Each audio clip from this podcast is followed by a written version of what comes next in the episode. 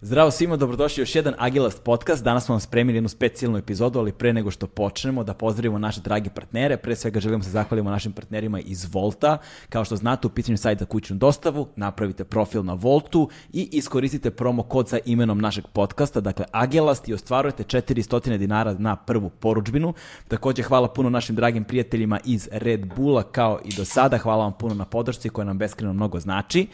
Pored toga, želimo da se zahvalimo svima vama a, koji nas a, podržavate jednokratnim donacijama preko Paypala. Ukoliko želite to da uradite, možete da uradite a, preko linka koji je u opisu podcasta. Hvala puno svima koji nas podržavaju mesečnim pretplatama preko Patreona. Ukoliko želite na taj način da podržite našu produkciju i ovaj podcast, to možete da uradite takođe preko linka koji se nalazi u opisu videa, a u skladu sa uh, današnjom epizodom, što ću da reći uh, uskoro, uh, imamo i novu opciju doniranja našem kanalu, a to je uh, kripto uh, novčanik, odnosno kripto wallet, tako da možete, ukoliko je kriptovaluta ono što preferirate, da nas podržite na taj način bitcoinima ili nekom drugom kriptovalutom. Ovaj, a u vezi sa time, današnji razgovor upravo posvećujemo a, kriptovalutama, blockchainu, ICO, ukoliko ne znate o čemu pričam, saznaćete uskoro u ovom razgovoru. Um, sa mnom su sagovornici do kojih sam došao su Aleksandar Matanović i Stefan Gnjatović, oni su predstavnici ECD-a, dakle a, srpske kompanije koja se bavi upravo a, ovim stvarima i imali smo nekoliko pripremljenih razgovora, pošto sam dugo pokušavao da nađem nekoga ko može sveobuhvatno da govori o ovim temama, dakle neko ko se dosta dobro razume u materiju, ali ko može da objasni stvar koju gde god da sam nailazio nisam uspevao da dođem do jednostavnog, lakog i sveobuhvatnog odgovora na pitanja koje, se ve, koje su u vezi sa kriptovalutama i sa tehnologijama u vezi sa njima. Prosto a, ljudi su čuli za njih, ne znaju puno o njima i u ovom podcastu smo probali da damo odgovor na što veći broj pitanja. Ukratko, sve što ste želi da znate o kriptovalutama, a niste imali gde da čujete, pročitate ili koga da pitate u sledećem podcastu. Uživajte.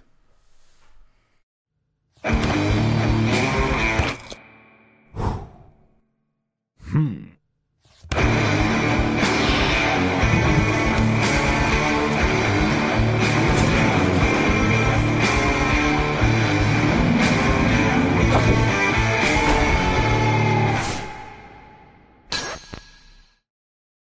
E pa momci, dobrodošli. Ovaj, uh, pošto vas je dvojica, dakle Aleksandar Matanić i Stefan Gnjatović. Uh, Matanović. E, Matanović, to, to. Matanović, Matanović, Matanović, pardon, dakle, Matanović. Um, vi ste predstavnici uh, ECD-a, ECD-a, ovaj, što znači? Pa hajde da... Možeš ti, ovaj, to je ipak legat ove firme. Da. To je legat, da, zapravo to je, to je ime koje je ostalo od ranije kad, kad smo se bavili nekim drugim valutama koji nisu kriptovalute. Uh -huh. To je skraćenica zapravo od Electronic Currency District. Uh -huh. E sad, electronic currency je malo širi pojam od cryptocurrency, naravno, tako da a naziv više nije toliko adekvatan, ali prosto nekako navikli smo i onda nismo, nismo hteli da menjamo. Odomaćio se. Odomaćio se, da. Ove, ovaj, koliko dugo postojite? Postojimo, u martu će biti 9 godina. 9 godina. Koliko broji vaša firma? Koliko broji ljudi? Udruženje, firma, šta ste već? To, to, rastemo, rastemo jako brzo. Mislim da smo prešli 40 sad. Uh, jesmo, jesmo. Jesmo, jesmo. Opa, mada, da. mada biće za par meseci, biće, ovaj, ja mislim i 50 ljudi. Ok, uh, ti si ono što Ameri vole kažu CEO, kod nas bi bio direktor firme, ali tako? Pa da, jedan od osnivača i direktor, I da. direktor, a ti se baviš razvojem poslova. Tako je. Business developer. Tako je. To što, što mu u ovom drugom slučaju dođe šta? Uh, pa to je uvek kao zanimljivo kad treba objasniš ovaj, kod nas šta, šta radi business developer, ali u suštini Uh, bavim se svim aspektima ono, strategije poslovanja i po -hmm. pitanju razvoja ono, povezanih proizvoda i usluga ovaj, koje nudimo na platformi i po pitanju marketing strategije na tržištima na kojima smo. Mm ovaj, Srbija definitivno jeste ono, najveće tržište gde postojimo i tu nam je dom što se kaže, ali takođe smo aktivni u Makedoniji i u Crnoj Gori i pravimo planove ovaj, da. za, za otvaranje nekim malo daljim tržištima. To. Pozdrav za braću iz Makedonije, puno poruka dobijamo iz Makedonije da znate da ne prolaze nezapaženo, ovaj, reprezent Makedonija. Dakle, um, već duže vreme želim da nađem sagovornike sa kojima bih mogao da razgovaram o kriptovalutama. Ne samo o kriptovalutama, već i o blockchainu, da govorimo dakle, o celokupnom tom sistemu koji postoji već ono 20 godina i više unazad.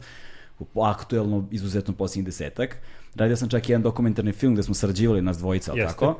Ovaj, ali ono sa čime sam imao problem u pokušaju da nađem ljude koji se bave kriptovalutama jeste što mi je potrebna, potrebne su mi osobe koje imaju to neko sveobuhvatno znanje, koje razumiju istoriju i monetarne sisteme i blockchain tehnologiju i ono pisanje kodova i um, ono kako se to povezuje sve i sa kulturom i sa underground kulturom i sa cyberpunk kulturom i sa ono sa svima i svačime, ali neko ko može da predstavi s jedne strane ono jednostavno za nekoga ko ne zna apsolutno ništa o tome, samo su čuli možda eventualno za Bitcoin, ne znam, nisu čuli ni za kriptovalutu, možda nisu čuli ni za Bitcoin, dakle za nekoga ko, ko je apsolutni početnik, ali da takođe može da da i o, sadržane informacije za nekoga ko je već godinama u tome i ko će bez obzira na sve to ovaj umeti imati šta da čuje a, korisno i da to na kraju dana negde zainteresuje ljude ovaj i zadovolji njihovu znatiželju ili može da im ono zapali neki plamen koji će na, dalje da nastavi. Ovaj, gomilu stvari koje budemo pominjali ovde, ostavit ćemo linkove za njih u opisu ovog podcasta, tako da ljudi koji bude zanimalo mogu da istraže dalje. E sada, da bismo mogli da objasnimo kriptovalute, ono na što sam ja nailazio, gledajući druge dokumentarne filmove, radeći svoj dokumentarni film, čitajući tekstove o kriptovalutama i tako dalje, jeste što uglavnom ljudi kada probaju da objasne kriptovalute počinju od kriptovaluta. Znaš, I onda ti imaš celokupno jedno predznanje koje je neophodno o, samim, o samom novcu, Tako je. istoriji novca, kako novac dobija na vrednosti i tako dalje, da bismo mogli da razumemo da su kriptovalute zapravo odgovor u odnosu na jedan sistem koji postoji hiljadama godina unazad. E sada, hoćemo da počnemo mi zapravo s tim uvodnim delom, da počnemo od toga šta je novac i Hajde. kako je on napravljen Apsolut, i koja je istorija svega toga, pa da stignemo vremenom i do kriptovaluta. Da, to je jedan vrlo zanimljiv, eh, zanimljiv pristup i zapravo jedini pravi, ja mislim. Uh, hajde da počnemo od toga da postoji jedan veliki bug zapravo u sistemu obrazovanja, ne samo kod nas nego svuda u svetu, bug pod znacima navoda, a za neki to feature verovatno, da. a, a to je da, da nas kroz školovanje ništa ne uče o novcu. Dakle, no, škola je nešto što bi u teoriji trebalo nas pripremi za život, a opet ne priprema nas za jednu od redkih stvari sa kojim ćemo se svi susresti. Znači, učimo tamo, ne znam, čija je Kamerun bio kolonija i kad su se oslobodili, što će možda trebati petorici ljudi u Srbiji, a ne učimo ništa o novcu, a to znanje će trebati bukvalno svakom čoveku u Srbiji. I onda se ne bi dešavale stvari kao što je zaduživanje u švajcarcima i tako dalje. Zašto se dešavaju takve stvari? Jer niko ne zna ništa o novcu. E sad, zašto kažem da je feature? Zato što nemoguće je da na globalnom nivou postoji a, slučajan propust u sistemu obrazovanja takav da nas nigde ništa novcu ne uče. Dakle, država malo zvuči kao teorija zavera, ali državama odgovara da smo mi finansijski nepismeni, jer onda mogu nas nama da igraju igru koju igraju, o tome možemo nešto kasnije kad prođemo kroz istoriju novca, ali definitivno finansijska nepismenost nije slučajnost, to je ono što države, ne samo naše, nego sve države na svetu žele zapravo. Da, jer e onda sad- lakše kontrolišu finansijski da. sistem. Ovaj, pre nego što nastaviš sa time, samo reci, ovaj, ti si se zapravo školovao za sve ove stvari. Dakle, nije ono da, znaš, da, da, nisi zapravo neki, neki priučeni stručnjak za kripto, kriptovalute, to je ono što hoću da kažem. Dakle, ima nekog autoriteta iza toga što govoriš. Pa da, ja se, ja se ponosim time što sam uh, jedan od uh, prvih 15 ljudi u svetu sa formalnom diplomom uh, fakulteta vezano za kriptovalute. Mm -hmm. Naime, ja sam po struci elektroinženjer, završio sam ETF u Beogradu i onda 2014. ja sam već tada bio duboko zagazio u svet kriptovaluta. 2014. jedan univerzitet na Kipru odlučio da prvi na svetu organizuje master program koji se bavi isključivo digitalnim valutama, odnosno kriptovalutama. I ja sam se tu prijavio i u, u toj prvoj generaciji nas 15 na kraju završilo i to je nešto na što sam izuzetno ponosan, iako formalno obrazovanje u industriji koja je ovoliko inovativna i ovoliko se brzo razvija ne pomaže zapravo mnogo, ali meni je pomogla baš u kontekstu priče koju danas pričamo, to je istorija novca. Ja u ekonomiji nisam znao ništa. Mm -hmm. O tehnologiji jesam jer to mi je struka i ja sam kroz taj master nešto naučio o ekonomiji, ali što još bitnije, to me je podstaklo da još više učim sam. Mm -hmm. I mogu da kažem da nisam ekspert za ekonomiju, ali sigurno da znam o tome više od, od prosječnog čoveka, značajno više. Da, e sad to je, ne znam sa kime sam razgovarao kada je bio jedan od seminara digitalna, uh, digitalnog novca, odnosno pre, prvenstveno kriptovaluta, potom i digitalnog novca i, ovaj, i onda su govorili da je to industrija koja se toliko brzo razvija da se vreme meri u psećim godinama. Jedna, znači, pet, pet godina u svetu kripta si ono već old school suvi bio. Mislim, to je bilo tada, znaš. Da, da, tako Ne, nevjerojatno, mislim, moj, moj put za razliku od, od Matinog je u, u, ovaj, u kriptovalutama i u blockchainu je dosta kraći. Ne. Treba pričamo o tome, jel? Kako se blockchain i kripto povezuju. Ovaj, ali recimo od pre jedno tri godine, kad sam zaista ušao to kroz jedan studio za, za razvoj proizvoda na blockchainu do sada, internet puta 10, puta 50. Znači, zaista je ne, neverovatno je koliko prvenstveno inženjeri ovaj, vode razvoj sve više specijalizovanih primjena ovaj, te tehnologije u najrazličitijim sferama. Ok, ajde sada da počnemo te istorije novca, zato što uh, ključna stvar je da postoji sijaset nekakvih pretpostavki koje su nekako a priori prihvaćene zdravo za gotovo, koje nužno ne moraju da budu takve kakve ih mi vidimo. I to su prvi izazovi na koje nailazimo kada probamo uopšte ljudima da objasnimo celokupnu ovu sferu. Hajde da razbijemo prvo te um, utemeljene, okamenjene mitove o vrednosti novca i o novcu uopšte i o tome kako se on pravi, šta mu daje vrednost, kako smo uopšte stigli do papira u nekom trenutku i tako dalje. Hajde, to je, to je zaista, zaista jedna vrlo zanimljiva priča, nadam se da će i tvojim slušalcima Ajde. biti zanimljiva, zato što, baš kažem, o tome nas nigde drugde ne uče. A istorija novca, istorija civilizacije i tekako ispreplet, su i tekako isprepletane, jer prosto svaki, svaki veliki iskorak u evoluciji novca je značio jedan eksploziju ekonomske aktivnosti i jedan civilizacijski skok inače, ne samo u ekonomskom smislu. Hajde da se vratimo skroz unazad. Znači, nekad novac nije postojao, ne, ne postoji novac od uvek. Zašto je novac nastao i koje su mu tri osnovne funkcije? Pokušat ćemo i to da objasnimo nekako kroz priču o, o razvoju novca. A, Kad se vraćamo unazad, negde manje više svi ljudi znaju da je pre novca postala trampa. Dakle, ja sam lovac, na primer, a ti skupljaš voće i sad da bismo obogatili ishranu da imamo i vitamine i proteine, ti ja povremeno menjamo. Ja nešto ulovim, deo dam tebi, ti meni daš neko voće i tako dalje. Dakle, postojala je trampa. A, neke istraživanja kažu da je čak postoji jedan sistem pre trampe, a to je sistem koji postoji u vrlo malim zajednicama, gde su ljudi zapravo pamtili ko je šta kome dužan, ko je kome šta učinio. Uh, delo je sad neverovatno, ali tad su zajednice bile vrlo male i znamo dobro da ljudi danas za jedan dan prime više informacija nego tada za ceo život. I onda nije bio problem da se pamti šta, je, šta si ti Stefan učinio pre 7 godina, jer prosto nemam šta drugo da pamtim u životu. Tako da to je neki rani, rani da kažem, nešto, nešto što je preteča novca, a što je zapravo, kasnije ćemo vidjeti, vrlo slično načinu na koji blockchain funkcioniše. To je vrlo zanimljivo. Nekako smo pun krug napravili praktično. Ali što se tiče Trumpe, a, šta se kod Trumpe javlja kao problem? Kod Trumpe se javlja kao problem takozvani, englezi to kažu double coincidence of wants. Dakle, da se tvoje i moja želje istovremeno poklope. Jedini način da ti ja trgujemo je da u isto vreme ja želim tvoje voće, a ti želiš moju recimo zečetinu koju sam ja ulovio. Ako ne postoji ta istovremena želja, mi ne možemo da trgujemo. I tu se pojavljuje zapravo a, potreba za prvom funkcijom novca i možda i najbitnijom, a to je sredstvo razmene.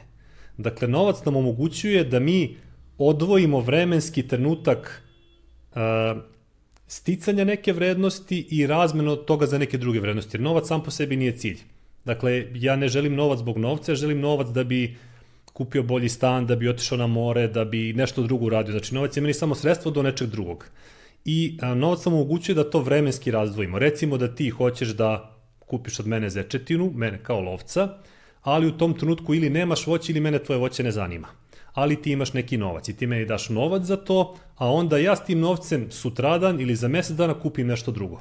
Dakle, sredstvo za razmenu, sredstvo koje nam olakšava da mi razdvojimo praktično taj trenutak kad mi kreiramo neku vrednost i kad je menjamo za neku drugu vrednost.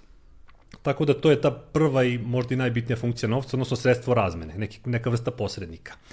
I a, pre nego što je što se negde a, novac metalni ustalio, barem u ovom našem delu sveta, postojale su razne druge primitivne vrste novca, ali su bile prilično lokalnog karaktera. Na primjer, u nekim zajednicama su školjke tretirali kao novac.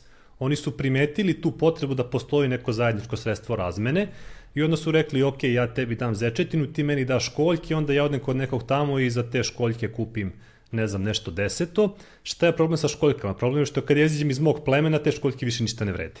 Da. Dakle, imaju vrlo lokalni karakter i sve te neke početne primitivne vrste novca su imale taj problem što su bila lokalnog karaktera. Znači, u jednom plemenu vrede čitavo bogatstvo, negde drugde ne vrede ništa.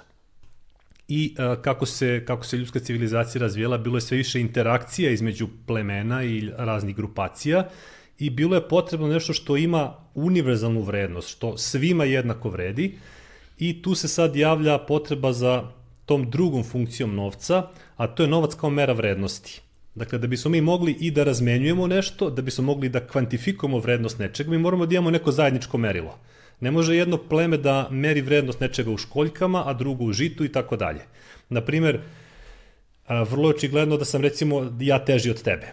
Ali mi moramo da imamo kilogram kao jedinicu mase da bismo ustanovili koliko sam ja tačno teži od tebe. Ako bih ja merio a, svoju težinu u džakovima krompira, a tvoju težinu u džakovima kupusa, šta meni znači što sam ja težak kao četiri džaka krompira, a ti kao dva džaka kupusa. Mi ne možemo da uporedimo naše težine, razumeš? Znači, Da. potrebna nam je zajednička mera vrednosti.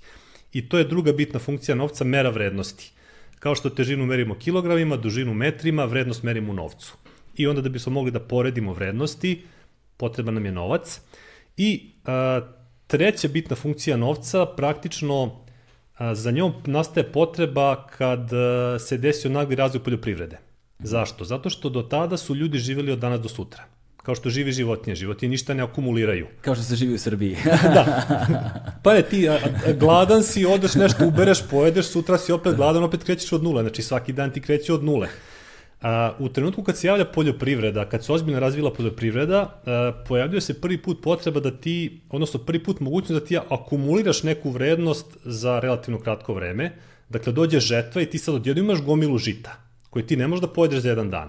Znači, ti si stvorio neku vrednost koja tebi mora da traje nedeljama, mesecima i onda pošto ako akumuliraš neku vrednost u hrani, a hrana je kvarljiva roba, ti imaš potrebu da zameniš to za nešto što ima dugotrajniju vrednost, da bi jednog dana kad dođe zima i više nema žita, mogu da kupiš neku drugu hranu. Dakle, novac kao čuvar vrednosti, to je ta treća bitna funkcija. Dakle, ja sam kreirao neku vrednost koja je veća od onoga što meni u ovom trenutku treba da potrošim i ja hoću da sklonim tu vrednost u nešto trajno što će meni vrediti i sutra i za godinu dana i što će vrediti mojim unucima možda. I to su dakle te tri osnovne funkcije. Sredstvo razmene, mera vrednosti i čuvar vrednosti.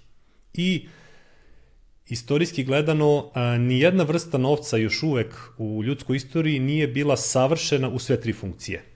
I Bitcoin tu nije izuzetak, vidjet ćemo kasnije. Dakle, da. Bitcoin nije savršen u sve tri funkcije. I a, negde prva stvar koja se pojavila, a koja je dovoljno dobro zadovoljavala sve te tri funkcije, je praktično metalni novac. U 7. veku pre nove ere otprilike se se pojavljuje metalni novac. U tom trenutku to je bilo to je bio novac od mešavine srebra i zlata. Pojavljuje se u malom kraljevstvu koje se zvalo Lidija, negde na obali Turske i a, relativno brzo se raširilo po celom Mediteranu relativno brzo za tadašnje pojmove, prosto da. trebalo, tad su informacije putovale skoro, a ka, sporo, a kamoli novac. E, zašto se raširilo? Pa zato što je negde e, taj novac uspeo da zadovolji sve te tri potrebe. Mm, često ljudi kažu zlato ima vrednost samo po sebi, ali do pre 3000 godina nije imalo vrednost samo po sebi. I to je stvar dogovora kao i mnoge druge stvari. Znači, neko se dogovorio da zlato vredi i onda sad zlato vredi. Sad je pitanje ko to neko se dogovorio? Pa da nekako se to spontano desilo. Ja Jest. pretpostavljam, možemo samo da nagađamo zašto su ljudi tako lako prihvatili te novčiće kao, kao novac, ali verovatno što su bili sjajni. Zato što su imali težinu, nekako naš staviš u ruku i osjetiš nešto teško, kao nešto vredi, zato što je bilo redko. Potrebno je da bi nešto vredelo, bitno je da bude redko, da ne možeš da ga praviš u neograničenim količinama. I negde se omasovio taj metalni novac uh, u Mediteranu, negde, kažem, 7. i 6. vek pre nove ere, i ostao je praktično duže od 2000 godina dominantan način plaćanja širom Evrope. Zašto više ne koristimo zlato? Odnosno, šta je to problem sa metalnim novcem, pa smo prešli na papirni, kasnije na elektronski, jer svaka promjena se dešava jer sa onim starim nešto nije valjalo. Problemi sa, sa zlatnim novcem, odnosno sa metalnim novcem, su, na primjer, to što običan čovek teško može da proceni razliku između pravog novca i lažnog novca. Takođe, teško može da proceni da li je odnos zlata ili srebra, ako je u pitanju legura, onaj koji bi trebao da bude, ili je malo više na stranu srebra. E, takođe, ako si primetio, a sigurno jesi, na novčanicama one zareze, odnosno na novčićima one zareze sa strane, kovani, na kovanicama. Ti zarezi su zapravo jedan, e, da kažem, e, imaju neku istorijsku, imaju neki istorijski smisao, danas nema mnogo smisla, ali istorijski ima, jer e, šta su ljudi radili sa novcem? Dobiju puno kovanica u nekom trenutku i onda sa svake sastružu pomalo. Aha. Dovoljno malo da onaj sledeći ne vidi da to više nije isto, a ti nakupiš prosto od svake kovanice pomalo i skupiš određenu količinu zlata. I ti zarezi su zapravo nastali tada još, još u srednjem veku, baš da bi se videlo ako je neko strugao. Dakle, da je moguće struganje novčića. I ostali su do dana današnjeg. Iako danas kovanice maltere ništa ne vrede i nije nikakva šteta ako ih neko malo sastruže. Tako da to je još jedan problem novca, tadašnjeg, odnosno metalnog novca i postoji još jedan izazov, a to je da je on relativno težak za prenos. Dakle, ako ti nešto stvarno vredno hoćeš da kupiš, ti moraš to da nosiš u kovčegu, kovčeg staviš u kočije, kad si stavio kovčeg u kočije, ti si tebi nacrtao metu za razne šumske razbojnike i tako dalje, tako da svi znaju kad nosiš puno novca, to je problem. Da, da. Dakle, bitno je kad nosiš puno novca, prvo da ti bude dovoljno lako da ga nosiš, drugo da što manje ljudi zna da ga nosiš. Inače si potencijalnom problemu. I negde u Evropi, recimo 16. 17. vek, nije sad tačno bitna godina, e, polako nastaje papirni novac U Kini je nastao još mnogo ranije, ali ajde da se bavimo ovim, kada ispričamo o Evropi sve vreme, da, da, da ostanemo pri tome, jer o Kini inače manje toga znamo, pa bi bilo teško napraviti neke, neke spone. Kako nastaje papirni novac? Pa nastankom prvih banaka u, u Evropi, banke su počele da izdaju depozite odnosno potvrde za depozite u zlatu. Dakle, prve banke su maltene radile samo kao sefovi. Ti odeš u banku da bi ti neko drugi čuvao zlato. I onda tebi bankar izda potvrdu i kaže ti imaš kod nas toliko i toliko zlata. I a, sad zamisli da ja tebi treba nešto tim zlatom da platim, meni je mnogo elegantnije da prosto tebi dam potvrdu, pa da ti odeš i to zlato uzmeš, nego da idem u banku, uzimam zlato pa nosim tebi. I onda su ljudi praktično a, iz, eh, iz potrebe da olakšaju sebi život, polako počeli te potvrde za depozit u zlatu da koriste kao novac. E, nemam zlato, evo ti potvrda, idi uzmi umesto mene zlato, razumeš? E, i prosto ljudi su videli da je to prilično osmisleno i onda su krenuli da štampaju novac koji za podlogu ima zlato koje stoji u banci. I to štampanje novca u početku nije bilo centralizovano, nego je praktično svaka banka maltene štampala svoj novac za zlato koje ima u svom sefu. Zašto je papirni novac godniji? Pa zato što se lakše nosi i prosto možeš, uh, lakše je deljiv. Znači ti možeš da odštampaš kad imaš 1 dinar, imaš 100 dinara, imaš 1000 dinara, kod zlata je malo teže meriti, teže ga je seći, razumeš? Teže prosto nije, nije jednostavno. Možeš ručni sekač tamo. da. Uh, Bitcoin može se seče u osmu decimalu, znaš, tako da I, zamisli to tek. da. I generalno uh, je papirni novac vrlo brzo istisno metalni novac iz svakodnevne upotrebe. Jer e, to kaže i jedan e, takozvani Grešamov zakon, sad se malo ekonomskom teorijom bavimo, to je jedan stari ekonomista, on kaže da će loš novac uvek istisnuti dobar novac iz upotrebe. Šta to znači? Pa prosto ljudi radije troše novac koji ima manju vrednost. Ako ti imaš s jedne strane novčanicu koja vredi samo zato što je neko na njoj napisao neki broj i s druge strane imaš zlato koje ipak ima malo realniju vrednost, ti ćeš radije potrošiti novčanicu jer ona danas vredi 1000, sutra možda ne vredi, a zlato vredi pa vredi. I onda ljudi a, ono što percepiraju kao vrednije, a to je zlato, čuvaju sa strane, manje ono što percipiraju kao manje vredno, a to je papir, troše. I zlato se vrlo brzo povuklo u sefove, a ljudi širom sveta su krenuli da rade isključivo u papirnom novcu. I u jednom trenutku države shvataju koja je moć novca i stavljaju šapu na novac i kažu od sad više ne može svaka banka da štampa novac, nego samo centralna banka može da štampa novac. Uh, jedan od Rothschilda, za Rothschilda su svi čuli, u 19. veku je izjavio uh, dajte mi moć da kontrolišem uh, novac jedne države i baš me briga ko piše zakone.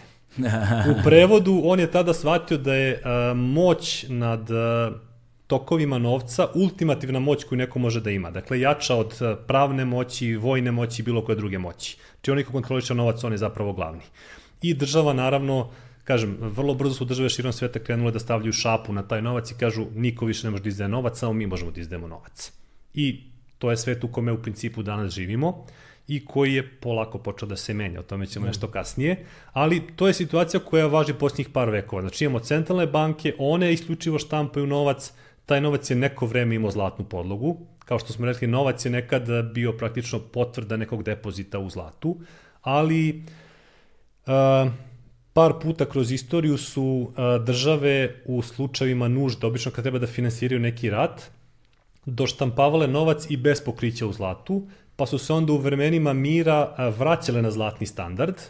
Bilo je par iteracija u posljednja dva veka, da bi pre tačno 50 godina zlatni standard konačno bio likvidiran za sva vremena. Dakle, Amerikanci su Nixon zapravo je rekao, ok, dolar više nije vezan za zlato, odnosno vi ne možete više da nemate više pravo da za svaki dolar koji imate tražite zlato od Amerike, jer to je nekada tako bilo. Nakon drugog svetskog rata je uspostavljen praktično zlatni standard i dolarski standard, gde je dolar bio konvertibilan za zlato, a sve svetske valute jače su se vezivale za dolar.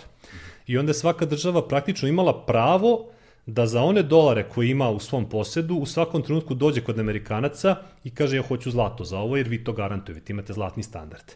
E, kako je američka ekonomija nakon drugog svjetskog rata polako iz velikog suficita trgovinskog krenula da ide u veliki deficit, postalo je problem održavati taj zlatni standard. I čak je bila fora, mislim, u jednom trenutku negde tokom 60-ih, da su Francuzi poslali pun brod dolara u Ameriku i tražili zlato za uzvrat i nisu ga dobili, onda su Amerikanci i ostali skapirali da taj sistem prosto nije održi više. Da. I da novac više nema pokriće u zlatu. Tu dolazimo a, do inflacije. A, pa ču, čudno je, da, zapravo je čudno da neki ljudi i dalje veruju da novac ima zlatnu podlogu koji, novac koji država štampa, a to već 50 godina nije istina. Da. Ali eto, to samo govori u prilog tome da ljudi zaista o novcu vrlo malo znaju. Da. I što, I, što je ono još zanimljivo tu, um, ljudi nisu navikli, to je jedna osnovna paradigma i kao što kaže, mislim, Mata, ono, tu smo već par vekova.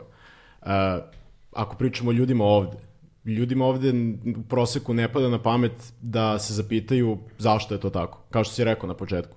Da. Ovaj, da se zapitaju oko svega zašto je to tako i da li može da bude drugačije. Da li treba da bude drugačije. Mislim, zašto bi zapravo kad razmisliš o ovome zaista, mislim, mene malo prođe jeza, jer shvatam koliko zapravo nemam kontrolu ni na čim.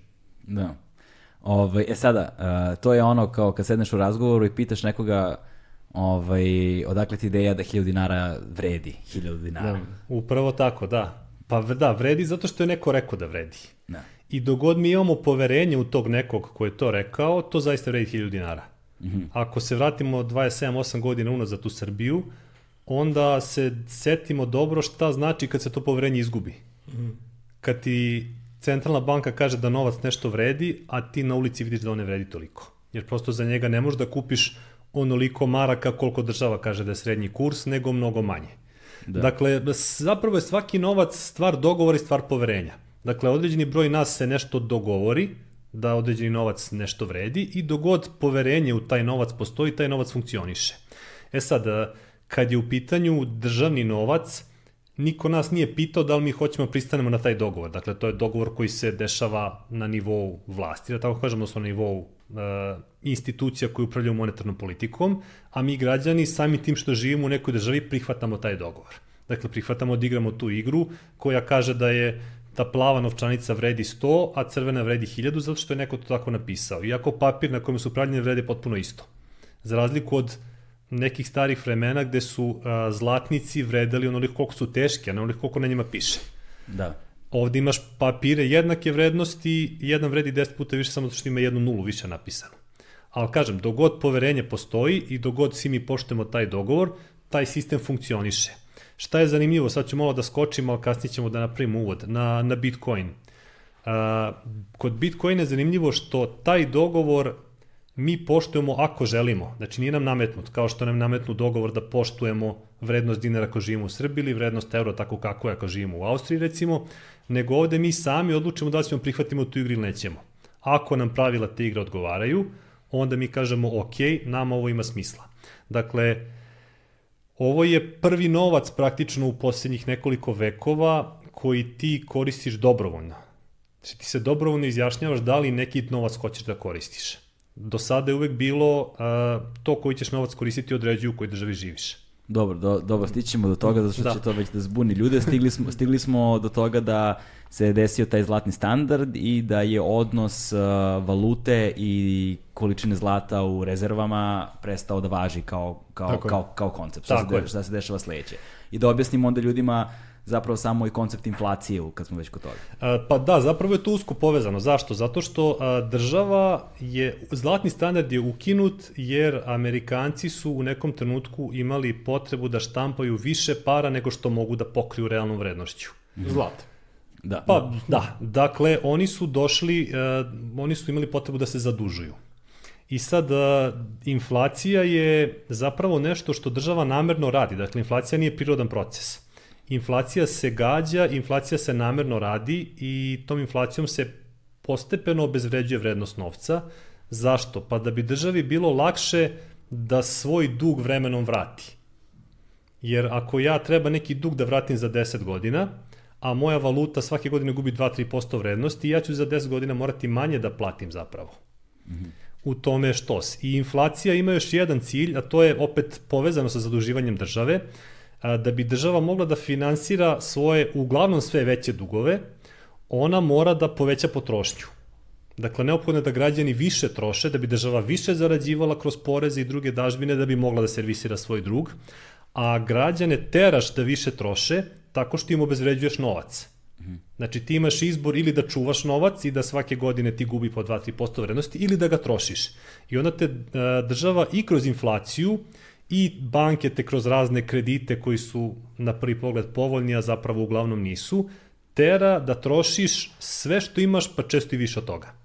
Da bi ekonomiju gurao dalje, da bi ekonomija mogla da raste, jer jedino ekonomija koja raste može da servisira svoje dugove. Mm -hmm. Dakle, država se, to smo svedoci stalno, države se stalno zadužuju i one mogu da vraćaju svoje dugove jedino ako im ekonomija raste. Ako im stagnira, prosto nema šanse jer imaju dug, imaju kamatu na taj dug, jedino kako mogu da pokriju dug i kamatu je da ekonomija raste brže nego što mm. raste dug. Ja može da raste, kažem opet, samo ako potrošnja ide brže. I zato nas teraju na potrošnju i zato živimo u takozvanom potrošačkom društvu i često kupujemo i više nego što nam treba, jer takav su nam mindset prosto usadili. Jeste. A još jedan razlog, ako se neko zapita, mislim, ono, zašto se države stalno zadužuju umesto da posle nove prosperitetne koje bi trebalo da imaju ovaj, dovoljno financije da nešto urede, e, prosto je, jednostavno zaduživanje je mnogo jeftinije od akumulacije kapitala da bi kasnije u nešto to investirao. Ako ti treba milion dolara, znači treba ti neko određeno vreme ti skupiš taj keš u kešu, ako o tome pričamo, za to vreme taj novac devalvira i dodatno taj novac ne koristiš za to nešto zašto si ga namenio, već čekaš da ga skupiš ovaj, alternativa je na početku perioda se zadužiš i istog momenta M e, te košta manje, jer tehnički izbegavaš inflaciju, to jest inflacija radi za tebe, jer vraćaš dug dok vrednost novca opada i odmah imaš da investiraš to što želiš i onaj cash koji skupljaš možeš da koristiš za, za nešto drugo. Okay. Da, i da, još jedna zanimljiva stvar je da a, prva velika zaduživanja država su se u stvari dešavala u ratovima. Mm -hmm. Dakle, država uđe u rat, nema para da finansira vojsku i onda odštampa pare, dakle za, uz, uz obećanje da će te pare kasnije vratiti da. ili uzme pare od ljudi i finansira rat, kasnije vraća te pare ili ne vraća, ali i među državama postoji konkurencija kao među firmama. Dakle, ako bi ti kao država odlučio da se ne zadužuješ, ti bi teško držao korak sa državama koje se zadužuju. Absolut. Jer lakše je gurati ekonomiju napred od para koje nemaš, odnosno za koje nemaš realno pokriće, nego koje si naštam, naštampao niz čega. Odmah ti kažem, najlakše mi je da trošim pare koje nemam, brate. Pa da. da. Najmanje me grize savest. da. Ovaj, okej, okay, uh, tu dolazimo otprilike do, ne otprilike, tu dolazimo zapravo do savremenih tokova a, a, novca i monetarnih sistema u kojem živimo na neki način i dan danas. E sada, da bismo došli do kriptovaluta, moramo da napravimo jedan skok, jel te? Ovaj, I da objasnimo pre nego što uđemo u kriptovalute i pre nego što uđemo u blockchain, da razumemo da uh, sa Bitcoinom i sa, sa kriptovalutama koje, kakve danas znamo, zapravo ideja o digitalnom novcu nije uopšte počela tada. Tako. Pa naravno, naravno. Znaš, znači da sve te tehnologije, sve te ideje, svi ti sistemi i softveri su zapravo postojali mnogo ranije, da je postojalo više pokušaja proizvodnje kriptovalute i rada na digitalnom novcu pre nego što se pojavio Bitcoin. Ajde. Postoji, da malo ću napravim jednu kratku digresiju, postoji jedna snjajna knjiga koja se zove Evolucija svega. Dobro. Koja kaže... Ja imam, ja imam onu uh, Hawkingovu teorija svega. da, da.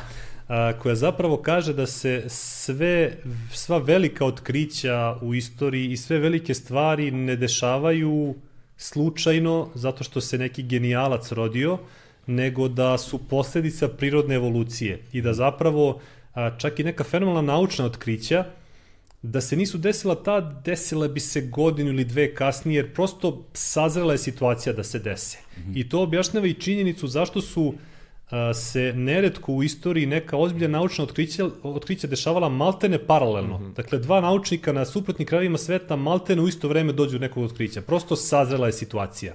Isto i sa Bitcoinom. Ko gleda neko sa, kad gleda neko sa strane, misli Bitcoin došao ni otkuda. Nije došao ni otkuda.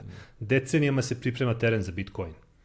Zašto se priprema teren? Pa prvo zato što s jedne strane postojeći monetarni sistem pokazuje neke slabosti i traži da žudi da bude zamenjen, a s druge strane pojavljuje se internet par decenija pre Bitcoina i pojavljuje se potreba da imamo novac koji nije vezan za državu. Jer po prvi put imamo jednu mrežu koja nije vezana za državu, nad kojom ni jedna pojedinačna država nema kontrolu, gde ljudi ostvaruju interakciju mnogo slobodniju nego u realnom svetu gde imaš granice koje moraš da pređeš ili ne možeš da pređeš. U internetu prosto svi smo isti i postoji potreba da imamo i neku zajedničku valutu koja je nadnacionalna, koja nema veze sa pojedinačnim državama i zato je ideja univerzalnog digitalnog novca zapravo stara malte nekoliko internet. I da. bilo je i puno pokušaja. Uh, jedan od verovatno najjačih pokušaja i pokušaja koji su najdalje stigli je uh, valuta koja se zove e-gold.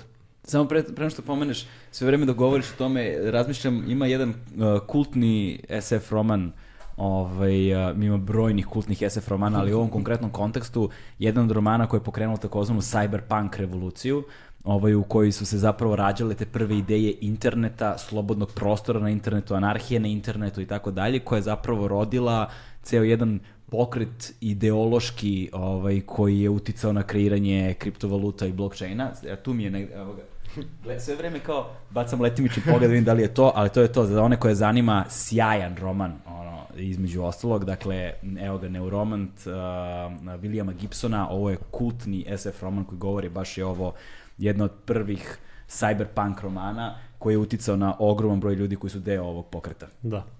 Okej. Okay. Nastavite dalje. da, pa to je da kažem to je prirodna prirodna težnja težnja ljudi da kao što su internetom a, razbijene granice za protok informacija, -hmm. Dakle, odjednom ti više nemaš problem da dođeš do informacija, niti da ih podeliš. Da, kao, mi malo stari pamtimo internet pre društvenih mreža, pre algoritama, pre, znaš, onaj spori internet sa onim kao, jeftinim grafikama. Skidaš, skidaš 2 megabajta, 2 sata. Tako, je, tako da. To. Ali su informacije bile slobodne, zaista tako je, slobodne. Jesu. Tako je, da. I to, to je suština interneta zapravo. Suština interneta je slobodan protok informacija, koji ti nisi imao pre interneta. Jer ti ako si živeo, recimo, u Jugoslaviji, mnogi hvale staru Jugoslaviju, ali to je bio jedan a, komunistički, prilično autoritativan režim koji je a, možda, možda ljudima, a, nekim ljudima nudio neku bezbrižnost i slobodu prividnu, ali zapravo si bio vrlo, vrlo ograničen u onome što si mogao da radiš i mogao da kažeš. Isto tako si bio vrlo ograničen u tome šta si mogao da saznaš Jer gde ti možeš da saznaš kad nemaš internet? Možda saznaš samo od medija koji su 100% bili pod kontrolom države i to je to. Da, dakle, drž, država, bira, država bira kojim si ti informacijama izložen, a još je teže pustiti informaciju u takvom režimu da dođe do drugih ljudi. Da, kako, su, kako uh, pojedini teoretičari nazivaju benevolentna diktatura. Da, sad, da. Kad, sad kad si rekao benevolentna, da. ovaj, malo pre si spomenuo ovaj, uh, mislim ono, par termina između osloga anarhiju. Da, da. Ovaj, uh, Mislim, to sam ja tokom godina ovaj, shvatio da anarhija zapravo ne znači on kad gledamo, ne znam, distopijske filmove ili da. Mad Max ili tako nešto. Mislim, to jeste distopija, ali uh, onako, neki originalni koncept anarhije je zapravo vrlo blizak tom konceptu decentralizacije i, i moći narodu ovaj, koji je ono vrlo srodan sa, sa kriptovalutama i sa internetom pre toga. Tako da, da ne misli ljudi, kažemo, anarhija, ovaj, Da. nije to što se dešavalo u Washingtonu pre par dana, no, mi smo been there, done that, ali nego jednostavno decentralizacija moći. Da, ovaj, dakle, ne, ne mislimo na kolokvijalno razumevanje termina. Tako je, da, okej. tako je. Na- Nastavi, nastavi dalje, molim Da, te. da, da, dakle, e, poenta interneta, barem ranog interneta, je bila slobodan protok informacija. Sa povećanjem propusne moći interneta pojavljuje se potreba za slobodnim protokom medija. A, muzičkih fajlova, a, filmova i tako dalje, što je u principu piraterija, ali a, je negde na kraju postala normalna stvar. Sigurno pamtiš a, vremena kad smo sa nekih sajtova skidali MP3 muziku, pa onda taj Čuj, sajt... pamtim.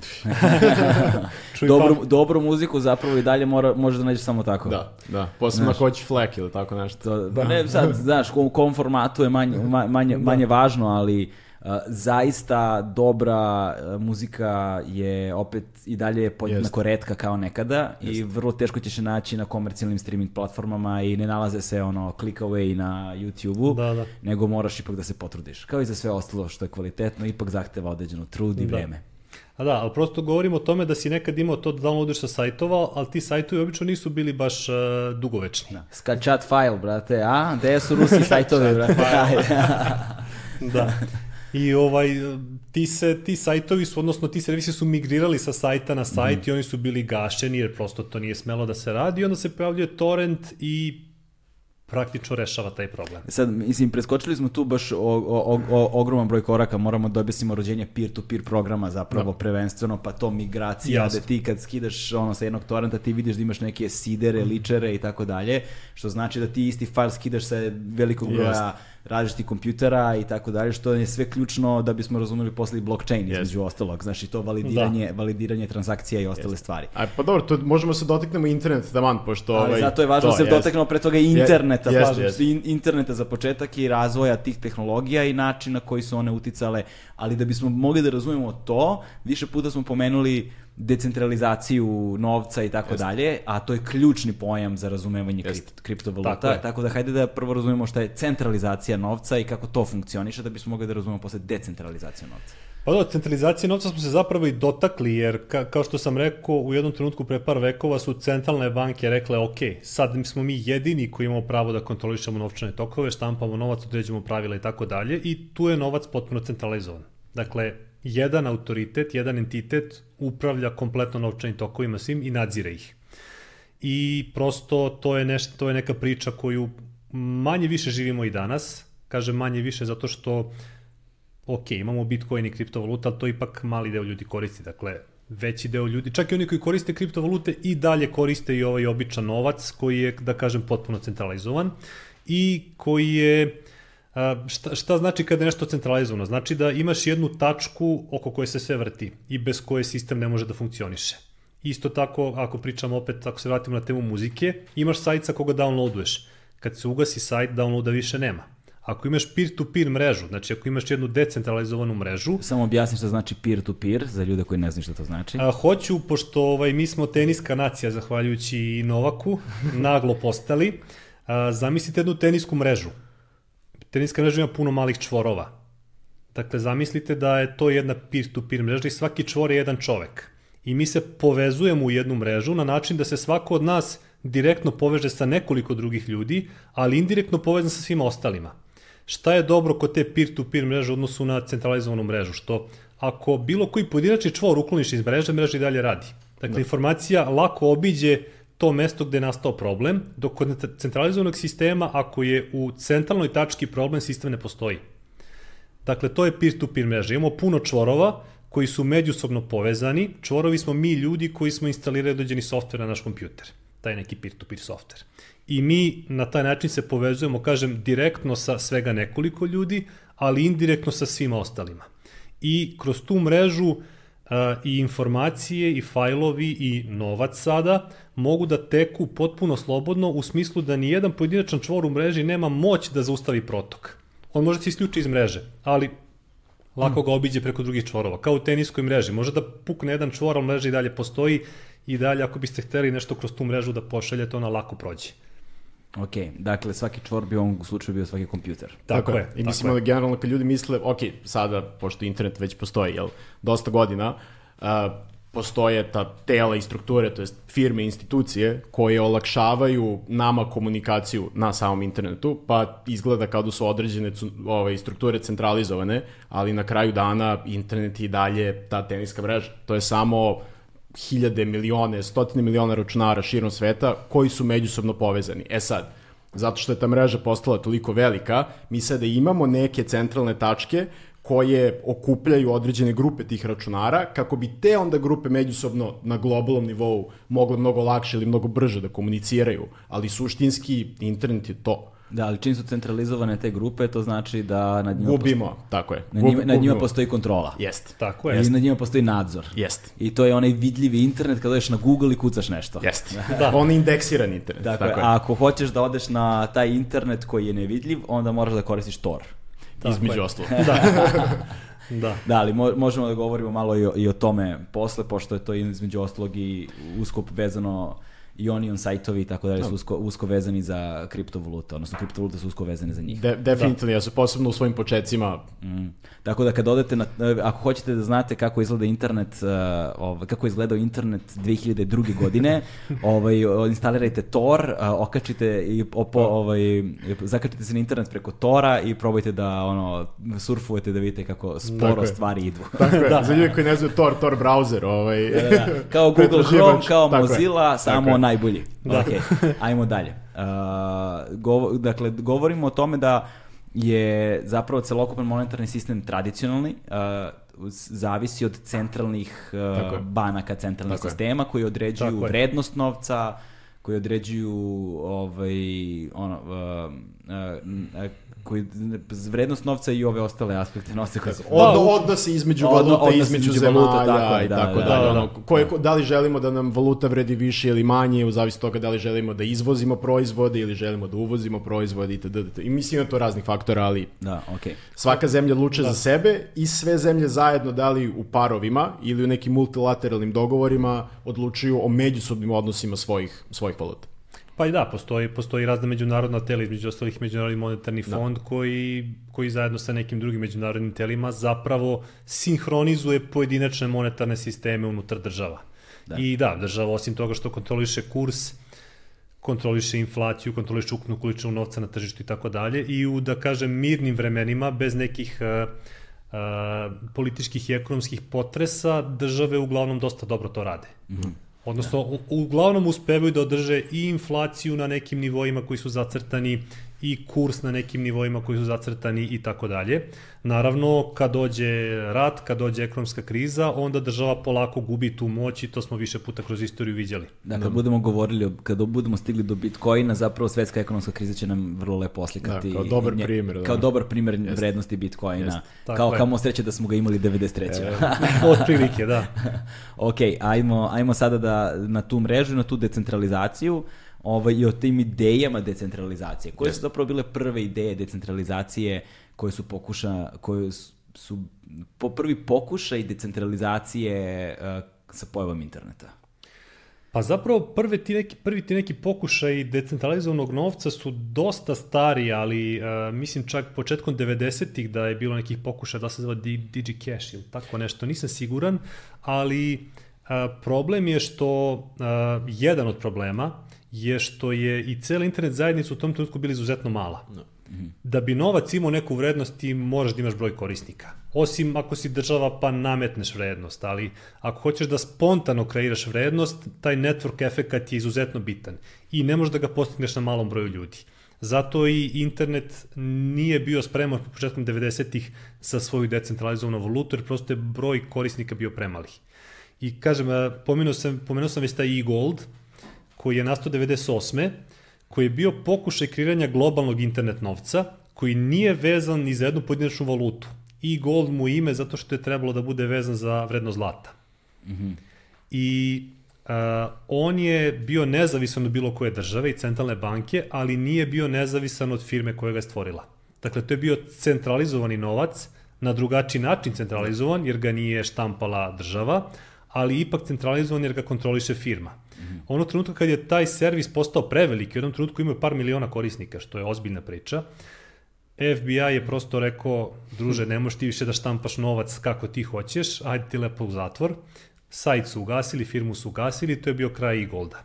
A, mislim da se kraj Igolda desio Izvini, samo tu mi je sad zanimljivo da se vratimo na onaj koncept vrednosti. Da. Ovaj, zato što e, sve vreme mi je nekako važno da ovo o čemu govorimo da. možemo da preslikamo na širi društveni civilizacijski kontekst. Jasno. Uh, kao što je svaka vrednost novca stvorena. Dakle, Jeste. nije ona data samo po sebi da, pala s Marsa, znaš, nego su svi dogovorili. Dakle, kao što i samim time na, na nivou principa nikakva vrednost sama po sebi ne postoji. To je sad Tako možda je. stvar koju bismo morali da razdvojimo. Dakle, postoje vrednosti koje su uh, date, koje same po sebi imaju vrednost i stvari koje smo se dogovorili da imaju Tako vrednost. je. Tako je. Kao što smo kao što smo juče pričali, ovaj da da, da, da, da pripremi što se kaže, ovaj ne znam, hrana, voda, sklonište, to su sve stvari koje po defaultu same po sebi imaju vrednost jer su nam neophodne da bismo živeli. Tako je. Ako imamo da jedemo, da pijemo, i ako imamo da, da se, ne znamo, sakrijemo od hladnoće ili vrućine, da prespavamo noć,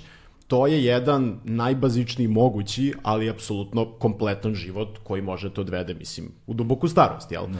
Ovaj, e sad, sve ostalo van toga je, ono, subjektivna vrednost. Neću kažem izmišljena, jer um, vrednost može se stvara na razne načine, ali nije fundamentalna. I samim tim, Uh, jedini razlog zašto smo mi navikli da novac ima vrednost je što taj koncept postoji toliko dugo i zašto smo rođeni u tom vremenu i zašto nam edukacija takva i društvo tako. Mislim da samo naše generalno, ja sad, mislim, sad, ali... Sad stoji otvoreni argumenti jer, pa su, jer su ljudi kao društvena bića, da. prosto, pa onda da. sad društvena bića, bića moraju da funkcionišu nekakvim strukturama, tako organizacijama, zajednicama, tako a da bi zajednice mogle da funkcionišu, moraju da budu nekakav zatvoreni sistem koji ima tako nekakve je. pravila organizovanja. I neke a, zajedničke vrednosti. I tako, tako neke je. zajedničke vrednosti, tako, takozvani socijalni kapital. Tako, tako da taj socijalni kapital opet može na neki način da se posmatra takođe isto nužnom vrednošću koja je sama po sebi data, jer u suprotno bismo bili ono svi ono izolovani neke askete tamo Tako koji je. živimo u pustinjama sami, znaš. Ali pošto to nismo, onda postoji još jedna postoji još jedan spektar nekakvih vrednosti koji isto može se nazove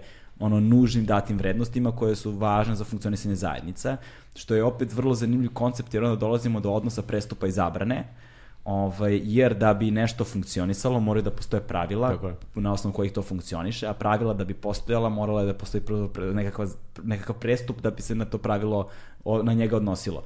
Tako da odnos prestupa i zabrane je odnos dve nužnosti u kojoj da bi pravilo ima smisla, ono mora da se krši. Da. Razumeš? A zato što se krši mora da postoji pravilo. Tako, I onda da. su obe stvari čine jedan krug života u kojem stvari funkcionišu. Ne znam ko to ima veze sa ovim o čemu pričamo, ali mi je, ali mi je zanimljivo da, da, da pomenem prosto zato što to može sad opet da vodi u dublju Jeste. raspravu i nisu na kraju stvari tako crno-bele, jednostavne ni plastične, tako. ali za potrebe ovog razgovora ih svodimo na taj koncept, tako dakle, dogovorene vrednosti i nužne vrednosti. Tako, ako izlučemo neki zaključak iz ovoga, sve što nije fundamentalna vrednost je odlučena ili dogovorena. Okay. I ona ne mora sama po sebi postojati ako mi ne želimo da ona postoji. To je to. Da, to se čak i na zlato odnosi, pošto da. zlato da. se negde uzima kao on, ono, ultimativni simbol vrednosti, jer je kroz ljudsku istoriju vjerovatno najduže držalo vrednost. Da ako izuzmemo ove stvari koje su neophodne za preživljavanje, hrana, voda, odeća, sklonište, koje su zaista jedine stvari koje ono, uvek i svuda imaju vrednost. Zlato pre 4000 godina prosečnom čoveku u, na zemaljskoj kugli nije vredilo ništa. Da, da. Ništa, su... ništa ne mogu da radi s tim zlatom. Ništa da plati, ništa da... U... Kako su, kako su španski uh, konkvistadori, jel te, ovaj, kad su klali po, po Americi, ovaj, ta, tamošnjim uh, indijancima, zapravo zlato nije imalo nikakvu vrednost, to je bilo dekorativna stvar koju tako su je. oni poklanjali, znaš, ali su za to zapravo gubili glave. Tako Upravo tako, da, u nekim, u nekim krajima sveta zapravo do pre svega par vekova zlato nije vredilo ništa, a da. uzimamo ga kao neki univerzalni da. simbol vrednosti, tako da i zlato je stvar dogovora. Da. I zlato ima vrednost samo zato što smo se mi dogovorili da ima vrednost, a ne zato što zaista bez njega ne može da se živi. I, i mislim da to, mislim, lepo je što si nas ono, zustavio malo i naveo na, mm. na ovu tačku, jer to je jedan veoma bitan koncept da se ono, zapamti za dalje, da sami u suštini kao društvo odlučujemo o tome šta ima vrednost. Da. I onda kad te neko pita, a zašto Bitcoin ima vrednost, pa ti kažeš zašto zlato ima vrednost, pa kao ima što je zlato. Pa da, ali nema. U suštinski nema. Ima zato što se mi svi slažemo da ima. Tako je. Znači smo se dogovorili oko toga Tako je. nema i kreirali smo vrednost ni iz čega. Tako je. I zapravo našeg uzemnog dogovora. Da. Upravo tako, da. To je, to je, to je poenta. Mnogi kažu da kao te valute su virtualne, one ništa ne vrede, pa dogod postoje ljudi koji veruju da vrede, one će vredeti. Kao što i dinar i euro vrede zato što postoje ljudi koji veruju da, ono vrede, da oni vrede. Ako bi se to poverenje urušilo, novac gubi vrednost jer on nema drugu podlogu. Tu zapravo dolazimo do onog velikog uh, i vekovnog pitanja solidarnosti koje je tako jednostavno zvuči, ali tako se nikako nikad ne ostvaruje. Jest. Ajde, ovaj, da, ok, nastavljamo dalje. Uh, kako si rekao, iGold ili šta? iGold. iGold. iGold je zapravo bila ta propala varijanta. Bila je propala varijanta i bilo je tu još nekoliko slabijih uh, tih centralizovanih elektronskih valuta, ali ajde da ne pominjemo njih i uh, sve te centralizovane internet valute su propale iz istog razloga kako su propali i centralizovani servisi za download muzike. Zato što to prosto nije smelo da se radi i zato što je neko u jednom trenutku rekao je sad ćemo ovaj sajt da ugasimo. Tu se vraćamo na ono što sam malo prepominjao, prestup i zabrana. Tako je. Tako je. Tako je, tako znaš, je. to je to. Ipak, Mislim, kad kažemo neko, mislimo neka država, da, uglavnom. neka, neka država, svi se sećamo mega uploada i tog Da, ludila da, koje se da. njima dešavalo. Dot.com-a i svega ostalog. Dot koma, Jeste. cele dot com ludila, svi znamo sa Pirate Bayem šta se dešava stalno, Tako je. seljenje servera ono, ovamo pa na Island, pa ne znam gde i cela ta fama oko toga. I sad otvorena je i ta Moram da navedem još jednu stvar koja je isto otvorena za, otvorena za debatu kad si pominjao tu pirateriju. Ovaj, od, u, u svom poslu se srećem sa dve struje ljudi u suštini, posebno kada govorimo o muzičkom biznisu, pošto to je jedna od tema kojom se, kojima se često bavim, um, a to je da ima jedna strana koja kaže da nije bilo te piraterije, mi bismo sada bili zatucani načisto, zato što kada smo bili izolovani od celokupne međunarodne zajednice za vreme sankcija, upravo ta piraterija nam je, je spasila kulturni život ove zemlje. Znači, jedini način da budemo u toku sa muzikom, da budemo u toku sa filmom, da budemo u toku sa bilo kakvom kulturom, je bio zahvaljujući tim piraterijama. Ja ne, danas ne bi bio čovek koji jesam da nije bilo berze na SKC-u gde sam išao da kupujem muziku za koju ne bih znao da postoji. Znaš, ono, Coca-Cola nije postojala, a ne, brate, Da. znaš, neki Wu-Tang album, znaš, toga nije bilo. Ovaj, tako da, zahvaljujući pirateriji, smo se formirali i spasili smo kulturu na neki način. S druge strane, opet, piraterija ima svoju problematičnu stranu za autore umetničkih dela. Tako da imaju dve struje, one za i protiv, sa, Da. ali sa filozofskog aspekta to je i dalje velika i otvorena tema. Stavit ćemo je po strani. Jeste. Da, tu, tu nema, tu, kao što si rekao, stvari nisu crno-bele. Dakle, ima zaista ozbiljnih argumenta i za jednu i za drugu stranu i kažem, mogli bismo samo o tome da pričamo ceo dan. Da. Ali ajde da se vratimo, znači propast tih golda i nastanak Bitcoina su otprilike se u isto vreme dešavaju tu u, u istih godinu dana. Znači, Bitcoin nastaje negde 98. Ja? Ne, uh, i gold nastaje 98. 98. propada 10 godina kasnije i A, nastaje, nastaje 2008. Bitcoin 2008. 2008. okej. E sad, a, ne, ja ne bih e, baš potpuno povezao ta dva događaja u smislu da je Bitcoin nastao kao reakcija na propadanje e-golda, nego je prosto to bio jedan evolutivni proces gde je, su se pojavili, pojavljivale te centralizovane internet valute koje su propadale jer su bile centralizovane. I paralelno s tim dešava se svetska ekonomska kriza, dakle dešava se to da postojeći finansijski sistem pokazuje ozbiljne slabosti i uvek je zgodno razmišljati o inovacijama onda kada postojeći sistem ne radi kako treba. E sad, verovatno je tu malo i slučajnosti jer uh, Bitcoin je iako s jedne strane jako jednostavan, s druge strane potpuno genijalna stvar i ja ne verujem da to neko mogu da smisli u mesec dana. Da. Nekome se verovatno to krčkalo u glavi godinama, tako da krenulo je da se krčka još pre nego što je kriza zapravo, pre nego što smo bili postali svesni krize. Da.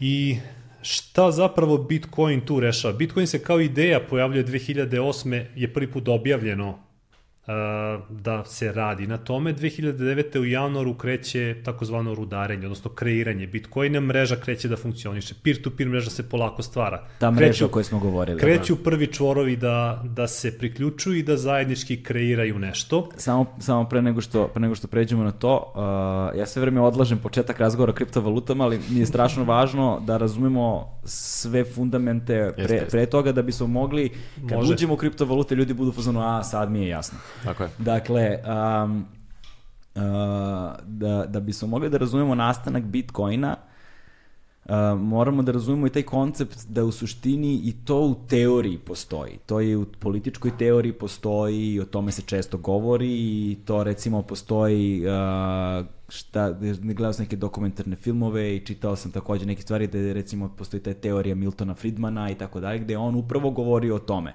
kako se kreira uh, vrednost određenih ideja. Just tako što dominantne postojeće ideje uđu u krizu i kada se u toj krizi pokažu sve njihove manjkavosti, mi se kao društvo onda okrećemo postojećim alternativnim idejama na kojima je neko do tog trenutka razvija, ra, radio. Tako, tako je. je isto uh, ideja slobodnog tržišta, li, taj neoliberalni kapital i tako dalje, bila grupa jednog underground grupa šačice nekih ekonomista koji su decenijama unazad burgijali, burgijali, burgijali ta čikaška škola ekonomije i tako dalje. Tako je. Dok se nije desila kriza koja je njima omogućila da zapravo njihova ideja kao predlog izađe u prvi plan.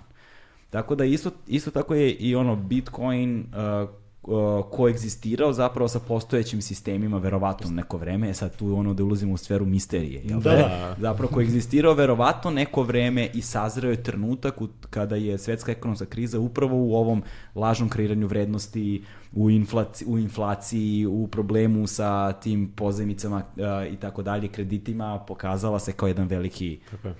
veliki balon koji je samo puko da. i urušila se celokupna globalna ekonomija Ovaj, I na, našli smo se na području da smo bili u fazonu, ok, ovo ne valja, mora nešto da se desi. I tu se pojavlja Bitcoin. Da. E sada, da bismo objasnili pojavu Bitcoina, hajde da pričamo malo o toj misteriji koju ne razumemo. Uh, da, Satoshi ovaj, Nakamoto. Da, da, dobro. dakle, kao, znaš, ono, ako tagujemo video, pogledaj se zove Satoshi Nakamoto, ovde da, počinje. Čuće me Google, Satoshi da, da, Nakamoto. To, ovde počinje. Da, dobro, dobro si pomenuo te različite škole ekonomije, to je isto vrlo zanimljiva stvar. Zapravo se te negde škole smenjuju u smislu da jedna postaje dominantna, pa onda druga, to se ciklično kroz istoriju dešavalo i bili su periodi kad je kad je praktično ceo svet imao priča liberalnu ekonomiju, kad pustiš tržište da samo sebe reguliše, onda su u nekim trenucima to malo otme kontroli i onda država malo pritegni i kaže, e sad će malo država da, da kontroliše ekonomiju. Da se umeša. Da, da se umeša, pa onda a, vremenom i to kreće da stvara neke probleme i onda se stega postepeno popušta, tako da imali smo, pogotovo u 20. veku, više puta smenjivanje toga da država pritegne malo ekonomiju u smislu da kontroliše više tokove novca, da ima vrlo stroga pravila, pa se onda malo povuče. Konkretno ovaj balon 2008. koji se desio i buko, se desio u fazi kad se država povukla kad je pustila i rekla bankama radite šta hoćete, izdajte kredite kome god hoćete, su šta su hteli. bez pokrića, štancujte, ono, pravite akcije, smišite neke nove finansijske proizvode. To je zapravo bilo urušavanje tržišta nekretnina. Nekretnina, nekretnina jest. Da. Jer, ne pa, znam, ove agencije za rating, banke, paketi tih akcija i tako da. Pa da, nekretnine su bile deo priče, ali suština je bila da, da je država dala odrešene ruke bankama da rade šta hoće, da. a problem je bio glavni što su banke imale velike incentive da se ponašaju neodgovorno. Da. Jer, Šta znači incentive? incentive motiv. motiv, da. da okay. imali su veliki, veliki motiv da se ponašaju neodgovorno jer su dobile vrlo masne bonuse kratkoročno, a onda kad je kriza došla država ih spase, nije da banka ne završi u zatvoru, tako da, da što ne bih bio neodgovoran. Kada imam velike koristi od pozitivnih strana moje neodgovornosti, a vrlo malu štetu zbog negativnih strana moje neodgovornosti. Da. I tu je da. sistem da. puko i tu je sistem puko zbog a zbog toga što je država, da kažem, previše pustila banke da se igraju. E sad, a, s druge strane nije ih pustila dovoljno. Jer da ih je pustila dovoljno, odnosno da i u trenutku kad se kriza pojavila da je država ćutala, banke bi propale. Većina banaka bi propale i onda bi u nekom sledećem ciklusu bila odgovornije. Da. A ovako, plašim se da nismo naučili dovoljno. Odnosno, glavni krivci su se uglavnom izvukli bez posledica, odnosno bez negativnih posledica, izvukli su se mnogo bogatiji. Jer za sve svoje dobre odluke su bili debelo nagrađeni, za loše odluke nisu kažnjeni. Tipa za celokupnu tu krizu mislim da je tip ono jedan ortak otišao u tvorza na pet godina jest, taj fazon. Ne, tako neki, da. neka banalnost, mislim, da, ne da. držite me za reč, ali jeste nešto, nešto tako... Nešto sramotno. Nešto potpuno, sramotno, da. banalno, da. da, da. I, I zapadnom svetu vrlo često ta pojava da, da veliki, posebno baš velike firme, svesno ulaze u plaćanje kazni za razne stvari, jer im se to više isplati nego gubitak profita ili prihoda ako bi poštovali to neko pravilo. Znači, ja ću to ovo da samo uradim, bit ću kažnjen, evo, izvoli pare i to je to. Nije to samo na zapadu. Imaš, Pa pa, dobro, ne, ne, imaš, imaš, imaš priliv, a, primer ovaj, jedno od najvećih banaka na svijetu, ove HSBC banke Da, da. britanske, koja m, malo, malo pa ima neki skandal vezano za pranje novca, vezano za a, saradnju sa raznim kriminalnim grupama i ta banka i dalje radi. Ne samo što radi, nego ne znam da li iko otišao u zatvor. Da. Kad bi, kad bi, primjera radi, kad bi za neku kriptoberzu a, našli da je vlasnik kriptoberze svesno sarađivao s nekom kriminalnom grupom i pomagao im da pere novac, Da, da. tu berzu bi zatvorili, vlasnik bi završio na robi doživotno. Trkali bi se FBI Tako i da da. SEC ko će prvi da ga uhvati. Tako da postoje tu malo dvostruki standardi i bankari su preterano zaštićeni svakako i to je dovelo do krize 2008. i to, uh, i to će dovesti do neke sledeće. Jer nije rešen problem. Nisu kažnjeni oni koji su bili krivi, nego država uletela da, ih pomo da im pomogne. Nije pustila tržište da se do kraja izleči, što bi bilo jako bolno. Da je država pustila, odnosno da su države pustile da banke propadnu, to bi kratkoročno kreiralo još veće probleme, ali bi dugoročno bilo zdravije. A ovako su samo zapušili rupe koje kad sledeći put puknu bit će mnogo gore. A znamo da je svaka ozbiljna promena mora da boli, jel? Da. To jest mora bude prvo dosta gore da bi bilo bolje. Da. Sad ulazimo u ono područje anarhije o kojem smo govorili. ok, a, Satoshi Nakamoto. Satoshi Nakamoto, da, a, to je navodni tvorac Bitcoina. On, on, ona ili oni. On, ona ili oni, da. A, Dakle, fora je u tome što, mislim, uh, Satoshi Nakamoto je na jedan način već ušao u pop kulturu, ali zapravo ne u potpunosti, veliki broj ljudi i dalje nema pojma o čemu govorimo, tako da, Da. izvinjavamo se svima koji znaju o čemu pričamo, Da. ali smo dužni da, da pričamo o, o Satoshi Nakamoto jer ne možemo govorimo o kriptovalutama, Bitcoinu, Tako a da ne govorimo o a, misterioznom identitetu a, osobe ili izvesnog broja osoba Da. o kojima se ne zna ništa.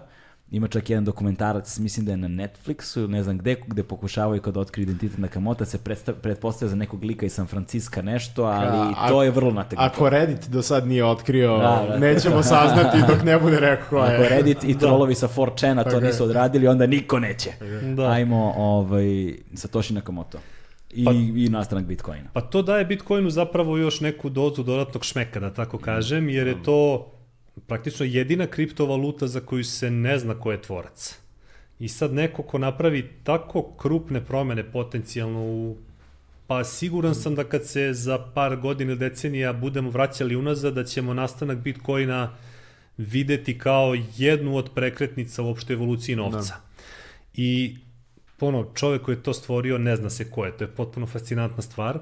E, Postoje razne teorije, postoje teorije da su to e, Rothschild ili neki drugi krupni bankari koji su napravili novi novac i naravno pozicionirali se u startu da budu e, u tom novom svetu još bogatiji, jer procenjuje se da Satoshi, kogod on bio ili kogod oni bili, ima negde oko milion bitcoina. Koji se nikad nisu pomerili, beše, sa voleta. Pa velika većina se Da, nikad nije pomerila, a ukupno ima bitcoina oko 18,5 miliona i ikad će ih biti 21 milion. Dakle, neko ima 5% svih bitcoina koji će ikad nastati. Neko koga, ko ne znamo ko je. To je fascinantna stvar. E sad, eh, on se pojavljivao na, na tim nekim forumima o kojima se pričalo o Bitcoinu u startu i rudario je naravno dosta. Međutim, Tu dolazimo do ovih cyberpunkera, kod njih na forumima se uglavnom Tako je, govorilo tako izvesno Satoshiju na Tako Nakamoto, je. brate. Tako je, on je, on je zapravo pre, uh, mislim da je baš negde tokom novembra decembra bilo ili 9 ili 10 godina od kad je on po se posljednji put oglasio. Tako je, poslednji njegov post na tom forumu sa njegovog profila i od tad. Kad je bio? Pre 9 ili 10 godina. Tako je. Dok je još Bitcoin bio totalna avangarda, dok nije vredao skoro ništa. Da. Ok, to je bio poslednje oglašavanje na tom nekom i postoji taj post i dalje negde. Da, da. Tako je. Pod da, imenom da, da. Satoshi Nakamoto se nešto oglasio i kraj. I od tad mu se gubi trag, da. Sad neki, neki m, ja verujem, naivno misle da je to Japanac, Mhm. jer e, ja da sam ostao anoniman, da sam teo da ostanem anoniman, sigurno ne bi stavio neko srpsko ime. Nego Da, bi da. gledao da odvučem ljude u drugu stranu, tako da verovatno da nije Japanac zapravo. E sad, da li grupa ljudi, mnogi misle da jeste, jer prosto smatruju da je Bitcoin toliko genijalan da nemoguće da je jedna osoba sve to uspela da smisli što opet dodatno negde ima smisla, ali s druge strane, ako je tu više ljudi, onda je dosta teže kriti identitet. Da. Znaš, kad je jedan čovjek nešto napravio, može se sakriti. Ako je deset ljudi nešto napravilo, dosta nemoguće zvuči da to ne procuri nekako. Nekako, Da. negde. Tako Ne. da ne znam da ćemo to ikad saznati i to je, to je ono baš, baš negde i super stvar, a ono što je bitno kod Bitcoin i kriptovaluta generalno je što zapravo za samo funkcionisanje Bitcoina to uopšte nije važno. I Baš zato što je sistem decentralizovan, čak ni onaj koji ga je stvorio ne može da, da utiče na njega previše. Nema nikakvu kontrolu nad Nikakvu, Bitcoinom. nikakvu, tako je. To je ono što je zapravo velika razlika od e-golda. Upravo Jeste. tako, dakle, Gazda i Golda je mogao da, oni, oni su sve vreme tvrdili da oni za svaki, za, za sve što imaju na sajtu od novca imaju pokriće u zlatu, ali to nikad niko nije proverio. On je mogao da doštampa tih i Golda koliko je hteo, mogao da radi s tim šta je hteo, mogao je to zlato da uzme stavi kod sebe kući.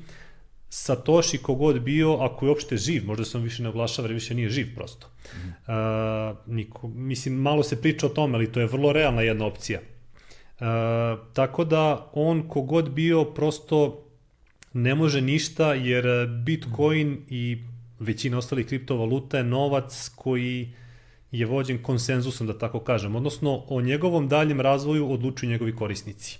Ok, hajde sada da objasnimo, prvo da se vratimo na ovo. A, rekli ste da je najavljen Bitcoin bio to nešto 2008. Osme, 9. da. najavljen. Ko je najavio?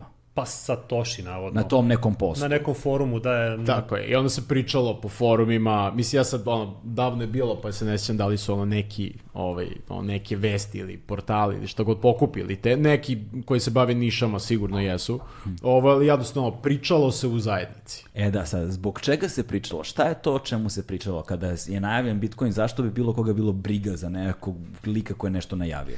Pa vidi, većinu zapravo i nije bilo briga. Da. I u tom, Inače tome, bi svi sad imali brdo Bitcoina. jel? tome, u prilog, tome u prilog govori činjenica da Bitcoin više od godinu dana nakon svog nastanka, znači nakon što je počeo da se rudari, poslije ćemo pričati šta je rudarenje, uh, on i dalje vredo nula. Dakle, puni godinu i par meseci on apsolutno ništa nije vredeo, jer ga je rudario i njime uopšte baratao izuzetno mali broj ljudi. Tek kada Kada kažem mali broj ljudi, jer znam koliki broj ljudi. teško je reći zato što prosto jedino što mi znamo iz tog perioda je kolika je ukupna hardverska snaga bila iza Bitcoin mreže, ali mi ne znamo da li su hardversku snagu imala tri čoveka ili 300 ljudi, prosto Jasno. to nismo mogli znati u tom trenutku. Na tim forumima, Šta znači hardverska snaga? e pa to je, da. malo ću se vratim unazad da bi ljudima bilo jasno. A, pošto je Bitcoin decentralizovan sistem, a pošto je s druge strane to jedna finansijska mreža koja da bi mogla da funkcioniše mora da ima i a, tehničku infrastrukturu iza sebe. Dakle, hardversku infrastrukturu gde će taj softver da se a, da se pokreće i da prosto prebacuje taj novac jedne na drugu stranu sveta. A, nemamo centralni autoritet kao što imamo kod banaka koje imaju prosto svoje servere i koje samo obezbeđuju infrastrukturu. Postavlja se pitanje u decentralizovanom sistemu ko obezbeđuje infrastrukturu. Tako je. Znači, kako taj softver da funkcioniše, na čijem hardveru.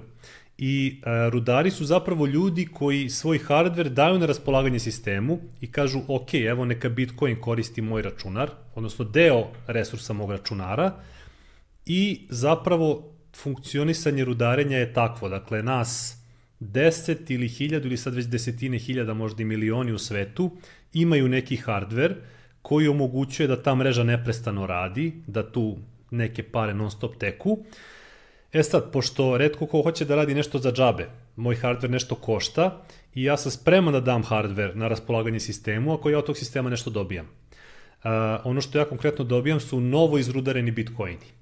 Dakle, novo izrudareni bitcoini koji se generišu određenim tempom se uh, dele među rudarima s razmerno jačini hardvera. E, ajde sad samo ovako Ovde da... ima dosta novih termina. Da, ovde, ima, do, ovde ima dosta novih termina, među kojima je rudarenje verovatno jest. jedan Da, da. od najkomplikovanijih, zato što rudarenje je a, simbolično tačno, a, a, ali e, u realnosti apsolutno netačno. Tako znači, je. niko Tako ne je. rudari ništa. Tako je. E sad ovde treba, ne, ne znam da li hoćeš odmah da ovaj, ja bih sam, uvodimo ja, ne, ne, ja bih, sam, ja bih samo, ja bih samo da, da, da se vratimo na ono čemu smo govorili ranije. Može. Čisto da zaokružimo jednu celinu, da ljudima bude jasno.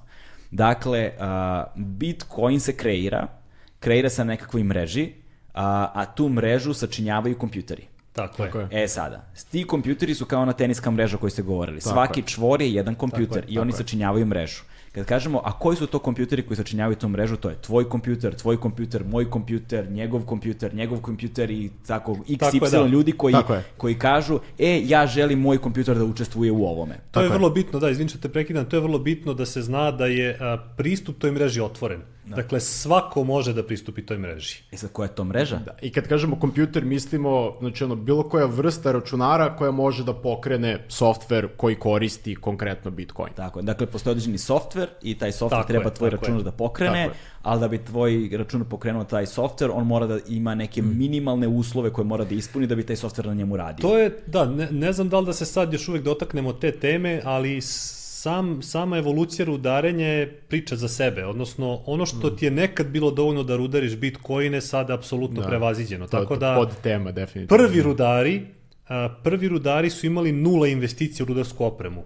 Zato što a, to, to je vrlo zanimljiva stvar. Zapravo, E, sad, izvini sekund. To. A, za sve one koji nas slušaju, a koji ne znaju ništa o kriptovalutama, ovo je onaj trenutak kada se priča raspada i gde svi uglavnom odustaju i, pre, i više ne razumeju e, Da, da. i više ne razumeju ni kriptovalute, ni blockchain, ni ništa. Tako da, je. ono, Ajde, da. molimo se imajte strpljenja. Sad ćemo, da, ajde da potrudit ćemo se, pokrijemo sve. Ajde da probat, da. probat ću baš da banalizujem. Da sistematizujemo znanje. Dakle, je. postoji jedna decentralizovana mreža a, gde mi svi koji smo delovi te mreže moramo da pomognemo da bi ona živela. Jer nema, nema firme, nema centralnog servera koji održava mrežu, nego moramo mi da u tome pomažemo. Tako e, možemo da ubacimo analogiju, znači umesto da imaš tvoju banku u kojoj imaš svoju kreditnu karticu, debitnu karticu, on tamo ima neke računare, ja kad provučem karticu u prodavnici, ta informacija ide na računar moje banke i ona tamo dalje radi s njom što treba. I, to, obz- I onda kad uđeš, vratno, banke sve imaju, kad uđeš negde neke ogromne prostorije Jest, gde su jest. ono rigovi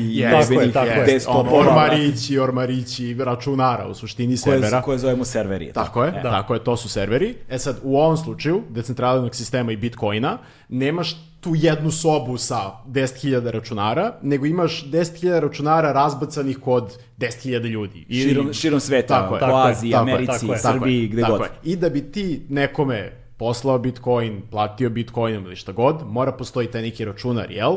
Koji će tu transakciju da procesuira. Doći ćemo do transakcije. Tako, Da. tu sam stao, tu, Da. ne, neću dalje, ne brini. Okej, okej. Pokazalo se da je ta nagradna šema kod Bitcoina zapravo genijalna čim taj sistem i dalje funkcioniše, odnosno već godinama funkcioniše bez sekunde prekida, što je neverovatno. Dakle, Dakle, nikada se nije urušio taj sistem, nikad nije stao. A, jeste u jednom trenutku, u samom početku je neki bug bio koji je otkriven i rešen, ali ja mislim da već negde punih 10 godina bukvalno nismo imali sekundu downtime-a. Što je fascinantno samo po sebi, pored svih drugih stvari. Da, da, da. Dakle, mreža koju niko ne kontroliše nema sekunde downtime-a 10 godina već. Toliko o demokratiji. Da, da. da. E, ako ćemo demokratiju, e, to je demokratija. Tako je. Dakle, ajde, da- znači da se vratimo. Uh, mi hoćemo da budemo deo te mreže i želimo da pomognemo mrežu time što svoj hardware dajemo na raspolaganju mreži da bi uopšte infrastruktura mogla da funkcioniše. E sad, pošto redko ko od nas dugoročno hoće da daje nešto za džabe, sistem je genijalno osmišljen tako da nas za to nagrađuje. Dakle, bitcoini se generišu, ali se ne generišu slučajno i ne dodeljuju se slučajno, nego se dodeljuju isključivo, svi novi bitcoini se dodeljuju isključivo ljudima koji učestvuju u održavanju mreže.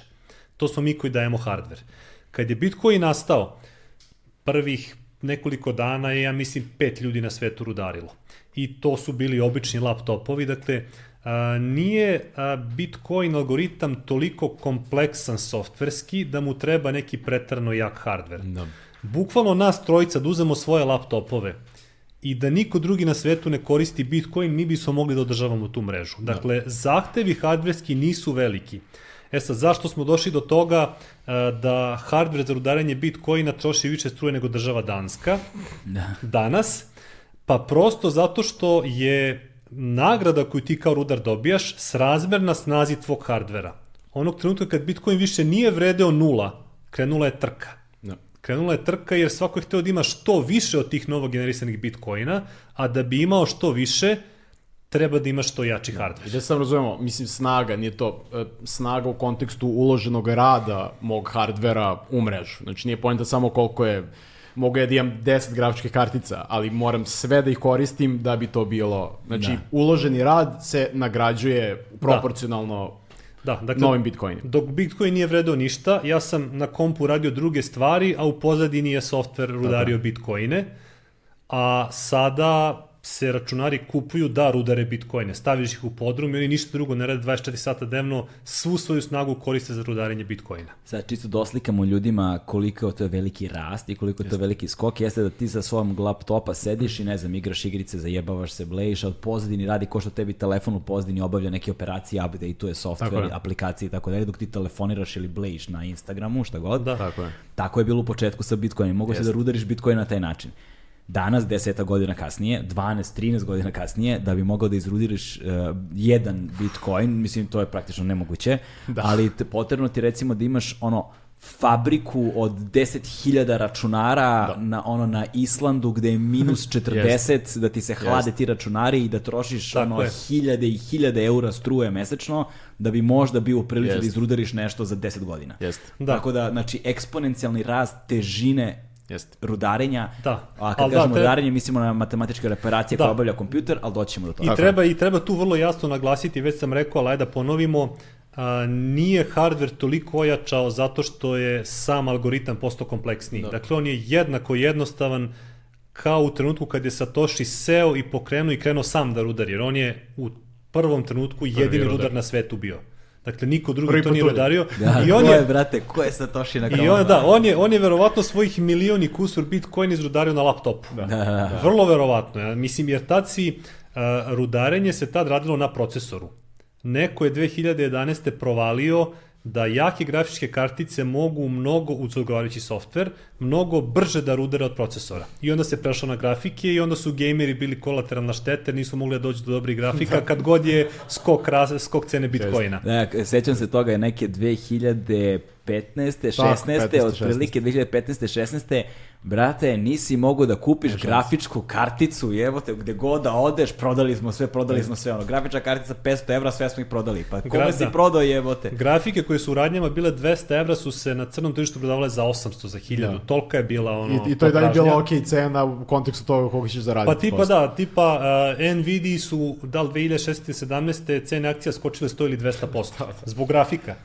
Znači zbog Bitcoina, ne zato što su oni počeli da prave bolje grafike, nego zato što su ih hteli da rudare. I uh, čak su i grafike, kad pričamo o Bitcoinu, već 2013. postale uh, nekonkurentne, jer se neko pametan setio da napravi hardware koji isključivo služi za kopanje Bitcoina. Tako je. Jer grafike nisu pravljene za rudarenje Bitcoina. Da. I ako ti napraviš hardware koji je od starta dizajniran samo za rudarenje Bitcoina, on neminovno ima mnogo bolje performanse od grafika. Maksimalno Tako da se, koristiš potencijal. tako da se grafikama sada kopaju neki drugi koini i na, zapravo su mnoge kriptovalute posle toga napravljene da budu takozvane ASIC resistant, odnosno da te ASIC moćne mašine za rudarenje koje rudare Bitcoin ne mogu da rudare te grafike. Jer Ok. ne mogu, prosto ne može taj algoritam da, ubaciš u njih. da, da, da, ne s- komplikujemo, idemo sad da ne tamo, idemo, Tako da je, ne idemo sad tamo, zato što još uvijek se zadržamo na tom početnom, početnoj priči šta Jeste. je Bitcoin. Jasno. Dakle, ovako, ono što za sada znamo. Znamo da je Bitcoin nekakva uh, digitalna, odnosno kriptovaluta. Yes. Morat ćemo da objasnimo šta znači kripto. Zašto, Evo, šta je razlika između digitalnog novca i kripto Ho, novca? hoćeš odmah? Hajde odmah, ajde odmah da, ra- da ljudi razumeju, mi govorimo o kriptovalutama, nijednom trenutku nismo objasnili kripto.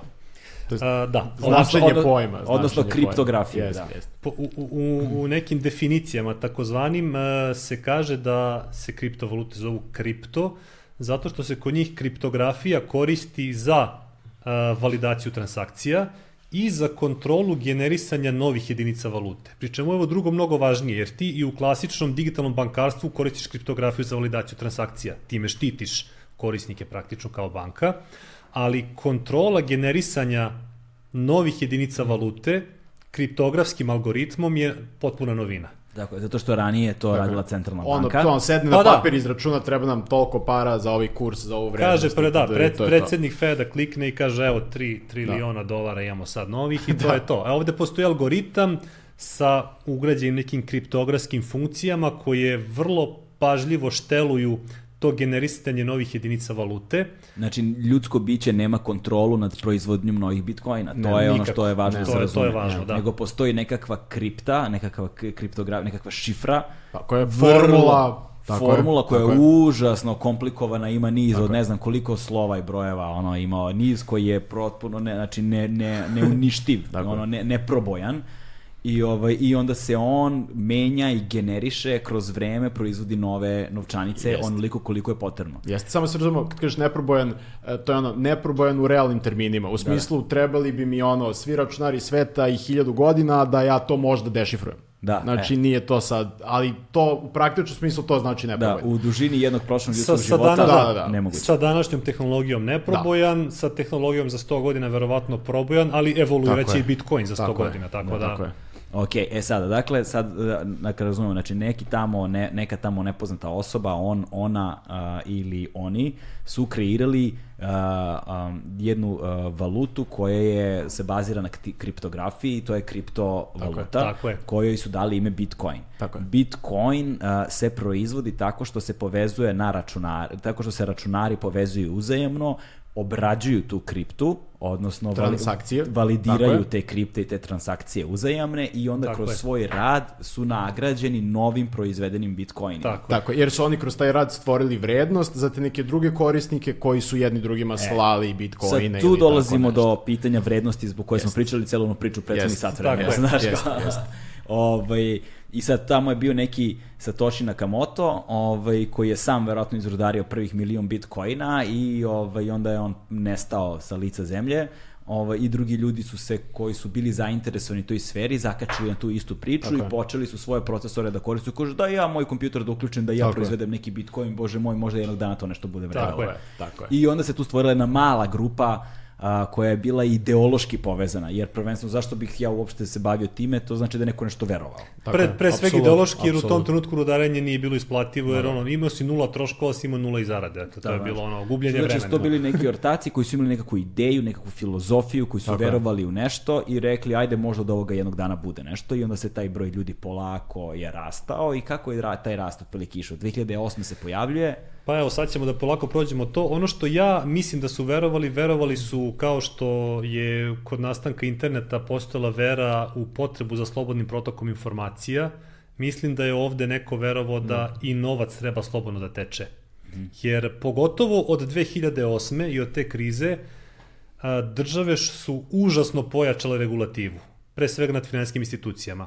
Do te mere da su neki ljudi ni krivi ni dužni prosto odsečeni od sveta finansijski gledano. Primera radi, probaj nekome u Iran da pošalješ pare preko banke. ne možeš verovati. Nema šanse. Nema šanse, iako u Iranu u proseku živi jednaki procenat loših ljudi kao i u Srbiji.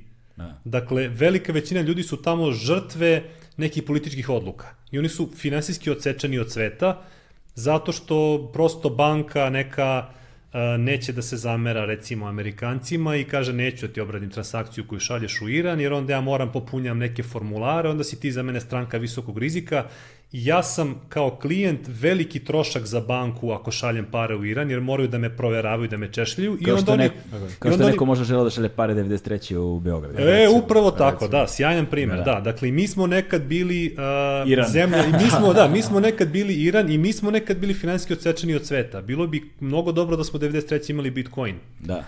I uh, ja mislim da je i ideja nastanka Bitcoina i zapravo svih preteča Bitcoina upravo to. Ako sam ja pošteno zaradio novac, zašto bi bilo ko na svetu imao pravo da me spreči da s njim radim šta hoću? Ta sloboda mene uh, ne rešava odgovornosti. Dakle, to što sam ja slobodan da radim sa novcem šta hoću, ne znači da sam ja oslobođen odgovornosti ako radim nešto što ne smem. Ali nemoj a priori da me sprečiš. Znači, nemoj mene kao poštenog građanina Srbije da sprečavaš da pošaljem novac poštenom građaninu Irana zbog nekih glupih pravila. Ako sam prekršio zakon, kazni me nakon što sam ga prekršio, ali nemoj da me sprečavaš da nešto uopšte pokušam da uradim što nije protivzakonito. I to je ideja Bitcoina. Dakle, internet nam je donao slobodan protok informacija, posle i slobodan protok raznih drugih stvari. Ideja Bitcoina je slobodan protok vrednosti. Zašto bih ja imao bilo kakvo ograničenje da sa mojim novcem radim šta hoću? Da. I to je poenta. i e, trebalo je vremena da dovoljan broj ljudi to shvati da bi Bitcoin uopšte se pomerio sa nule. Tako je. E, kad su ljudi počeli da shvataju, jer e, dogod ti Bitcoinom ne možeš da uradiš neke stvari koje možeš da radiš i sa drugim novcem, on za tebe nema vrednost. Jedino kad ti Tako je. shvatiš da on za tebe može da uradi nešto što nijedan drugi novac ne može, on kreće da dobija vrednost. E sad, vrlo zanimljiva istorija njegove vrednosti, jer kažem, on je godinu i kusur vredao nula, i onda se dešava istorijski trenutak koji ćemo možemo i zajedno da obeležimo ove godine i bilo bi lepo. A, to je nezvanični praznik u Bitcoin svetu, Bitcoin Pizza Day. Ne, da. 22. maj 2010. se dešava prva realna transakcija Bitcoina. Znači prvi put se nešto realno kupuje za Bitcoin i uh, naime kupuju se dve pice za 10.000 Bitcoina. 10.000 bitcoina. Da. Zamisli kakve pice, pa da su od zlata ne bi vredove toliko. to je, to je O, ovaj, brate. Bitcoin pizza day je... Ko je uzeo 10.000 bitcoina za dve pice, ali taj sačuvao 2000 10.000 bitcoina, brate. Vrlo, vrlo verovatno nije, jer oni, a, u, u tom trenutku su ti bitcoini bili procenjeni na 0,3 centa. Aha. I imaš puno primera ljudi, recimo postoji neki, neki finski programer koji je bio jedan od pionira u Bitcoinu i koji je imao, ne znam, vjerojatno desetine, stotine hiljada Bitcoina, mlad programer koji u tom trenutku sa, sa 22 godine kupio neki ono brutalan stan u Helsinkiju, ali, znaš, kupio stan od pola miliona evra, on bi danas bio milijarder. Ali prosto, znaš, kad nešto vredi nula i onda vredi 10, ti misliš da si prošao fenomenalno ako si ga prodao na 10, znaš, ni, ni ne saneš da će vrediti 30.000 jednog dana. Da, da. Tako da je, Mislim, u trenutku kada na, mi sad sedimo ovdje i razgovaramo, pre nekoliko dana jedan bitcoin je vredao 40.000 dolara. Da, pa evo ga, sad je, pre, šta smo gledali, pre sat vremena je bio oko 38.000. 38 tu je jako. negde, da. 38.000 dolara. Je, Tako da, tako- A on je kupio dve pite za 10.000 Za 10.000 bitcoina. bitcoina. Znaš, kako, pazi, pazi Šta, po- šta nakon- misliš da nakon- on jede picu danas? Nakon bitke svi su generali, znači Da, to je ono da, što je tra- ironija života, jeste što na jedini način da posmatramo te stvari jeste hodom unazad. Jest, tako tako je. da nećemo se osvrćemo na to, Meni ali je samo drago što ja nisam kupio tu picu, da se razumem. da, znači ozbiljan izazov za karakter jedne Da. osobe. U svakom slučaju, uh, hajde samo da da napomenemo to. Dakle, shvatili smo jednu stvar. Dakle, neki, neki tamo lik ili neke osobe su stvorile jednu kriptovalutu. Jasno nam je sad šta je kriptovaluta, zašto je Jeste. kriptovaluta. Uh, prot- e, I ono što je važno, zašto su računari bili ti koji moraju da rade to, zato, upravo zato što su želeli slobodan protok novca, a ne da postoji nekakav centralni sistem koji kontroliše te novac i njegovu vrednost, i njegov protok i tako dalje. Tako je. I onda, zato što ne postoji nikakav centralni sistem koji to radi, uh, bitno je da se mi solidarno uključimo sa svojim kompjuterima. Tako je. Ti kompjuteri koji sad rade, rade, rade, oni dobijaju zaozvrat, iskopavaju, odnosno algoritmom proizvode novi, Tako novi, novi novac. Tako I taj novac u početku nije imao nikakvu vrednost, jer su bili nekakvi ljudi koji su bili idealisti. Tako je. I sada ta grupa mala šaka idealista je u jednom trenutku uspela da proizvede vrednost tog bitcoina zato što se pojavio dovoljno veliki broj ljudi koji je rekao ja u ovo Koji su prihvatili taj dogovor. Tako Tako Da, su prihvatili tako taj je. društveni dogovor. Tako je. Tako je. I Tako zapravo, da, zapravo je bilo potrebno da, da određeni broj ljudi prihvati da neke svoje proizvode ili usluge da u razmenu za taj Bitcoin. To je ono što, Što- novcu da, tako daje je. vrednost. Tako Tako ti da- nešto s tim novcem možeš da uradiš. Tako da taj lik koji je prodao pitu, dve pite za 10.000 bitcoina zapravo isto tako verovo bitcoin. Tako Suštinski je, tako da. je. Verovatno on misli, ono, u tom momentu verovatno mislio bit će ovo super PR, ali i to je se računa kao vera, To mislim. se Da, računa je- kao je vera, okej. znači, znači to je bila, znači nije taj dao dve pice zato što, ne, to je bila fora. Jest, Tako je. jest. Ali je ta fora generisala momentum. Jest. Tako je. Da. Da, da se vratimo na priču onu od početka i, i, i u istorije novca, a, novac sam po sebi nema vrednost. Novac ima vrednost zato što može da ga zameniš za nešto drugo što tebi Tako je. treba. I dogod ti Bitcoin nisi mogao da zameniš ni za šta što tebi treba, on je vredo nula. On trenutka kad si mogao da počneš da ga menjaš za picu, za ne znam šta, on počne neku vrednost da dobija. I kao i u, mnogi, kao i u mnogim drugim inovacijama, um, zapravo su uh, ljudi iz neke kriminalne sfere bili među prvima da te inovacije prihvate i iskoriste za sebe. Underground, bato moj. Da, Underground, brate. I nastaje i na, da, nastaju ozbiljni dark marketi takozvani na baš na Toru, kojima to je na samo preko Toru i- Tora može da se pristupi. I na tim Onion sajtovima. Samo sekund, brate, moram u WC. A, e. cepi, cepi. Ćemo sad s tom. Ja.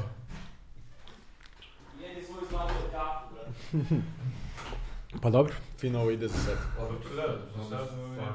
Ne znam koliko si ti znao o, o, o kripto pre ovoga. Jako, ovaj. jako, ove, ove, ove baš spo- spoljnice, te, ta vezivna Da, da, tkiva da, su, su nezgodna. Super. Puno nisam znao. Da. A i e, sad, sad ovo kad ste objasnili možda, mislim, e, to puštanje u etar, ti što su odobrili, to je jako bitno da se kaže Jest. da su zapravo oni su poverovali u to, onda su oni rekli evo, možete kod mene kupiti Jest. picu za Bitcoin ili ne znam, ja prodajem hranu za mačke, ovo posebnu u Bitcoinu. Jest. I onda kad je to krenulo, u stvari je to isto nejasno kako se to, jel, Jest. to je baš... Prvi prihvat. Jest. Da, ko je prvi u stvari... I za, za, zato što si i navikao na sve ono velike promjene, lupam, pojavila se ono kreditna kartica, razumiješ, Da, da, tako da, dalje. da, da. To je uzela neka firma napravila, razumeš, Da, neka da. banka napravila. Da. Ono, i neko je spustio ljudima i su rekli, ok, dobro, Da, ok, da, znaš. da. A i jako je teško tako jednostavno objasniti organsko stvaranje nečega, ovo je organsko stvaranje, tako je. bravo, bravo, bravo.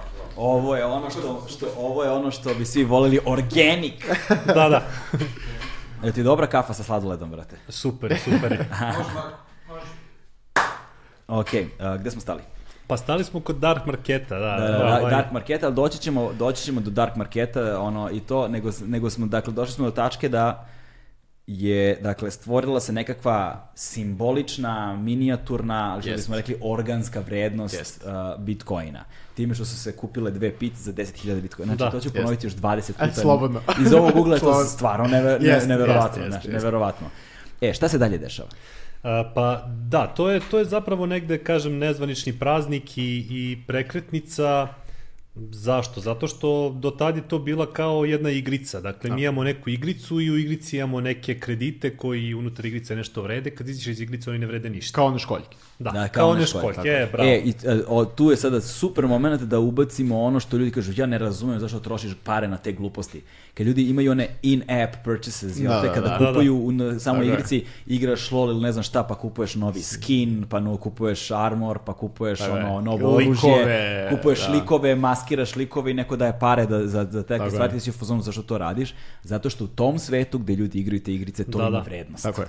E, upravo tako. Da, dakle, u jednom trenutku se desila tranzicija iz tog unutrašnjeg sveta, gde je bilo par, ne znam, možda stotina ljudi kojima je ta priča bila zanimljiva, ali kad to izneseš van tog kruga, taj Bitcoin ne vredi ništa, tom kupovinom pice se praktično prvi put desila interakcija između jednog malog unutrašnjeg sveta Bitcoina i spoljnog sveta. Znači ja sad mogu te moje žetone iz igrice da iznesem i nešto pravo kupim za njih i nešto pojedem. Da. I to je prekretnica i a, posle toga se desilo da su još neki trgovci krenuli da prihvataju bitcoine više zbog fore. To je Da. bio kao PR, kao eto, znaš, kupio, s- prodajem picu za bitcoin, prodajem ovo za bitcoin, prodajem ono za bitcoin. Luksuzna kola. I krenu da se javljaju prve primitivne berze, gde ti možda zameniš bitcoin za novac. E, to je još jedan važan trenutak, jer onog trenutka kada ti možeš svoje bitcoine da zameniš za novac koji koristiš svakodnevno, ti onda imaš motiv više da nešto svoje prodaš za bitcoine. Namesti samo mikrofon bliže sebi, molim te. A, Pa važi. Povuci ka sebi ovako slobodno, znaš, evo, to, to, to, to, to. Važi. I tu se onda, mislim, tu su se prvo razvili ti dark marketi, realno, odnosno tu je, tu je a, više trgovina krenula da cveta u tim nekim početnim godinama, jer su ljudi shvatili da mogu da prodaju stvari za bitcoine i da ostanu relativno anonimni, a opet imali su ta mesta, već je krenulo da se kreira infra- infrastruktura, imali su mesta da su te bitcoine da mogli da zamene za novac. Jer ako oni samo nešto prodaju za bitcoin, onda s tim bitcoinom ne mogu ništa da rade da, osim da kupe picu, nema tu baš za njih neke, neke vajde.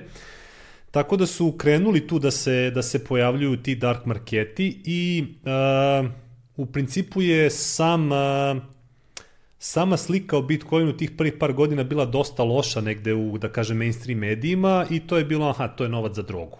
Da. E sad, da, I- samo da objasnimo ljudima govor. malo, da, da pojasnimo to, uh, tu- smo isto preskočili nekoliko stvari, zato što paralelno dok se dešava sve to, ta grupa idealista, Da. zapravo među kojima su između ostalog i Julian Assange i Edward Snowden i mnogi drugi, dakle govorimo o ljudima koji se bave pitanjima privatnosti, anonimnosti, Slobode, Tako je, slobod- raznih stvari. slobode, je. bezbo, e, slobode, a, a, demokratski protok informacija, rađa se Wikipedija, između ostalo koja je to, ono, kolektivno znanje na jednom mestu dostupno svima i tako Da. dalje. Tako da sa filozofskog, ideološkog aspekta to je mnogo šira priča. Tako je. Tako da se paralelno razvijaju softveri kao što je, kao što je kad smo shvatili da postoji nadzor država nad, nad svojim građanima, Tako je. špioniranje i tako dalje, da se gubi privatnost, ono nešto što je sada opšte poznata stvar, tada je to bilo revolucionarno novo, tada se saznaje i za prve dron strajkove, napade dronova koje su Juliana Assange doveli u situaciju u kojoj se nalazi, između ostalog. Dakle, dešava se, dešava, se, dešava se to da postoje paralelno ljudi koji razvijaju softvere i tehnologiju za anonimnost. Tako je. Tako je. Gde se Bitcoin savršeno uklapa. Savršeno, Savršeno. da. I tu se, i tu se ra- javlja Tor mreža, Da. on pr, pr, i primarno mislim na Tor, i u okviru Tora se javljaju ti Onion, dakle look sajtovi, Da. to je ono zato što, zašto Onion? Zato što on ima više slojeva, i on ti imaš vis, višeslojnu anonimnost, tako da vlada, država zna da si otišao na Tor, ali ne znaju šta tamo radiš. I to je opet onaj moment, ono, opet si tu, sad, postoje naravno način budeš savršen anoniman, to više ono, količina resursa da tebe sad nađu za tu neku sitnicu je potpuno absurdna. To je isto kao ali, što ali, je ono... ali pritom je tome oni ne znaju da li je sitnica. pa, Da. između- Tako da, tako da bi otkrili morali bi da nadziru svakoga Tako sa je. nekim super kompjuterima, a to je prosto nemoguće. I na istom principu ta anonimnost zapravo postoji. Jer ti svi računari koji dobrovoljno učestvuju, kao što učestvuju u Bitcoinu, učestvuju u kreiranju anonimnosti, jer ti kad uđeš, ti od tog trenutka možda budeš na, da, da, da surfuješ preko bilo kojeg od tih računara širom sveta i oni ne znaju odakle ti zapravo dolaziš i Tako ko je. si ti. Tako je. Super što si Assange pomenuo, zato što je jedan od uh, najboljih poslovnih poteza Wikileaksa u istoriji, koji je bio potpuno iznuđen, bio da počnu da primaju bitcoine. Da, I mislim da je to bilo još 2011. Jer prosto njih su krenuli da seku svi mogući payment provideri u jednom trenutku i njima je prelazak na Bitcoin bio iznuđen potez i čak su u jednom trenutku i objavili koliko puta su oni uvećali taj svoj novac zato što su prešli na Bitcoin. Svi znamo, uh, majka napretka su slučajnost i nužnost. Tako je, Tako je, tako je. tako je. Ok, uh, i sada, dakle, i sada je stvar u tome što kako se pojavila anonimna mreža i kako se pojavio sa anonimnom mrežom novac koji je takođe anoniman, e to ćemo doći kako je zapravo Bitcoin anoniman, zbog čega i na osnovu čega je njemu ne može suđe u tragu kontekstu, odnosno Bitcoinu može apsolutno da suđe u trag od njegovog nastanka. Tako je. To jeste poenta Bitcoina, Tako je, između ostalog. tako Tu dolazimo tako do blockchaina. On je pseudo-anoniman, to je pravi E, to je, Jest, se, e, a s druge strane, vlasnik Bitcoina je apsolutno nepoznat. Jeste. I šta je s tim Bitcoinom uradio? di- direktno na Bitcoin mreži da, Da. u svetu ne mora da znači, zavisi od zakona države, ali stićemo i do tog dela, Stićemo, e, ovaj, tako to. da ne želim. Tako da spoj uh, anonimnih mreža i anonimnih sajtova na tim anonimnim mrežama u kombinaciji sa anonimnom valutom je bilo jedno plodno tle za kriminalne organizacije koje su sad mogle i tu dolazimo od čunog Silk Roada i Dolazimo do Silk, Silk Roada koji je vrlo bitna tema iz prostog razloga što je zapravo pad Silk Roada bio po meni jedna od bitnih prekretnica u, u evoluciji Bitcoina, jer kažem, stvorio se narativ, pre svega forsiran od strane institucija finansijskih, da je Bitcoin novac isključivo za kriminalne radnje. I onda imaš situaciju da u, u oktobru 2013. pada Silk Road, samo objasnite šta je Silk Road. za A, Silk. Road je Amazon za, za nelegalne substance raznoraznih uh, vrsta, gde se plaćanje vršilo isključivo u Bitcoinu, kome se pristupalo preko Tor brauzera i gde si ti mogao da kupiš uh, sve moguće i nemoguće droge, oružje, lažna dokumenta i tako dalje i tako Neke dalje. gore stvari od toga. Da. I čak gore stvari, da čak si, bilo je priče da su neki naručivali ubistva preko Silk Roada i tako dalje. Da je bilo i razmena po, pe, po, pornografskog sadržaja najgoreg vrsta i, I to, tako i to, dalje, pa da. dobro, to još u poređenju s nekim drugim stvarima i, i blaga. Da. Blaga priča i uh, zašto je pad Silk Roada bitan? Zato što Silk Road pada, kažem, u, u oktobru 2013. na ceni Bitcoina od recimo 120 dolara, dva meseca kasnije Bitcoin vredi 1200 dolara. I tu padaju u vodu priče da je Bitcoin novac za drogu i da njegov opstanak zavisi od Silk Roada i sličnih sajtova. I to je vrlo bitno za, da kažem, imidž Bitcoina, da ga pad Silk Roada, ne da ga nije uništio, nego ono, on je Pa nisam siguran da mu je pomogao, mislim da on porastao zbog nekih drugih stvari, ali bitno je da ga ovo nije usporilo. Mm -hmm. I inače, uh, tvorac Silk Roada služi doživotnu robiju trenutno i postoji peticija da se ono slobodi koju potpisalo ne znam koliko hiljada, desetine hiljada ljudi, ali za sada ne pomaže puno. On se pravda da je on prosto programer koji je napravio platformu. Uh, i da prosto nije, nije njegov odgovorno što su neki ljudi tu platformu koristili za neke stvari za koje nisu smeli da koriste. Inače, zanimljiva priča je da su pored tvorca uh, Silk Roada i dva FBI agenta završila na robiji, jer su tokom uh, hapšenja njega i tokom obaranja Silk Roada malo bitcoina za sebe uzeli. Ma, malo par desetina malo, hiljada. Ne. A, tako da, da, pad Silk Roada je svakako vrlo bitna stvar zato što je tu krenuo taj, krenulo polako to razdvajanje Bitcoina od kriminala, u smislu da to nije više znak jednakosti između, nego ok, Bitcoin ima i druge primene. Da, da. Jer a, prosto a, kriminalci koriste sve vrste novca. Dakle, nije Bitcoin novac stvoren za kriminalce, niti je Bitcoin sam po sebi dobar ili loš. Mhm. Kao što novac, novac je alat u rukama dobrih ljudi on je dobar alat, u rukama loših ljudi on je loš alat i Bitcoin se tu ne razlikuje od bilo čega drugog. Dakle, ne možeš ti jedan software sam po sebi da proglasiš za loš, osim ako je, ne znam, malware ili spyware ili tako nešto. Znači, to je software za, za protok vrednosti. Ok. I uh, sad, sad smo već zapravo nagomilali sijaset nekakvih uh, uh, događaja, tačaka u vremenu da. i prostoru koje su uh, dale na značaju Bitcoinu. Tako je. To znači da se ono da se, da se, da se digla se fama nekakva, počelo o njemu da se govori i to je de facto dalo vrednost. To istovremeno davanje vrednosti na takav način je u suštini mač sa dve oštrice za što se tiče vrednosti kriptovaluta. Jest, jest. Jer onda pravljenjem tog balona, pumpanjem tog hajpa, istovremeno zapravo možemo i lažno da napumpamo vrednost Jest. kriptovalutama, Jest. što se inače dešavalo. Jest. Primer toga je 2017. recimo, ovaj kao sjajan primer, ovo malo da se, ovaj, da iskočimo iz ovoga. Uh, 2017. je bilo, kao što kažeš, jako mnogo hajpa. Oko ne. Bitcoina i oko ostalih kriptovaluta, ali prvenstveno oko Bitcoina. Ono, vesti, tweetovi, poznatih ljudi, influencera, McAfee-a, razumeš, i tako dalje. Ovaj, I na osnovu tog hajpa u suštini su se ljudi ono, naložili na Bitcoin, krenuli da ga kupuju i onda je to podiglo cenu u suštini, ali to nije realno dizanje cene. To da. nije stvaranje ono realne vrednosti i vrlo brzo posle toga se desi ono veliki pad I to je bilo pre tačno tri godine. Da, Mislim, da, tada, da. tada je Bitcoin imao ono, uh, ovaj ATH, ATH, to je najveću vrednost ikada od 20.000, 20, pa skoro 20.000, da. Skoro 20.000. Da. To se, mislim, taj ATH je probijen sada, kao što vidimo, pošto eto, vredo je 40.000 pre neki dan, evo sad je 38,5, ovaj, ali ovog puta je probijen iz drugih razloga. Uh, verovatno je cela pandemija i korona to ubrzala, ali ovog puta smo imali ogroman talas investicije i kupovine bitcoina od strane velikih finanskih institucija, velikih firmi, koji su do skoro možda bile jedna od tih koji su govorile da ovaj, bitcoin nije pravi novac i ne treba postoji, iz kogod razloga,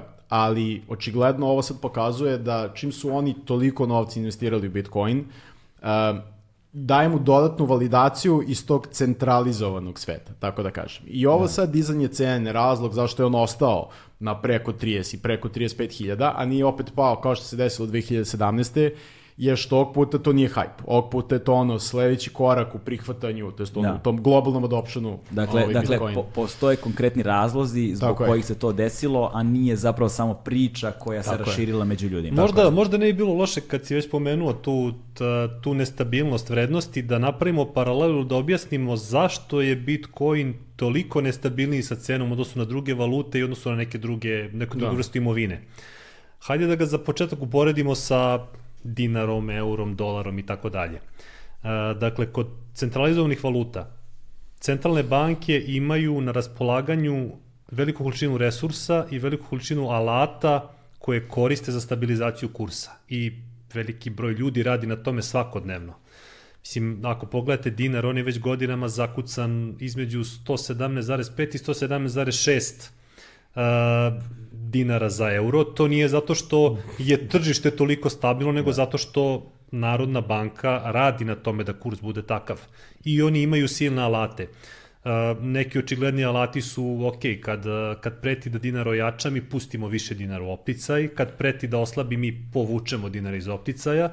Takođe, menjaju se kamatne stope, menjaju se obavezne rezerve u komercijalnim bankama i tako dalje. Puno oni alati imaju, da sad ne ulazimo previše u to, ali generalno to je vrlo ozbiljan posao i sve centralne banke na svetu to rade. Znači, ozbiljne resurse ulažu u držanje kursa stabilnim. I to je jedna od ključnih uh, uh, stavki koje ljudi koji su branioci centralnih, centralizovanih sistema Just. koriste, a to je ta stabilnost valute i garancije za Vidi, bilo kakav za bilo kakvu propast. To je pa, da.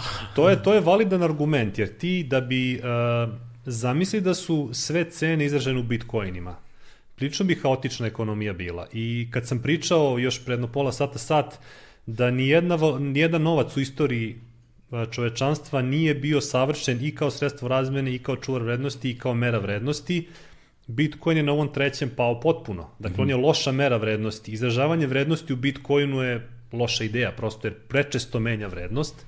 Tako da, stabilnost kursa ima i tekako svoj ekonomski smisao. Dakle, to što je kurs da. stabilan, kod nas tako kako je stabilan je dobra stvar jer ti omogućuje predvidivost i prihoda i rashoda i lakše ekonomsko planiranje. Tako da to je dobra stvar, da ne misli neko da to što je kurs zakucan za evro, da ja smatram da to ne treba da bude tako, naprotiv, mislim da je to baš dobra stvar i baš pozitivna stvar za nas kao ljude, da nismo, ko što smo bili 90-ih, ono, dobiješ platu pa gledaš da zameniš za marke odmah, nego baš naprotiv mogu da čuvam u dinarima jer očekujem da će za godinu dana vredeti isto eura koliko vredi danas. Tako da je to dobra stvar. Kriptovalute tu osobinu nemaju iz prostog razloga što kao prvo nemaju to centralizovano telo koje je zaduženo za održavanje kursa, a kao drugo uh, one nastaju uh, na jedan predvidiv način. Dakle, oni se generišu tempom koji je unapred određen koji je apsolutno nezavisan od odnosa ponude i potražnje. Dakle, nije ono, aha, sad je veća potražnja za Bitcoinom, daj da naštampamo još da bismo ublažili rast kursa, mm -hmm. ili daj da ih usporimo ako se potražnja usporava, nego oni se generišu kako se generišu i baš ih briga šta se na tržištu dešava. Tako da, prosto iz tog razloga je cena vrlo nestabilna. Drugi razlog je što je to tržište dalje relativno malo mm -hmm. i krupni igrači mogu relativno lako da ga poremete. I treći razlog, da, treći razlog sad, ajde da ga ne poredimo sad sa novcem, nego da ga poredimo sa akcijama, recimo, pošto i naš zakon a, kriptovalute naziva digitalnom imovinom, a ne novcem. Dakle, po, tom, po toj karakteristici, karakteristici su oni bliže akcijama. Akcije variraju mnogo više od novca u vrednosti, ali objektivno uglavnom manje od kriptovaluta. Zašto? Zato što a, kod trgovine akcijama opet postoje zaštitni mehanizmi. Trgovina akcijama je mnogo više emotivna, a mnogo manje racionalna delatnost. I ljudi su generalno skloni euforiji kad krene dobro i skloni su panici kad krene loše, bez obzira na fundamente koji stoji iza, iza cene.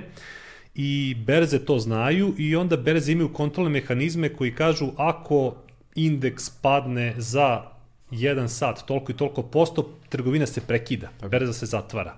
Zašto? Da bi se investitori iskulirali da bi ih prošla ta euforija ili panika, da, da sednu i da razmisle i da kad se berza ponovo otvori, da trgovina bude malo racionalnija. Da. Sa kriptovalutama se trguje 24 sata dnevno. Svaki dan, praznici, tako da tih kontrolnih mehanizama nema i kad krene euforija, ona ide do svojih ekstrema. Da. I onda cena često poraste iznad svoje realne vrednosti u tom trenutku. Opet, kad krene panika i panik ide do ekstrema i onda cena padne mnogo ispod onoga što zaista treba da padne. Ti kad gledaš cenu Bitcoina, ona ima prilično stabilan dugoročan trend rasta, ali taj trend rasta ide ovako, dakle to je jedna ovako linija koja raste i on ide osciluje oko te linije da. i to dobrano osciluje.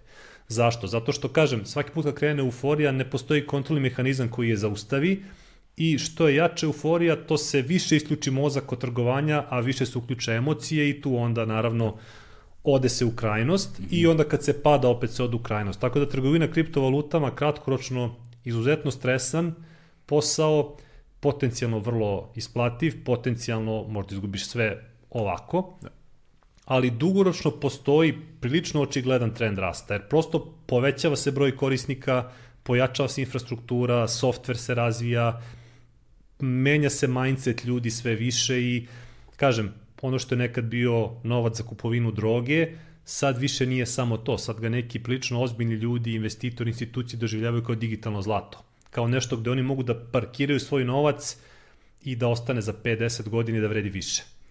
Ok, e sada, uh, pre nego što nastavimo da pričamo o Bitcoinu i njegove vrednosti, pre nego što pređemo na rudarenje najzad, a potom ćemo da pređemo da se to rudarenje oslanja na nešto što se zove blockchain, što još uvijek nismo ni dotakli. Tako je. Ovaj, ali o tom potom. Uh, samo da pomenemo još neke ključne stvari u vezi sa Bitcoinima. Uh, jedna stvar koja odlikuje Bitcoin za razliku od uh, tradicionalnog novca, a to je da tradicionalni novac se štampa, štampa i zaovek će se štampati. Tako je. Bitcoin je uh, software, odnosno je, je na, kod za Bitcoin je napisan tako da postoji konačan broj Bitcoina koji će biti stvoren i nakon toga više nema Bitcoina. Tako je. Koja je logika iza toga i, ovaj, i po kom principu to funkcioniše? I zašto, mislim, zašto jel te ograničeni broj Bitcoina, zašto baš taj broj? A, pa zašto baš taj broj, to, to zna samo Satoshi, a pošto ne znamo ko je, ne možemo da ga pitamo. Okay. Saznaćemo E jednog da. dana možda. A koji je to broj Bitcoina koji će biti, koji će biti proizveden? 21 milion Tako i to, ta proizvodnja se vremenom drastično usporava. Samo sekund, dakle 21 milion će biti proizveden ukupno, koje godine će to da se desi? 2140. 2140. godine će biti iz, iz proizveden finalni Bitcoin. Da, ali evo za, za, Koli- samo, za samo 12 godina je već proizvedeno 18,5 miliona. Zato kažem, ta a, proizvodnja je krenula brzo i onda se naglo usporava. Ob, obrnuta eksponencijalna je... Da. Da, da, da, kao što imaš eksponencijalni rast uh, vrednosti Bitcoina, tako ima i eksponencijalni pad proizvodnje Bitcoina. Tako je. Što mu daje zapravo na vrednosti, između Tako ostalog. je, tako je. On a, daje mu, daje mu na vrednosti kao Ajde, ajde da se opet setimo one tri osnovne funkcije novca. Daje mu na vrednosti kao čuvaru vrednosti. Jer Mhm. deflatoran, deflatorna valuta je dobra za štednju. U principu. Zato Šta, zna, što... šta znači deflatorna valuta? Pa deflatorna znači e, suprotno od inflacije. Znači, zbog inflacije novac svake godine vredi malo manje. I inflatorne valute svake godine vrede malo manje, jer se stalno doštampavaju. Deflatorne valute svake godine vrede malo više, jer prosto malo ih je. Znači, postoji ograničeni broj, malo se doštampavaju. Da, samo ako sme, sme dodam, uh, možda se neko pita zašto se doštampavaju. Ovaj, Ma, malo je pogrešan izraz doštampavaju. Pa ne, dobro, ali, ali... zašto, zašto je potrebno da ih ima više? Nije bitno kako se prave. Zato što uh, globalna ekonomija iz godine u godinu raste. Mislim, jedan razlog je zato što se ima više na planeti, ali globalna ekonomija u prosjeku raste, mm, smo rekli, oko 0,3%, između 0,2 i 0,3% na godišnjem nivou. Ne znam iz toga šta se dešavalo u toj godini, ne znam da li bila recesija, globalna ekonomija raste. I zbog toga je logično da kompletno tržište se širi u suštini, tako da nije to neko fiktivno doštampavanje, već jednostavno je potreba, jer ima više nas, ima više ekonomskih aspekata u kojima učestvujemo i to je normalna evolucija, Da. da. mislim. Pa okay. ceo ekonomski sistem je baziran na tome, mada nije, to nije nužno zdrava stvar, zato što, uh, da, novac se doštampava jer postoji potreba za, za većom količinom novca, ali se to radi malo unapred. Mm -hmm. Dakle, kreira se novac unapred da bi se, opet se vraćamo na priču od pre jedno sat vremena, da bi se pojačala potrošnja, da bi pojačana potrošnja stimulisala dalji rast ekonomije. Između ostalog, recimo, tržište dijamanata funkcioniše po principu Uh, uh, kada dijamantima počne pada vrednost samo, pošto je jako mali broj ljudi drži sve dijamante, imaju ogroman broj dijamanata u šteku, ali ih ne puštaju na tržište. Da. Nego puštaju tačno određenu količinu da bi održali potrebu za njima relevantnom, da bi to održalo cenu na Tako je. kraju kraja. Recimo, di, di, dijamant je sjajan primjer, ne znam zašto nismo spomenuli ranije. Mislim, ono, to je industrija, industrijski je stvoreno u smislu uh, kreirana je slika o tome gdje dijamant vredi nešto. On mnogo posle za zlata i dalje nije vredo ništa. Da, da, da. Dok nisu odlučili ljudi kao, "Ej, ajde sad da ono, napravimo imidž ovome, da je to ne znam šta ultra vredno i da košta ne znam koliko da je statusni simbol i sad Da, on je bukvalno, da, dijamant je dobar primjer, on je bukvalno veštački stvorena, ali on u pravom značenju Jest, baš veštački, veštački stvoren, stvorena. baš veštački Tako stvorena vrednost. Tako je. Nije bilo nikakve Tako nužde je. za dijamantima. Tako je. Zla, zlato je donekle bilo organsko, onako, u, nešto sjajno, teško, Da. izgleda vredno. I imalo je svoju evoluciju Tako je, vrednosti. Dijamanti su potpuno veštački stvoreni. Tako je. To je njihova vrednost. Da, da, da, sad da se vratimo samo na ove inflatorne, deflatorne Mhm, valute. A, evo daću vam dobar primer iz ličnog iskustva a, kako, kako inflacija funkcioniše dugoročno. Mi je ne primećujemo iz dana u dan, iz godine u godinu, ali mi, evo, od, od te velike hiperinflacije 90-ih, mi imamo prilično stabilnu situaciju kad su u pitanju financije i kurs i tako dalje.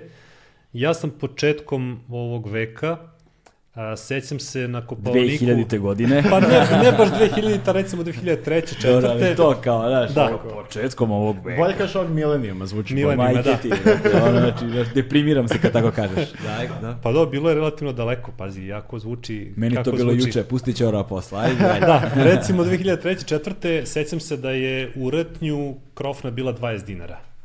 Pre mesec dana sam je platio 200 dinara. Dakle, 10 puta je cena otišla gore, a nije dinar drastično devalvirao, nismo imali inflaciju neku ozbiljnu, nego prosto vreme polako jede novac. I e, zato je jedini logičan izbor da se novac troši. Da. I tako se inflacija je praktično, kao što sam rekao, već način da se stimuliše potrošnja, da bi se ekonomija ubrzala, da bi se vratili dugovi koji Da. se gomilaju. To je ono što ljudi znaju iz hollywoodskih filmova ovaj, i to najbolje osjećaju ljudi koji imaju ogromne svote novca u svom vlasništvu, Tako jer je. onda oni osjećaju na godišnjem Da, nivou da, da, te i inflacije tekako. debelo i onda Tako oni je. znaju šta je najbolja stvar sa velikom količinom novca, investiraj. Tako je. Upravo tako. ne da ti stoji na računu, Tako je. brato, investiraj. I zato je zaduživanje jeftinije od toga. Da. Između ostalog. Ok, Da. idemo, I sad ide- idemo- sad, znači pričamo o tome da će ukupno postojati 21 milion bitcoina Da. Ikada. ikada, Tako dakle je. to je to, dakle kad se proizvede 21 milion, ono onaj posljednji bitcoin od 21 21 mili- milioniti, on- kako god. 21 milioniti bitcoin kada bude bio majnovan, odnosno Tako je, izrudaren, tako je. a, to će biti kraj toga i verovatno će tada doći do nekakvog stabilnosti u vrednosti, verovatno kroz ko zna ili će možda i dalje rasti jer će Pa- isto biti redak. Pitanje, da, dve, dve stvari utiču na, na, ovaj, na više stvari, ajde, dve utiču dominantno na vrednost Bitcoina. Jedna je svakako broj Bitcoina u opticaju, a druga stvar je broj ljudi koji žele da njega koriste. Da. Jer kad ti imaš, kad se dešava nagli rast cene, kada a, broj ljudi koji ulaze u Bitcoin raste mnogo brže nego broj novih Bitcoina. Da. Isto tako, kad krene panika i kad ljudi krenu da izlaze iz Bitcoina, a on se i dalje doštampava jer je tako programiran, onda cena neminovno pada. E sad, a, da bi cena jednog dana bilo stabilna, potrebno je da osim toga što imamo fiksan broj bitcoina, imamo i relativno fiksan broj ljudi koji ga koristi. I onda imamo stabilno. Znači imamo 21 milion bitcoina koji ne ide više, taj broj više ne ide gore dole i imamo x broj ljudi koji koriste bitcoin koji se isto ne menja previše i onda možemo da pričamo o stabilizaciji cene. E sad, neko bi pitao, kaže, evo te, ali kako postoji 21 milion bitcoina, kako će, ne znam, milijardu ljudi da koristi taj 21 Jest, milion bitcoina? Jest, jest. Da. To smo, to smo spomenuli ovaj, da, je, da je Bitcoin deljiv do, do osme decimale. Znači ako uzmeš dinar, dinar ima paru, to je druga decimala, 100 para je jedan dinar. Znači Bitcoin može da podliži do osme decimale i s obzirom da ne postoji ograničenje koliko Bitcoin može da vredi, ta osma decimala možda jednog dana bude vredela ovih 40.000 dolara, koliko danas vredi ceo Bitcoin. Mislim, to ćemo videti, Tako to da tu znam. dolazimo do onih što su crtali ivice Da, i da. strugali, Tako je, tako, da ti zapravo tako je. stružeš osmu decimalu sa Tako je, bitcoina i tako njome je. trguješ. Tako je. Da. Tako da ti Tako tako da ti možeš u svom vlasništvu da imaš 0,000000001 bitcoin ono ili koliko Da. sam ne znam koliko sam nula Tu napravio. si neki dobar, tu si. Inače, ta, ta najmanja jedinica je kasnije, znači ne kad je Da. Bitcoin nastao, nego kasnije po njenom tvorcu nazvana Satoshi. Tako je. Znači ta, ta 100 milioniti deo Bitcoina je Satoshi. Dakle, kad imaš jedan satoshi, to je onako simbolično. Jest. ono što, ono što je zanimljivo je da a, čak ni tih 8 decimala nije fiksna stvar. U smislu da ako se većina korisnika Bitcoina složi da on treba da ima 16 decimala, on će imati 16 decimala. Kao i sve druge odluke vezano za budućnost samog Bitcoina, i ova se donosi zajedničkim glasanjem učesnika u tom ekosistemu. Da oni kažu, ok, sad Bitcoin previše vredi, ajde možda da imamo bolje 10 decimala, onda neko napiše uh, updateovan software koji predviđa da Bitcoin ima 10 decimala i ako dovoljan broj korisnika instalira taj novi software, oni signaliziraju da žele da pređu na taj novi sistem i Bitcoin od sad ima 10 decimala. Kad govorimo o, dovoljnom broju, tu govorimo onih 50, 51%. E, to zavisi, e, ti u suštini, mislim ti i ja, mi, Satoshi, e, možeš da napraviš ono sistem oko kriptovalute kako god želiš, sa bilo kojim pravilima. Isto kao što postoje različiti sistemi glasanja u različitim parlamentima na svetu. Negde je 51%, negde 80%, negde 70% i tako dalje. To u suštini zavisi od osobe koja je pokrenula sistem i nadalje zavisi od toga šta mi svi zajedno kao korisnici tog sistema odlučujemo da menjamo i na koji način da menjamo ovaj, u dosta kriptovaluta postoji taj konsenzus od 51%, to je potreban ti je samo jedan glas ovaj, preko 50% da bi se neka promena u mreži napravila. Ovaj, u nekima postoji, ne znam ko je najveći, ovaj, koji bi bude najveća koji ima onako naj, kažem, pa nisam, najstrožiji konsenzus, čisto kao primer. Ali nis, nije... Nisam siguran, ali, ali kod ovog 51% konsenzusa je poenta u tome što je to teoretski da. limit, ali mm -hmm. zapravo u praksi se uglavnom puca na mnogo veću brojku. Evo iz kog razloga. A, pre nego što se donese neka promena, pre nego što se glasa za promenu, da kažem, opipava se puls da. ekosistema. Dakle, a, daje se određeno vreme ljudima da glasaju, to je kao neko predglasanje, da se izjasne o tome pre nego što se zaista pusti na glasanje i praksa je da se nijedna promena zaista ne pušta ako ne postoji vrlo širok konsenzus. Pričamo da. o 80-90%. Zašto? Zato što ako postoji tipa 52-48 odnos, postoji ozbiljan rizik da ova frakcija od 48%, naravno ovi sa 52% mogu to da proguraju, da. ali ovi sa 48% mogu da kažu vidi, nama se to ne sviđa i nas je dovoljno da mi nastavimo da guramo stari softver i onda se dešava takozvani fork. Mm -hmm. Znači, cepanje blockchaina i cepanje na dve nezavisne valute praktično. Da. Što u principu nije dobro i zato se izbegava da se gura bilo koja odluka ako je tesna većina već da. se ostavlja vremena da se ubede ovi ostali e, da... E, sada. Veća šteta po mrežu nego što ko, ko, ko je ta osoba ili ko su te osobe koje predlažu to, guraju to, uh, odnosno daju, znaš, kao... Jasno. Znači, kao neko mora da pusti neku anketu, na primjer. Ne, može da predloži bilo ko. Dakle, pošto je Bitcoin open source. Mm -hmm. Dakle, svaki... Sad šta je open source? pa to je, to je programski kod koji znamo kako izgleda. Znači, ne znamo samo kako radi, nego znamo bukvalno svaku liniju koda kako izgleda. I svaki programer na svetu može da uzme Bitcoin kod, mm -hmm. da ga prepravi i da kaže ljudi, ja mislim da bi Bitcoin bolje funkcionisao ako primenimo ovaj kod. Dakle, svako to može da stavi na glasanje. E sad, ne ide to baš tako da jedan pojedinac to da. stavi na glasanje, nego obično to se po nekim forumima o tome raspravlja ili se raspravlja na nivou recimo mining poolova, što su udruženja rudare, rudari se tu dosta pitaju i onda recimo ceo mining pool kaže mi stojimo iza ovog predloga. Da Tako da se, znaš, u, u teoriji svako može da predloži, ali treba mu neki kanal kroz koji on može da dođe do puno ljudi. Ne može on da kaže na svom Twitter profilu koji prati 100 ljudi, kaže ja hoću novi kod. Neko mora da kroz neke jake kanale dopre do velikog broja ljudi, što nije teško. Mislim, ti imaš uh, i Reddit kanale i ostale gde ti imaš gomilu korisnika i da ti možeš da gurneš no. neki predlog i da onda ljudi koji se zaista u to razumeju razmatraju to, gledaju dobre i loše strane, jer kao što si ti mogao da vidiš taj kod i da ga izmeniš, tako i oni mogu da vide tvoj kod i bukvalno da vide da li ima neki bug, da li ima da se neki backdoor ostavili i tako dalje. Tako da svako može da predloži, a glasaju, glasanje je kompleksna stvar. U, u teoriji glasaju samo rudari zapravo, ali uh, ceo ekosistem oko Bitcoina je previše kompleksan da bi i jedna pojedinačna grupacija se, da kažem, drznula da uzme stvar potpuno u svoje ruke, mm -hmm. bar zbog toga što vrednost Bitcoina zavisi od svih. od svih i od toga koliko ga ljudi prihvata, svako deljenje je potencijalno rizično. Ako ti deobom dođeš od toga da umesto 50 miliona ljudi koristi Bitcoin, dođeš na 30 miliona, onda si ti mhm. njemu oborio vrednost. Tako da svi osluškuju jedni druge.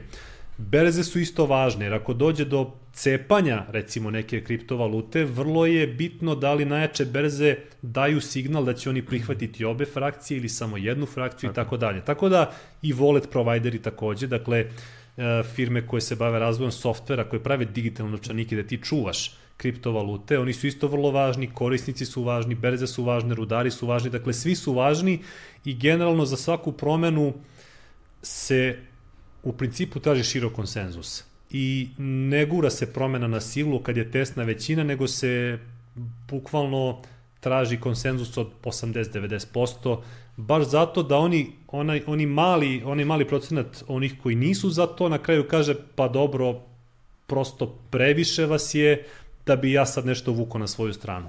Da, dakle, demokratski opet. Pa da, za- ovo zapravo zadivljujući demokratski, jer ono očekivao bi mnogo više ono što ono i Facebookov moto, čiji je već bio, move fast, break things. Da. Ali zapravo postoji jako velika mera odgovornog ponašanja i na, iz jednog decentralizovanog sistema. Ovaj, gde vidimo da organski ljudi ne žele da ono unište nešto što potencijalno može bude E, revolucija. Pa to je da, to je, iz- samo se vratim na jednu konstataciju ranije, to je jedan od razloga zašto nemamo downtime već 10 Da, godina. da. Znači, mreža nestaje bukvalno. Znači, i, i čak i upgrade mreže u smislu ažuriranja softvera se radi live. Da. Da. Dakle, e sada, a, to, malo pre si pomenuo ono što je logičan nastavak a, priče o Bitcoinu, a to je ok, dakle nekakvi Bitcoini se kreiraju, znači kriptovaluta, mreža, a, algoritmi, takozvano rudarenje koje kreira te Bitcoine, njihov ograničen broj koji će biti 21 milion a, 2145. godine i sve smo to nešto zmijska prili, onda vrednost kako se kreira od te kupovine dve pice za 10.000 Bitcoina, sad kad znamo da postoji ograničen Ne, ne. broj, to je još gora informacija i tako dalje. Da, sad I- skoro da možeš da kupiš 10.000 pizza za jedan bitcoin. Otprilike Otprilike tako. da. E, sada dolazimo, dolazimo do toga, sve to super, nego gde ja čuvam te bitcoine. I sad si ti malo propomenuo digitalne novčanike. Ovaj, e, šta su digitalni novčanici i kako oni funkcionišu? A, pa da, a da bismo to objasnili, treba da se vratimo malo unazad i da objasnimo šta je ono što tebi uopšte a, obezbeđuje vlasništvo nad Bitcoinom. Dakle, Bitcoin nije račun u banci, gde ja odem i neko tamo uz moj broj računa upiše moje ime. Dakle, Bitcoine koje ja imam nisu vezani za moje ime i prezime. Vezani su za moj privatni ključ. E sad, da, da bismo pojednostavili, e, zamislimo da je privatni ključ samo jedna vrlo dugačka šifra. Da. Dakle, ako ja imam šifru za određenu adresu, adresa Bitcoin je kao broj računa. Dakle, na adresi stoje neki Bitcoini ko što pare stoje na nekom broju računa. A, meni pravo da koristim Bitcoin na nekoj adresi daje to što ja znam privatni ključ. Dogod ja imam taj privatni ključ i ja kontrolišem te bitcoine. Ako bi ti meni uzo taj privatni ključ ili ti ja dam taj privatni ključ, ti bitcoini više nisu moji nego su tvoji, jer nisu vezani za moje ime i prezime, vezani su za taj privatni ključ. Onaj ko ima privatni ključ, on ima bitcoine. Tako je. E sada, tu dolazimo do celog jednog spektra zebancija koji se ljudima dešava zato što su ljudi. Jeste. Tako je. Jeste. Ovaj, I to je još jedan argument koji a, central, centralizovani monetarni sistemi koriste Jeste. a, kao svoju veliku prednost, a to je da ja ukoliko izgubim svoju karticu, izgubim svoje dokumenta, izgubim sve, ja odem tamo u banku i uz dokaz o tome da sam to ja, ja mogu da povratim svoja sredstva. Sa, Reši većinu problema. re, mogu da rešim većinu problema. Sa bitcoinima, ukoliko izgubim ključ, odoše bitcoini u tri lepe pizde Jeste. materine, niko Tako više je. nikada ne može da dođe do njih. Jeste, možda Tako je. modifikuješ ono sa, sa velikom moći, sa velikom odg- ovaj, slobodom dolazi velika odgovornost. Tako je, sa, e, Da. bravo, sa velikom Upravo to. slobodom dolazi velika odgovornost. Mi zapravo, pre nego što nastavimo priču o novčanicima, imamo ogroman broj bitcoina koji su zauvek izgubljeni. Jesu. Da, procena je da je negdje između 2 i 4 miliona bitcoina zauvek izgubljeno, što je između 10 i 20% ukupne količine bitcoina. I da, to je zato što smo ljudi i kao što je Stefan sjajno rekao, od kad je sveta i veka, sloboda i odgovornost idu ruku pod ruku. Dakle, ako želiš veliku slobodu, moraš da budeš spreman da preuzmeš veliku odgovornost. Ako želiš slobodu da sa svojim novcem radiš šta god ti poželiš, što ti dinari, euri, dolari ne omogućavaju, ti moraš da prihvatiš i odgovornost da ako taj novac izgubiš, da si ga izgubio. Niko ne može ti pomogne. Tako. Tako da, a, s te ali, strane... Ali, izvini, ali i uskraćuješ druge da zarade taj novac.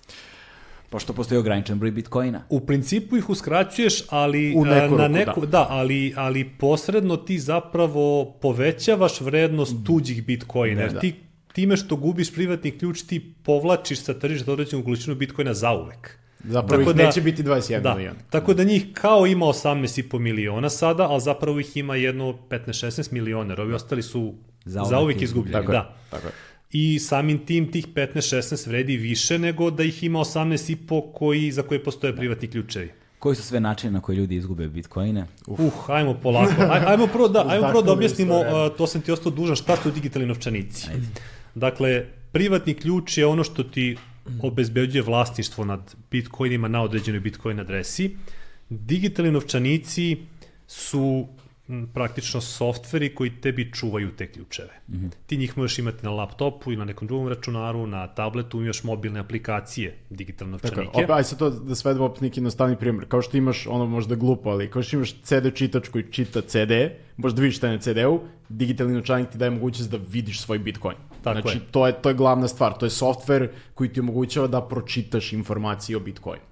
i da šalješ Bitcoin, odnosno on sadrži tvoj privatni ključ i omogućuje ti da digitalno potpišeš transakciju kad šalješ Bitcoine. Dakle, svaku transakciju ti potpisuješ tim privatnim ključem.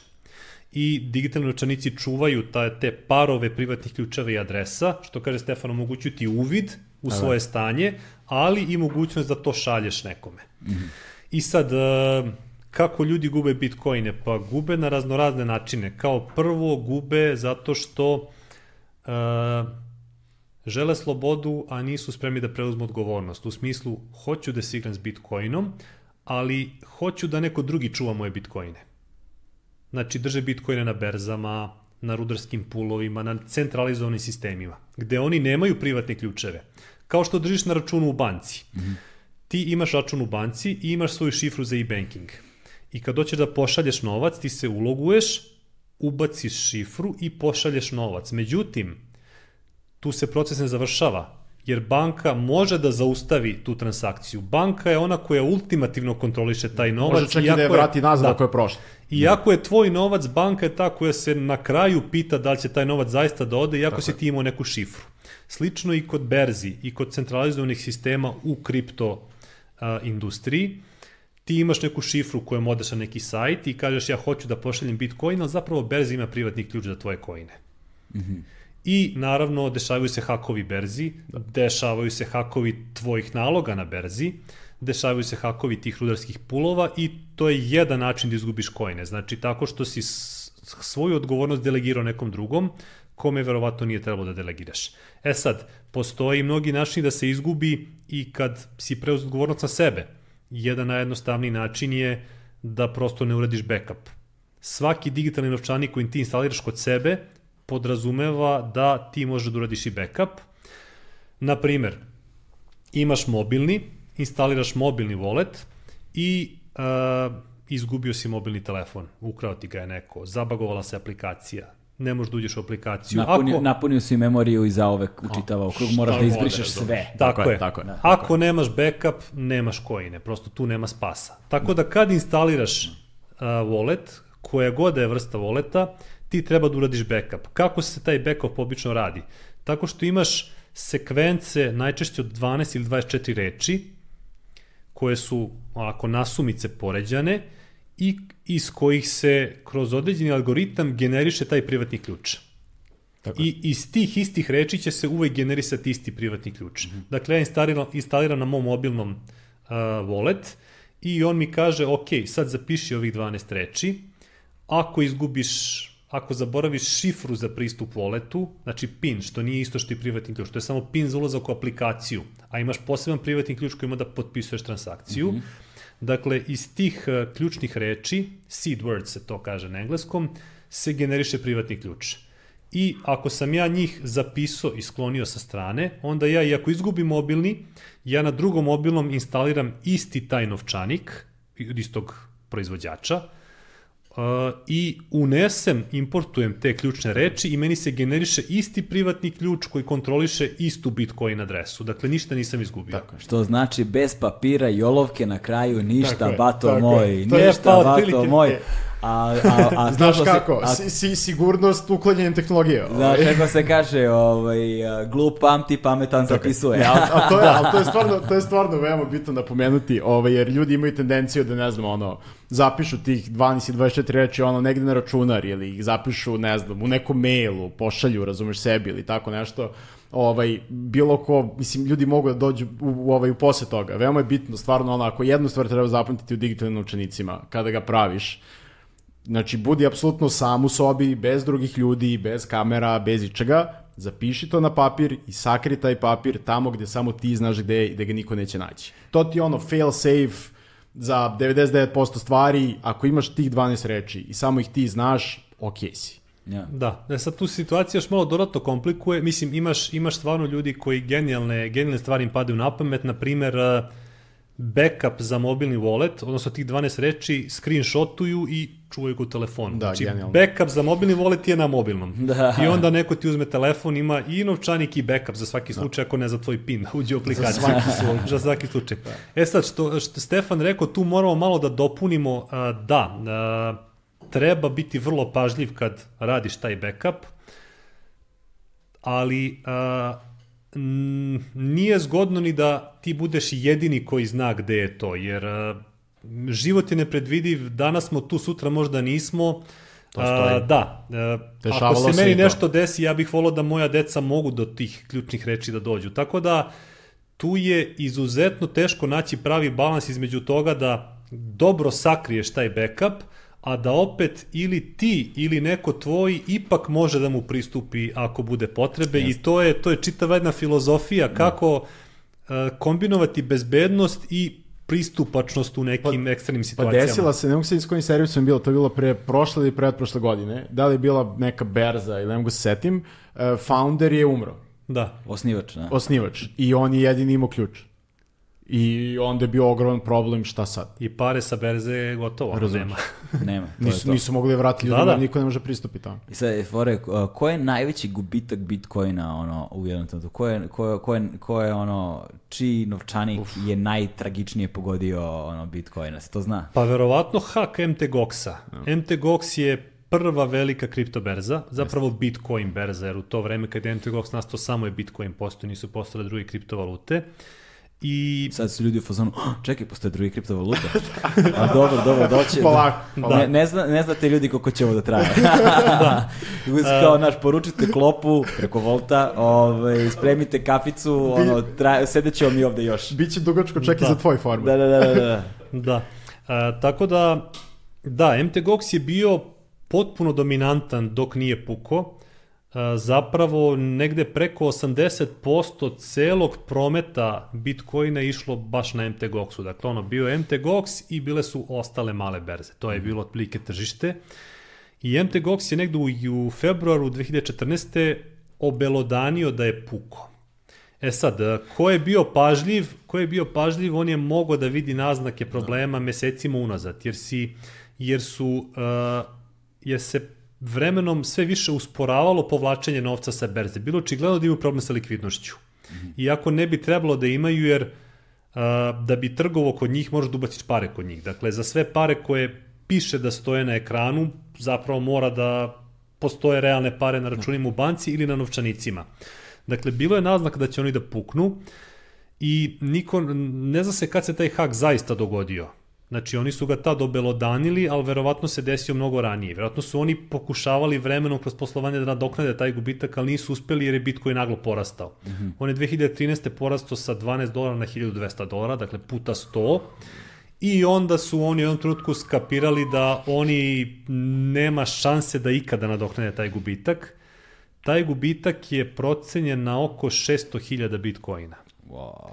Inicijalno je bilo 850.000, ali on su kao 200 i nešto hiljada misteriozno našli odjednom. Onih 10.000 za picu više nije toliko mnogo. Da, da. Znači, on nekdo oko Pa 6... pazi, vrate, to su još i jeftino prošli, je, Pa jes. znaš, kao, bolje, Jes. bolje dve pice za 10.000 bitcoina nego 600.000, puf, u vetar, Da. vrate. A i čovjek je napravio praznik. Misliš, Da, da. Tako da, ovaj, ti bitcoini verovatno nisu izgubljeni, jer m, hakeri su to izvukli i neko sa te bitcoine ima, ako ih nije prodao, verovatno jeste. A tu dolazimo do one anonimnosti, ne možemo da znamo ko. Da. A, pa da, ne možemo da znamo ko, odnosno ajde da, da vratit ćemo se na temu anonimnosti, to je pseudanonimnosti. A, što se tiče MTGOX-a konkretno, a, sudski proces i dalje traje, jer a, iako je hakovano puno, ipak je nešto i ostalo. Mm -hmm. I već dugo traje proces, eto već punih 7 godina, traje proces a, utvrđivanja koliko kome treba da se vrati. Naravno da ne mogu svi dobiti sve što su imali, jer 650.000 je skinuto, tako da verovatno će, ne znam, ako se utvrdi da su oni uspeli da sačuju 30% ukupnih sredstava, da će svi korisnici koji da.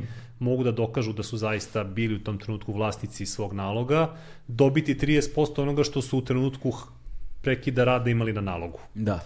E sad, mnogi će, ono što je paradoks je što će mnogi verovatno dobiti mnogo više nego što su imali računato u dolarima.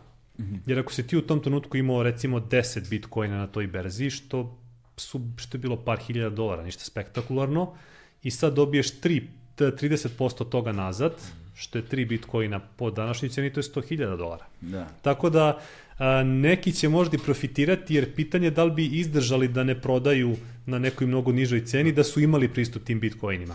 Da, da, da, da, pošto dok traje proces, oni ne mogu da ih yes. prodaju i... Tako je. Tako je. Znaš, A neki ne, bi se polokomili, verovatno. To, to, da, i ne, da. odoše de, ne ode 10.000 bitcoina za yes. dve pice. Tako je. Ok, dakle, objasnili smo malo novčanike, njihovu problematiku, takođe smo se dotakli toga šta je zapravo prednost centralizovanog sistema, jer postoje te vrste garancija u slučajevima yes. nužde, u slučajevima nesreća, u slučajevima bolesti, smrti, Tako je. gubitka, bilo čega, mogu da se povrate informacije, može da se dođe do sredstava tako i tako dalje. S druge da. strane, Da.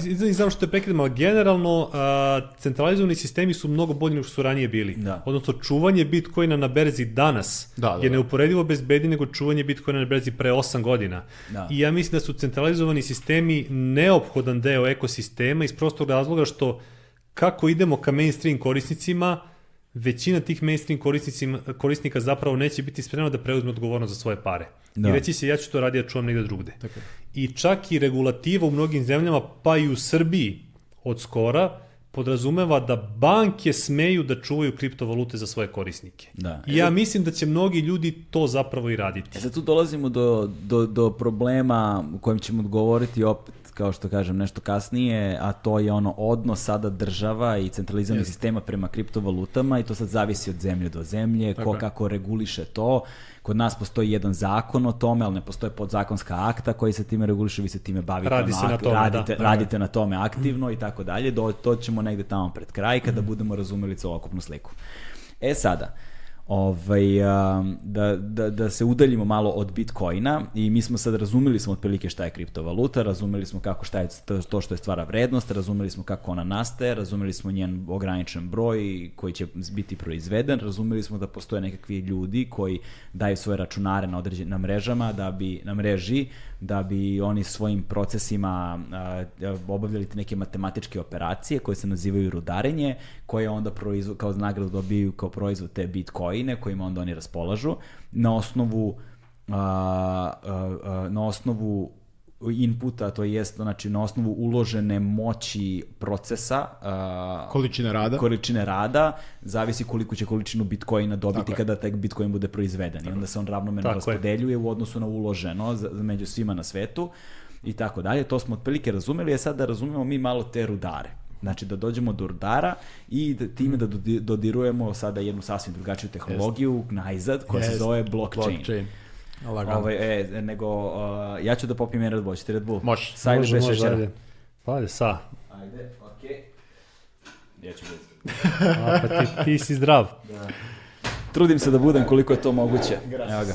Ovaj, dakle, Uh, sad dolazimo do tog dela, dakle razumeli smo otprilike uh, Bitcoin na nekom ono rudimentalnom nivou, da kažemo, ali sasvim dovoljnom da ljudi mogu da prate dalje razgovor. Sa, samo se razumemo, o, ovo je jedan moment da se napomene, ovaj, kad, kad nas neko pita zašto, ovo ne može, zašto kripto ne može se objasni u, u dve rečenice, o, ovo je razlog. Da. Mislim, stvarno je potrebno jako mnogo toga da bi ti zaista shvatio šta je to. Šta no, to znači? Posle dva i po sata tek prvi put pominjao blockchain. Da, zapravo, kao, kao da. fundamentalnu tehnologiju iza, iza da, kriptovaluta. Ovaj, tako da zapravo potreban je ogroman, ogromno vreme potrebno samo se opiše krug da, da. Uh, oko celokupne stvari, a posle godine da se to razume. Da. Ali je stvar u tome jer je revolucionarno novo u odnosu na sve Tako što je do sada postojalo i možemo da razumemo kontekst u odnosu na ono na što se naslanja, Tako iz čega dolazi ali unutrašnji sistemi funkcionisanja nemaju nikakve veze sa onime što je do sada bilo i jebi ga, znaš, ono, to nam je što nam je. Stvari mogu da budu najjednostavnije moguće, ali ne jednostavnije od toga.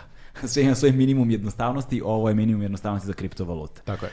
E sada, Dakle, razumeli smo, kao što sam pomenuo, a, a, kako, se, kako Bitcoin nastaje, kako je počeo da dobija na svoj vrednosti, kako se ta vrednost umnožavala, odnosno povećavala, a, da, ko je princip raz, razvoja Bitcoina, ograničen broj koji će se desiti 2145. godine sa tim 21 milionitim Bitcoinom, i tako dalje. I sada ono, i razumeli smo gde se ti bitcoini čuvaju, pričali smo o novčanicima, o njihovim prednostima i manama ovaj, a, i u odnosu na centralizovane sisteme kako to Tako funkcioniše. E sada dolazimo do toga da sve, sve vreme negde provejava da te bitcoine proizvode nekakvi računari koje mi nekakvi građani dobrovoljno stavljamo u službu proizvodnje tih bitcoina.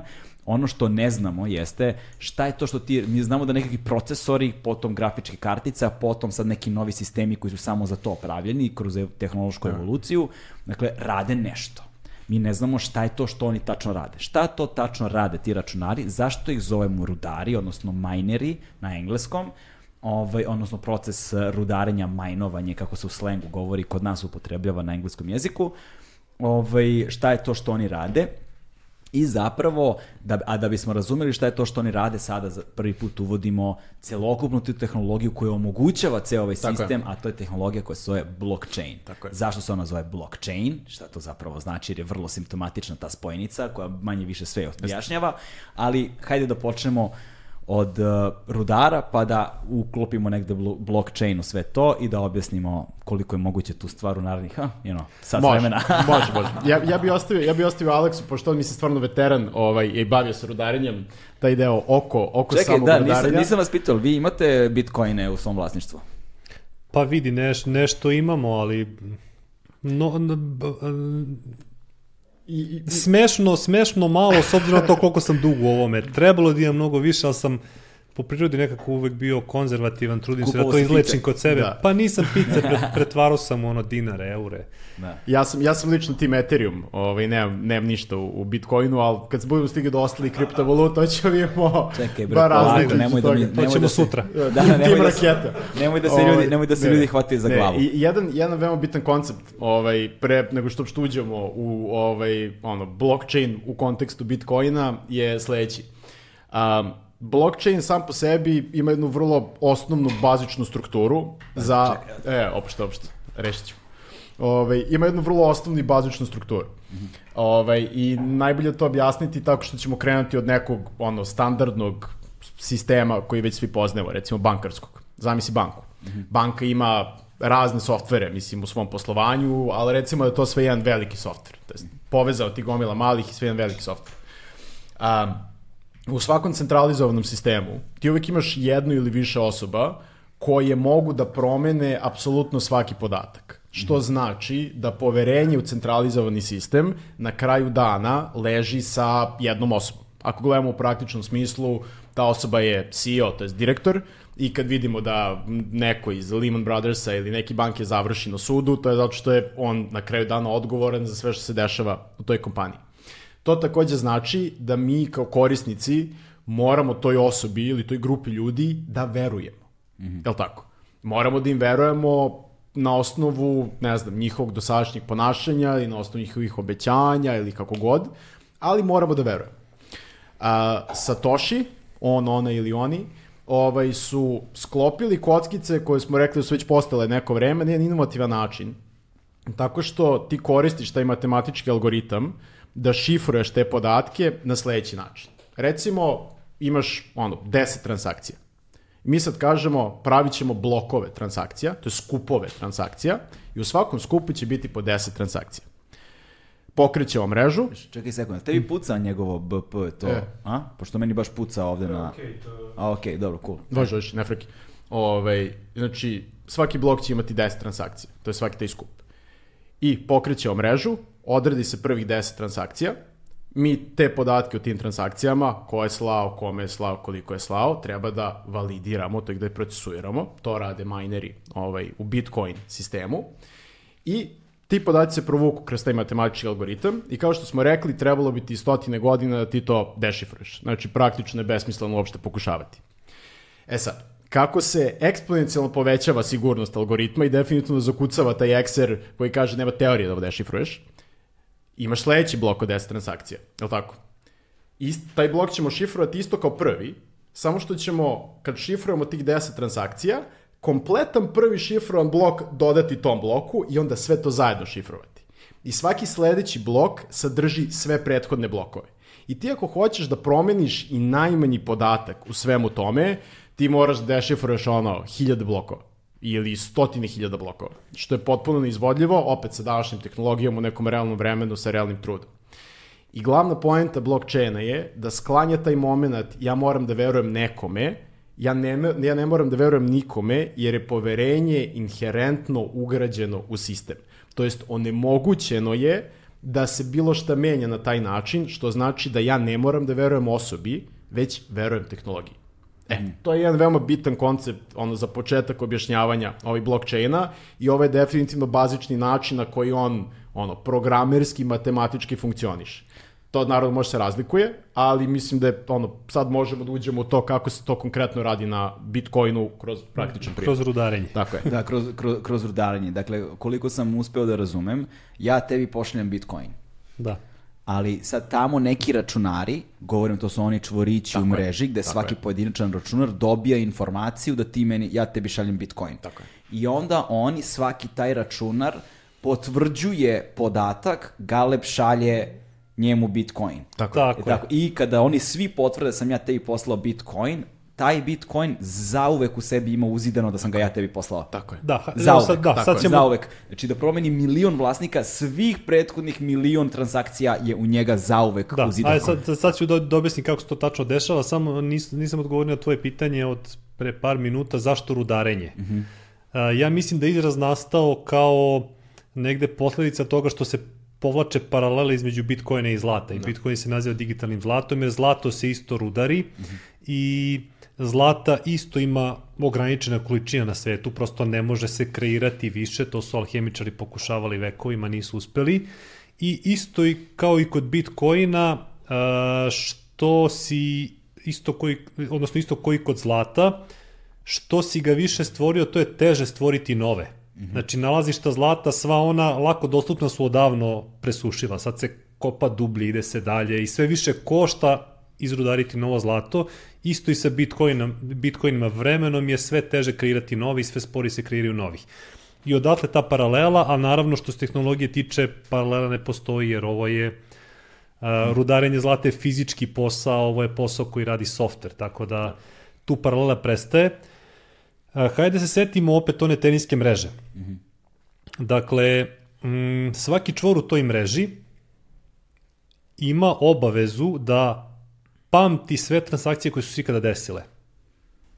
Dakle, da ima, da vodi praktično svoju bazu transakcija, internu, koja treba bude sinhronizovana sa svim ostalima. Ajde da, ajde da zamislimo da imamo jedan uh, ono, drive na, na Google mm -hmm. i da smo zajedno kreirali neki, neku tabelu i znaš kako funkcioniše. Svi koji imaju pristup toj tabeli mogu nju da upisuju nešto i mogu da vide šta je ko upisao. E sad zamisli da to malo decentralizujemo, da ga izvučemo sa Google-a. Pošto je to centralizovano, to Google može da skine kad hoće. A, zamisli da ima svako od nas Excel tabelu na svom računaru, a, ali da su nam sinhronizovane Excel tabelu u smislu da kad ja nešto upišem, taj podatak se pojavlja i kod tebe. Mm -hmm. Ali da bi ostao trajan upisan kod tebe, ti možeš da ga štikleš, da kažeš ovo je validan podatak. I tako polako zidamo tu bazu, bazu transakcija. Otprilike... Ali, ali samo jedna stvar, znači, znači ti upišeš neki podatak, on se pojavlja kod mene, ali ne pojavlja se samo kod mene. Pojavlja se je, svim je. računarima tako koji su ali, na da, ali ne pojavlja se odjednom, zato i kažem, ajde da se vratimo na tenisku da, da, mrežu. Da, da. Uh, ja sam tebi hteo da pošaljem neke bitcoine. Ja s tobom nisam direktno vezan u toj mreži. Znači ja sam jedan čvor koji je vezan direktno samo sa još četiri čvora. Gore, dole, levo, desno. Okay. I ja informaciju mogu da pošaljem samo njima. Gore, da bi, dole, levo, desno. Gore, dole, levo, desno. Da bi informacija prošla dalje, ti gore, dole, levo, desno moraju da validiraju tu informaciju, da kaže ova informacija je ok, šalji dalje, traži, šalje sad svojim komšijama. I tako informacija propagira kroz mrežu. Dok ne stigne do onog krajnjeg. Dok ne stigne do svih, jer praktično svi moraju da ažuriraju svoju bazu transakcija. Da. E sad, tako se praktično kontroliše validnost transakcije, dakle ne kontroliše centralni autoritet, kontrolišemo svi mi. Ja kad pustim tebi transakciju, svako u toj mreži, pre nego što prosledi dalje informaciju, mora proveriti tri stvari. Prva, da li ja imam onoliko bitcoina koliko hoću da pošaljem. Znači ne mogu pošaljem dva ako imam jedan. Mm -hmm. Kako to znaju? Zato što, se setimo, imaju bazu svih transakcija do sada. Znači svaku novu transakciju upisuju u svoju bazu i zato znaju tačno u svakom trenutku na kojoj adresi koliko ima. Tako. Dakle, proveravaju da li ti imaš dovoljno, proveravaju da li je adresa primaoca validna, da li je u validnom formatu. Mm -hmm. Dakle, oni ne znaju da li ta adresa zaista postoji, ne mogu da znaju jer se neke adrese mogu generisati i u offline modu. Mm -hmm. Tako da mreža ne mora da zna da adresa postoji, ali svi znaju koji je validan format adrese. Kako adresa mora da izgleda da bi bila validna, to je druga stvar. I treća stvar, proveravaju tvoj privatni ključ, odnosno proveravaju potpis, da li tvoj da li je validan.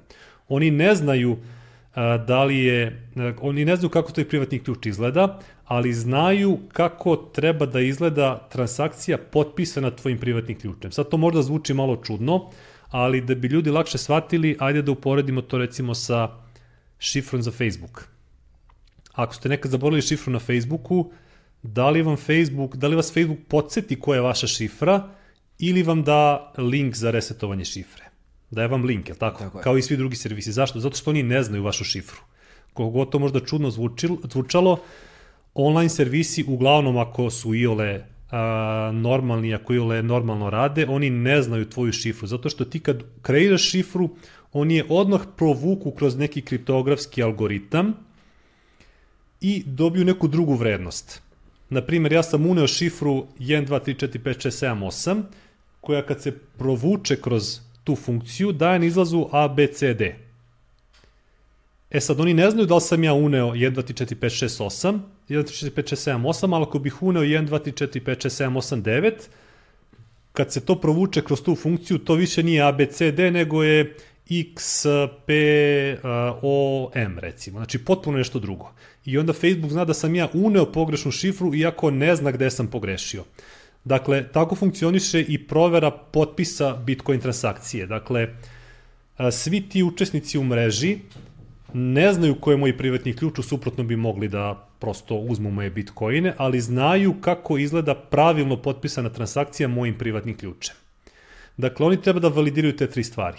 Ako validiraju sve tri, oni puštaju transakciju dalje i onda sledeći njihov komšija u toj mreži punoj čvorova opet proverava sve tri stvari i opet šalje transakciju dalje. Sad to deluje kao vrlo mučan i spor proces, ali pošto to sve radi jedan dosta dobar softver, a, prosečno vreme propagacije kroz Bitcoin mrežu je 2 sekunde. Dakle, od trenutka kad ja kažem ja hoću Galebu da pošaljem 0,02 Bitcoina. Što tako malo?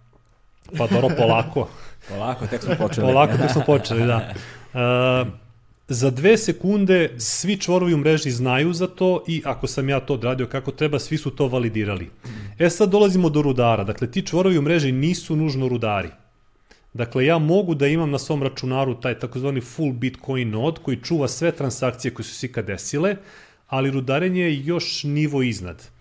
Dakle, a, sad su sve te transakcije koje smo mi poslali i validirali međusobno i ažurirali svoje baze podataka, dakle sad svi mi imamo tu transakciju zapisanu kod nas u našoj Excel tabeli. Sad dolaze na red rudari koji rade dodatnu validaciju, koja u principu nije sporna jer već su prošle transakcije validaciju, ali rade i pakovanje tih transakcija u blokove. A, nepotvrđene transakcije, dakle transakcije koje smo mi validirali, ali nisu rudari upakovali u blok, ulazu u takozvani mempool, to je pool nepotvrđenih transakcija. Znači, koje negde lebde, koji još uvek nisu zvanično deo blockchaina, ali jesu se desile i jeste ih mreža inicijalno potvrdila. I posao rudara je da uh, zagrabe određenu količinu uh, transakcije iz tog mempula, u zavisnosti od toga kolika je veličina bloka, kod Bitcoina je to konkretno 1 MB, znači koliko god može informacija da stane u 1 MB o transakcijama, oni toliko informacija zagrabe, to je par hiljada transakcija, i oni pokušavaju da upakuju te transakcije u blok. Mm -hmm. E sad, svi rudari na svetu istovremeno pokušavaju da iz tog mempula zagrabe određeni broj transakcija i upakuju ga u blok. Onaj koji prvi to uspe da uradi, on dobija pravo da doda taj blok transakcija na već postojeći blockchain i on dobija nagradu. Ne, postojeći blok lanac. Tako je. Da. Dakle, Tako je, zato lanac se zove, da, blokova. da, Stefan je to lepo objasnio, on se zove lanac blokova baš zato što to su transakcije koje su upakovane u blokove, ali su kriptografski povezane. Dakle, to nije skup blokova, to je lanac blokova Tako je. koji ne možeš da prekineš zato što s, uh, ceo jedan blok se provuče kroz opet jednu kriptografsku funkciju, stalno radimo kriptografske funkcije, i dobiješ jedan vrlo kratak podatak koji je praktično kriptografski otisak prsta tog bloka, to se tako zove, i taj sitan podatak, sitan u bajtovima, ubaciš kao jedan od ulaznih parametara sledećeg bloka. Da.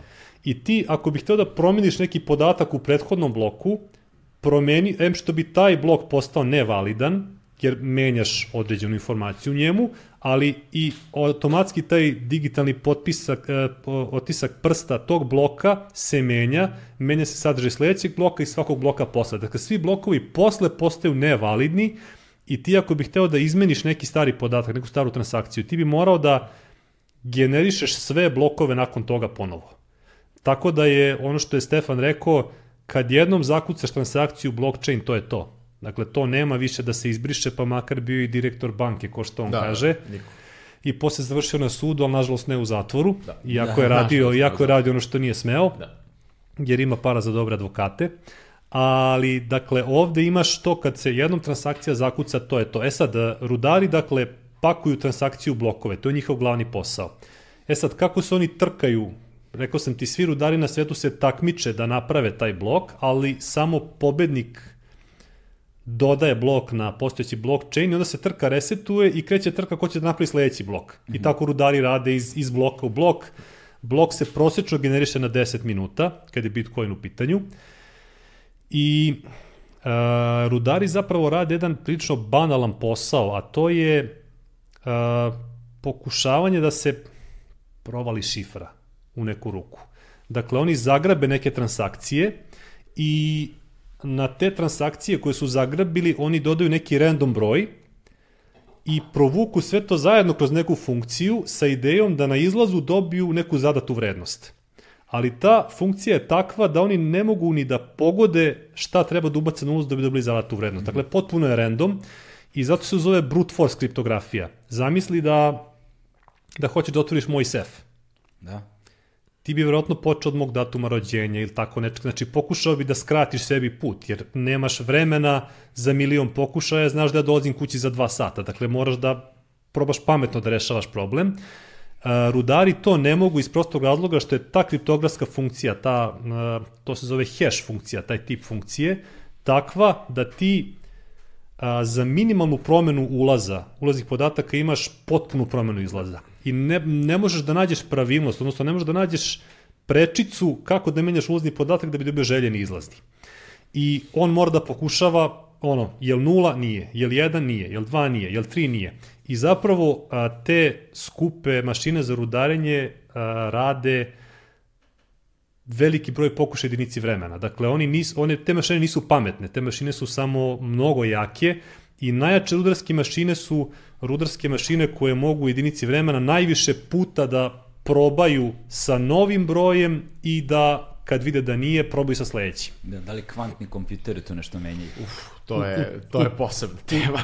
Pazi, da, u, u teoriji da, ali um, prosto nije to tako teško rešiti, samo dodatno zakomplikuješ algoritam i no. Drugo kvantni računari od neke ono mainstream primene su dosta daleko, neki su čak skeptični da li će ikad moći da se prave kvantni računari ozbiljne veličine jer imaju problema sa stabilnošću kad povećaš te neki broj jezgara, odmah postaju vrlo nestabilni. Mm -hmm. Tako da vidjet ćemo. Uglavnom, to nije, to nije Dobro. sutra, to je nešto što je decenijama ispred nas, Dobro, da, verovatno. da ne komplikujemo Da, da, da, nepotrebno, tako je. nepo, nepotrebno već Dovoljno dovoljno, kompli- komplikovano. Dovoljno komplikovanu priču. Kao dodatni, kao dodatni failsafe na ovo, znači samo činjenica bi ti mora da ponovo ono, regenerišeš sve blokove dalje.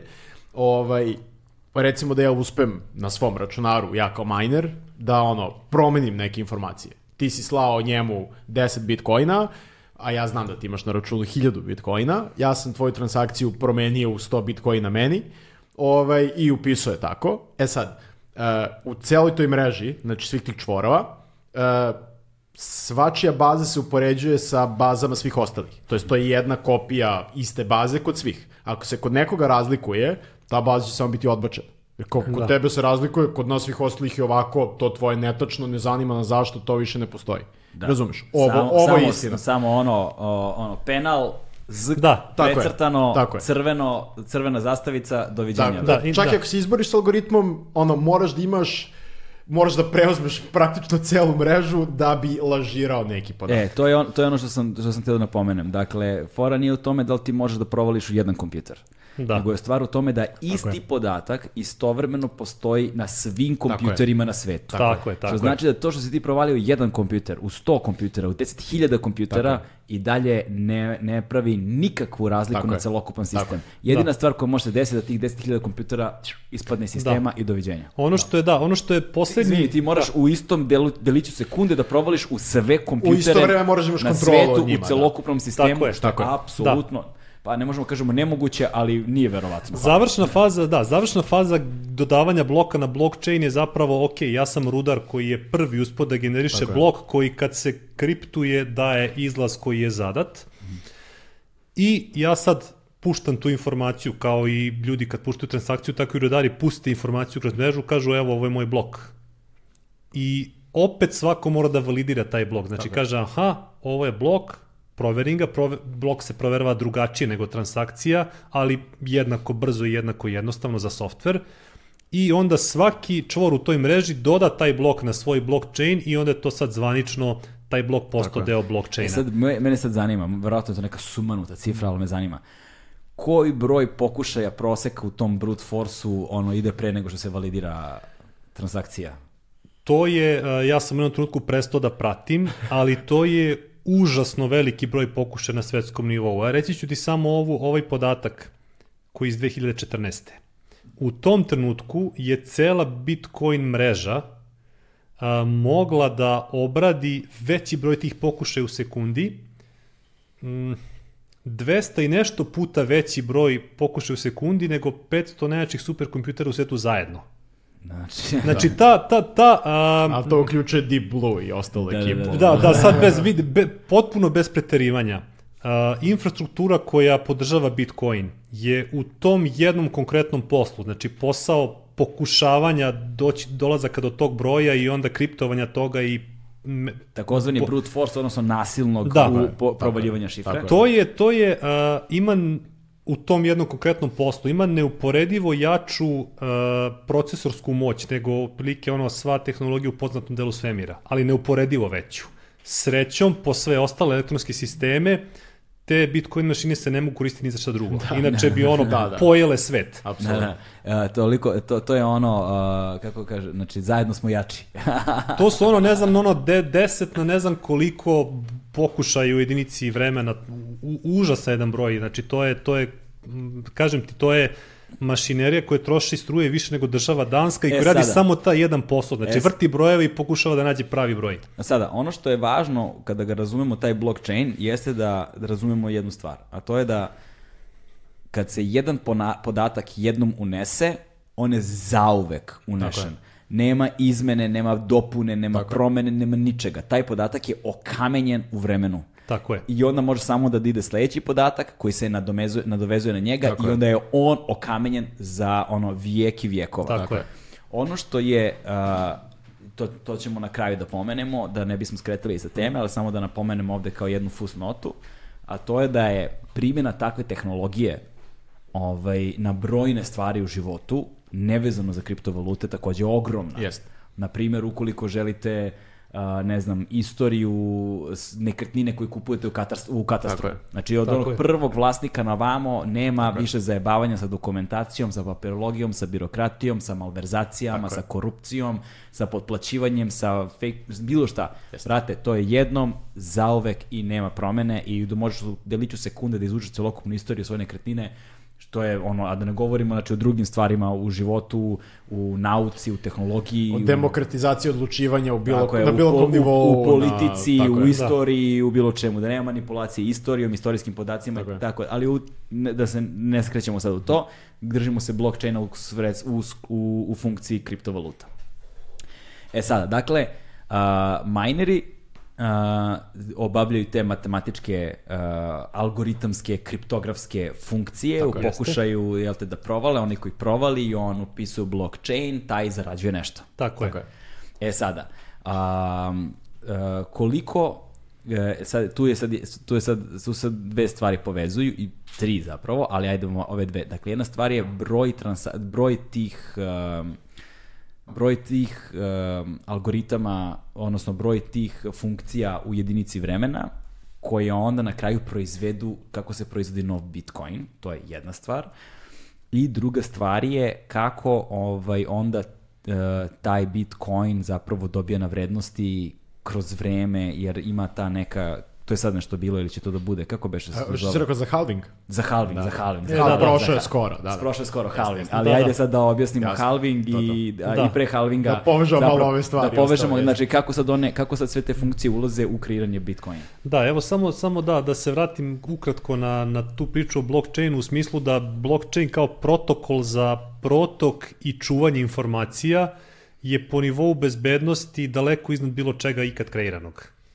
E sad, uh, on je za mnoge primjene preskup, jer sad uh, zamisli da ti imaš 10.000 kopija neke baze podataka u svakom trenutku koje se ažuriraju u realnom vremenu. S bezbednostnog aspekta je to, ono, nema, nema dalje od toga, ali za mnoge aplikacije prosto preskupo. Prejaka mašinerija, osim ako ti podaci nisu velike vrednosti. Tako da blockchain tehnologija u ovom trenutku je uglavnom idealna za podatke koje su, koji su visoke vrednosti, a male veličine u bajtovima. Mm -hmm. okay. Što je, na primjer, novac. Zato da. je Bitcoin tako dobar i tako uspešan za sada, zato što ti omogućuje da uh, prenosiš vrednost sa kraja na kraj sveta brže, jeftinije, lakše nego na bilo koji drugi način. E sad, I, i bez poreza. pa- To, to nismo pomenuli.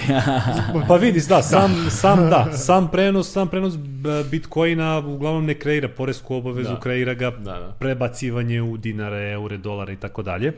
E sad, što se tiče, pitao si, da, uh, pitao si šta... kako, kako, kako se sad, sad Kako u svemu se tome nastaje, generiše sam Bitcoin? Kao u kom trenutku tebi software izbacite na novi Bitcoin je izašao? E ovako, da, to je, to je vrlo zanimljivo pitanje i sad moram da se vratim na onaj deo kada rudari pokušavaju neke brojeve da bi dobili određeni izlaz. Mm -hmm. Za, zapravo se pomoću štelovanja tog izlaza šteluje da se bitcoini u proseku generišu na 10 minuta. Jer a, to ne postoji tu neka štoperica koja kaže, e, prošle 10 minuta, prvi sledeći ko napravi blok dodaje blok nego je to u proseku 10 minuta, nek se desi da u 10 minuta bude 5 blokova, pa onda 2 sata ne bude ni jedan blok. A, šta je poenta? Poenta je kao, kao što, a, ajde da se vratim opet na sef i na šifre. Mm -hmm. Recimo da ti imaš a, ukupno a, hiljadu kombinacija na nekom sefu i da ti u proseku treba, ne znam, da ti treba sat vremena da ti hiljadu kombinacija izvrtiš. U proseku ćeš ti posle 500 pokušaja da nađeš rešenje. Dakle, na svakih pola sata. Ali nekad ćeš naći za par sekundi, nekad će šifra biti 0000. Da. Razumeš? A nekad će biti 9999, odnosno naći ćeš je na kraju. Tako i ovde. Dakle, taj broj se šteluje tako da on, on prati, praktično prati snagu hardvera. Što je jači hardver, što više nas rudari, to algoritam podesi da se taj broj teže pogodi. Mm -hmm. Učini ga težim, odnosno a, taj broj treba da bude niži od neke zadate vrednosti, taj broj je ono izražen u puno karaktera, ali treba da bude niži od zadate vrednosti i što je jači hardver na globalnom nivou koji udari Bitcoin, to je to se više spušta ta vrednost, da bi ti u generisanju random brojeva što teže pogodio baš ispod tog broja. Opet, ako bi se, pošto je bilo perioda kad je cena Bitcoina značajno padala, onda su rudari prestajali da rudare, jer prosto više ih košta struje nego što zarade na rudarenju. Onda je mreža slabila i onda se pomagalo rudarima time što se taj granica povećavala da bi oni lakše pogodili taj broj, da bi se opet prosek namestio na 10 minuta. Za ko pomera granicu? Algoritam sam. Da. Algoritam. Znači, algoritam Tako je pametan, on kalkuliše, on na svakih 2016 blokova radi rekalkulaciju i praktično meri prosečno vreme za koje je tih 2016 blokova računato. Ako je umesto 10 minuta to bilo 9 minuta u proseku, on će za 10% da oteža za u sledećoj turi. Ako je bilo 11 minuta u prosjeku, on će sa 10% da podigne taj broj i da olakša rudarima da...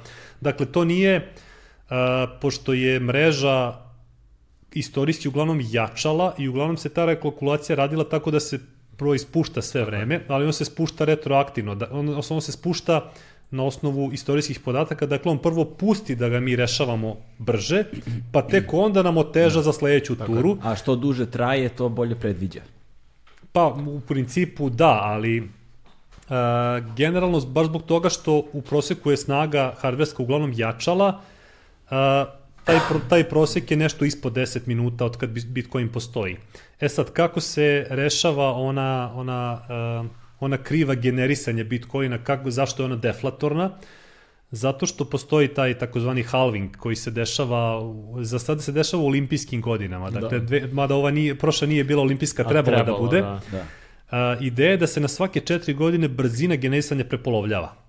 Dakle, uh, rudar kada kreira blok, on u blok doda, osim transakcija koje zagrabi, on doda jednu svoju transakciju. A ta njegova transakcija kaže dodeli meni novih 6,25 bitcoina. Ni iz čega. Dakle, niko njemu to ne daje kao nagradu, nego on sam sebi upiše te bitcoine, ali mreža time što validira ceo blok, validira i tih njegovih novih 6,25 coina. E sad, kad je bitcoin nastao, to je bilo 50 bitcoina po bloku.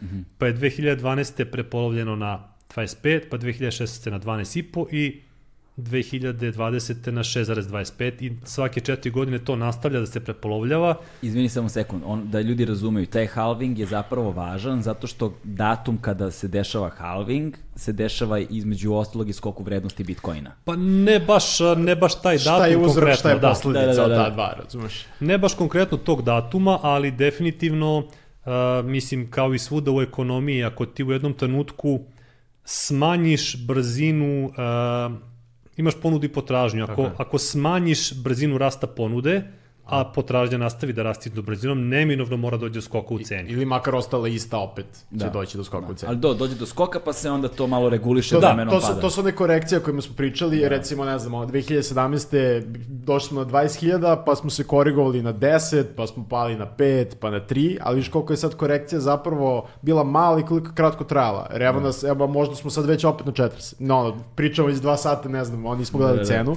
zato što je mnogo više u realnosti. Da, da. da. Krajem, da, krajem 2012. je bio taj prvi halving i 2013. je cena porasla puta 100. I sad neki ljudi poučeni tim iskustvom mm. i time što su napravili paralelu između ta dva događaja, mada nije to jedini razlog što cena otišla puta 100, ali verovatno jeste jedan od razloga, su uh, zapravo kod sledećeg halvinga već pre halvinga krenuli da dižu cenu. Jer da. zašto? Ok, računam ako će posle halvinga cena da raste, ajde da ga kupim pre halvinga. Mm -hmm. I ako dovoljan broj ljudi tako razmišlja, onda pre halvinga cena ide gore. Da, da, da. I zapravo neposredno nast, nakon halvinga cena ne raste. Zato što svi oni koji su hteli da iskoriste već je prošlo, već kupili. taj halving su kupili pre njega.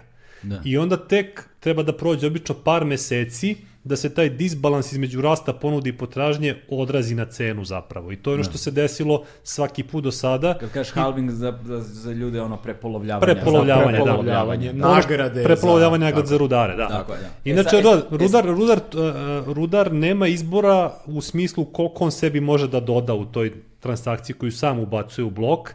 Ako bi pokušao da doda više, mreža to ne bi prihvatila, naravno. Ne bi taj blok bio validiran, ali ne bi prihvatila ni kad bi pokušao da doda manje. Da jer prosto postoje pravila i pravila Tako moraju se poštuju. I zato otuda, ukoliko želiš da zaradeš više, moraš da imaš veći hardware. Suštinski. Tako je. Suštinski je, je to, je. znači proporcionalno tome. Tako da ono što je nek, ono što je Satoshi mogao na svom kompjuteru da napravi milion bitcoina yes. dok je ne znam igro igrice, a ukoliko govorimo o jednoj yes. osobi. Yes muškog pola, znaš kao, ali znaš, samo ime nekako ono vuče ka tome. Dakle, ukoliko je ovaj, ukoliko, to što je Satoshi mogao dakle, na svom računaru u backgroundu da napravi milion bitcoina kada je to bilo vredilo nula, Jest. Danas e, prvo ne možeš da napraviš toliko bitcoina za početak, a drugo što bi što ti je sada potrebno, to je ono skladište kompjutera. Jeste, jeste. E sad tu možda ima neki zanimljivih podataka. Ko su najveći rudari, to su sad neke, znam da po Kini, ne znam gde ima yes. tih nekih ogromnih fabrika da. na hektarima koji,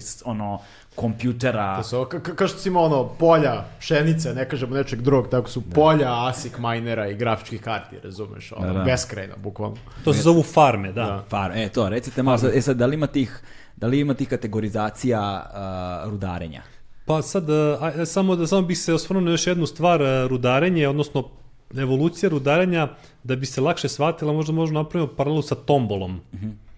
Znači, zamisli tombolu u vreme Satoshija gde njih petorica ukupno na svetu rudare, petorica igraju tombolu i svaki, u proseku, svaki peti pogodak je tvoj, svaka peta partija je tvoja.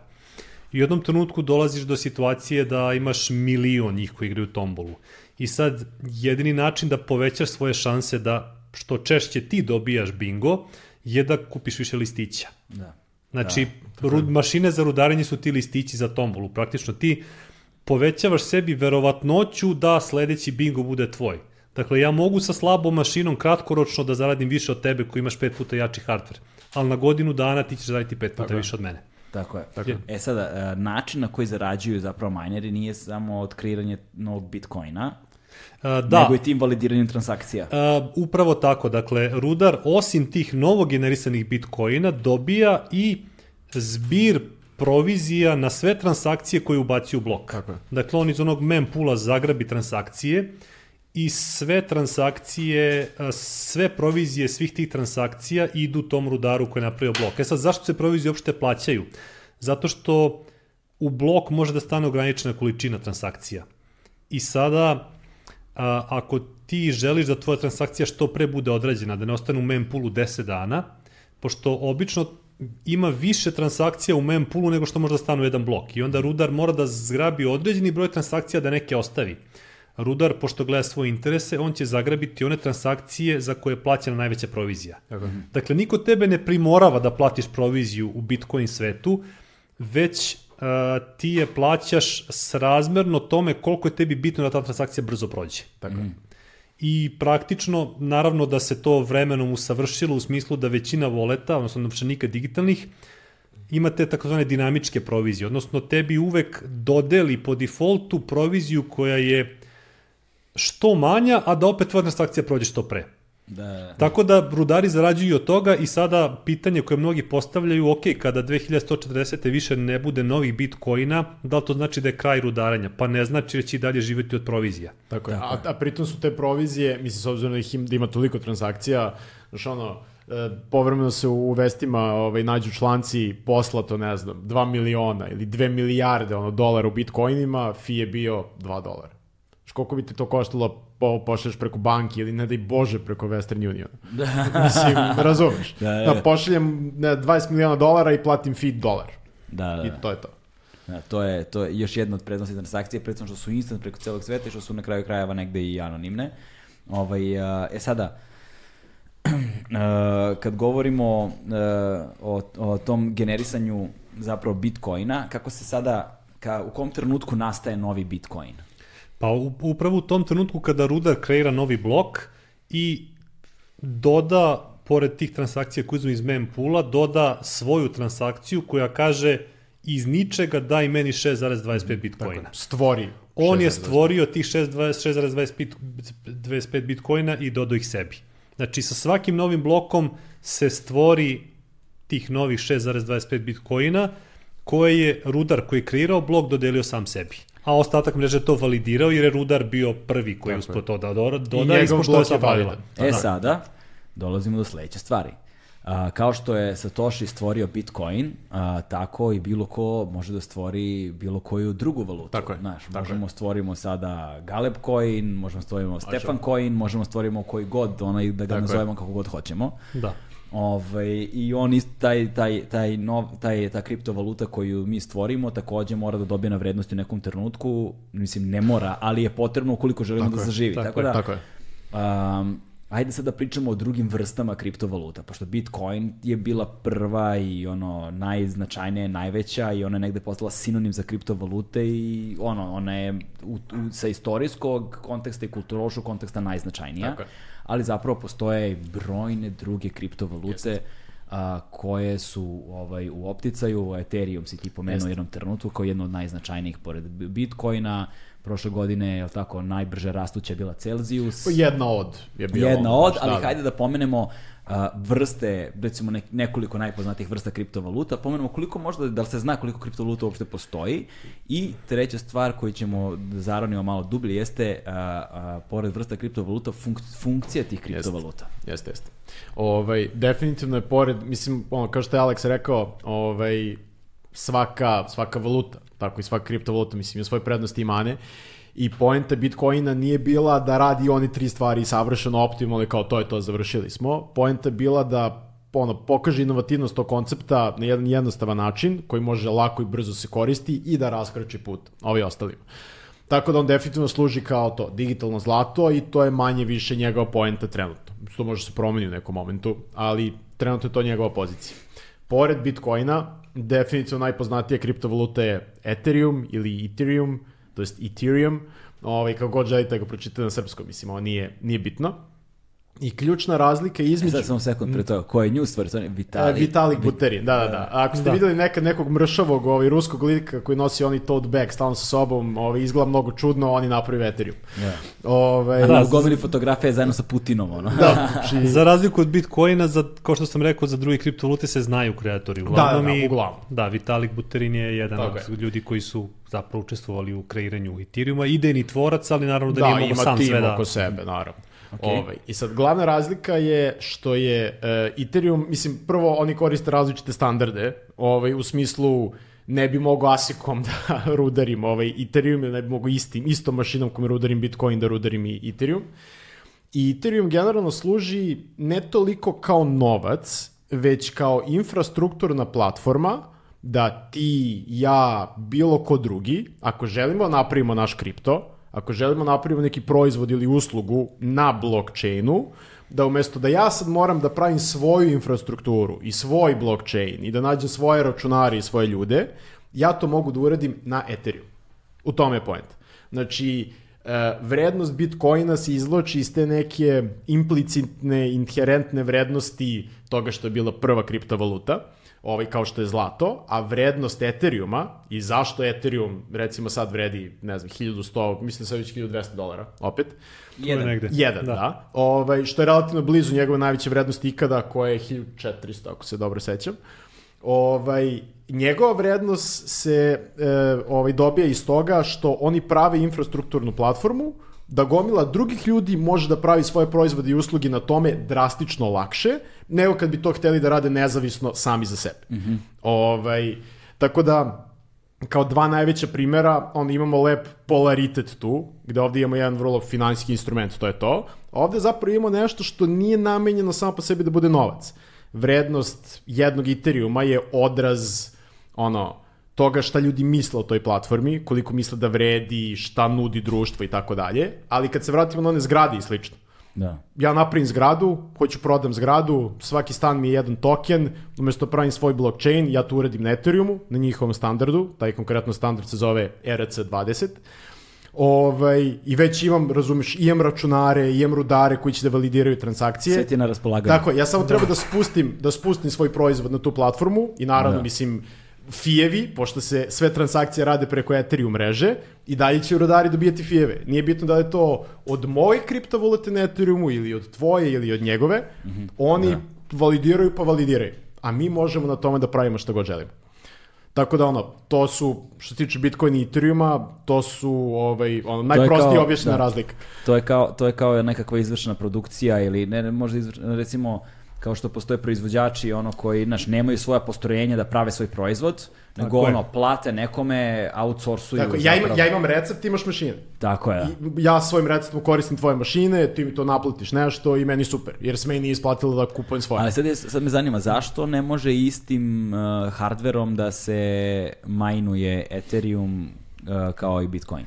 Pa za, zapravo, m, m, recimo, grafičkim karticama može da se rudari i Bitcoin i Ethereum, s tim što je rudarenje Bitcoina trenutno neisplativo grafičkim karticama, jer postoje mnogo jače mašine jer su ovi aseti specializovani pa imaju mnogo bolji ovaj, A iskoristivost. Da, Ethereum baš da bi se zaštitio od tih ASIC mašina, a, odnosno da bi omogućio ljudima da i dalje rudare grafičkim karticama, je koristio takve kriptografske funkcije koje ne mogu da se teraju na tim ASIC mašinama. Aha, okay. Tako da a, postoji hardware koji može da rudari i jedno i drugo, ali a, postoji i hardware koji može da rudari samo Bitcoin i koji ne može da rudari Ethereum. Na taj način se nekako Ethereum zaštitio od toga da a, procesorska snaga koja stoji iza Bitcoin mreže je mnogo jača od one koja stoji iza Ethereum mreže. Ako bi Bitcoin mreža, odnosno ako bi mašine koje podržavaju Bitcoin mrežu mogle da rudari Ethereum, dovoljno je da delić te mreže pređe na Ethereum i da praktično preplavi tu mrežu, odnosno da bude dominantan deo te Tako Ethereum je. mreže. Zato je Zato su mnoge kriptovalute posle Bitcoina i išle na to da budu takozvane ASIC resistant, baš zato da ne bi mogo delić Bitcoin mreže da sruši celu tu novu mrežu. To je negde bila ideja. Dakle, dakle, Bitcoin mreža je zapravo toliko dominantna, toliko moćna, ono, Tako je. E je sad, sve vreme u glavi Skynet, ono. E sad, Ethereum, Ethereum tu ide jedan korak dalje. Ovaj, to je vrlo zanimljivo. Uh, s obzirom da je Bitcoin ograničen, kao što smo rekli, i da će rudari jednog dana prestati da dobiju nagrade od ono novih blokova, to jest od rudarenja ovih nagrada, ovaj, štampanja novog Bitcoina, dobit će samo nagradu od Fijeva, što ti i ja Da. šaljemo jedan drugom, pa ja platim da bi bilo poslato brže. Ovaj, uh, Ethereum nema to ograničenje. Znači, ono neograničen. Što znači da on e, prirodno ima problem sa skaliranjem. Šta se dešava kad ja tu infrastrukturu ono raširim po celoj planeti, meni ne znam, trećina ljudi na planeti moraju budu rudari da bi sve transakcije svega što postoji na Ethereumu funkcionisalo kako treba, je li tako? E, ovaj, tu sad možemo da uvedemo u suštini još jedan novi pojam, pričali smo o rudarima, to je takozvani proof of work koncept, to jest ja ulažem neki rad da bih dobio neku nagradu. E, Vitalik Buterin, mislim, ovaj, inicijalni osnivač Ethereuma Ethereum generalno su pre par meseci prešli sa proof of work pristupa na proof of stake pristup.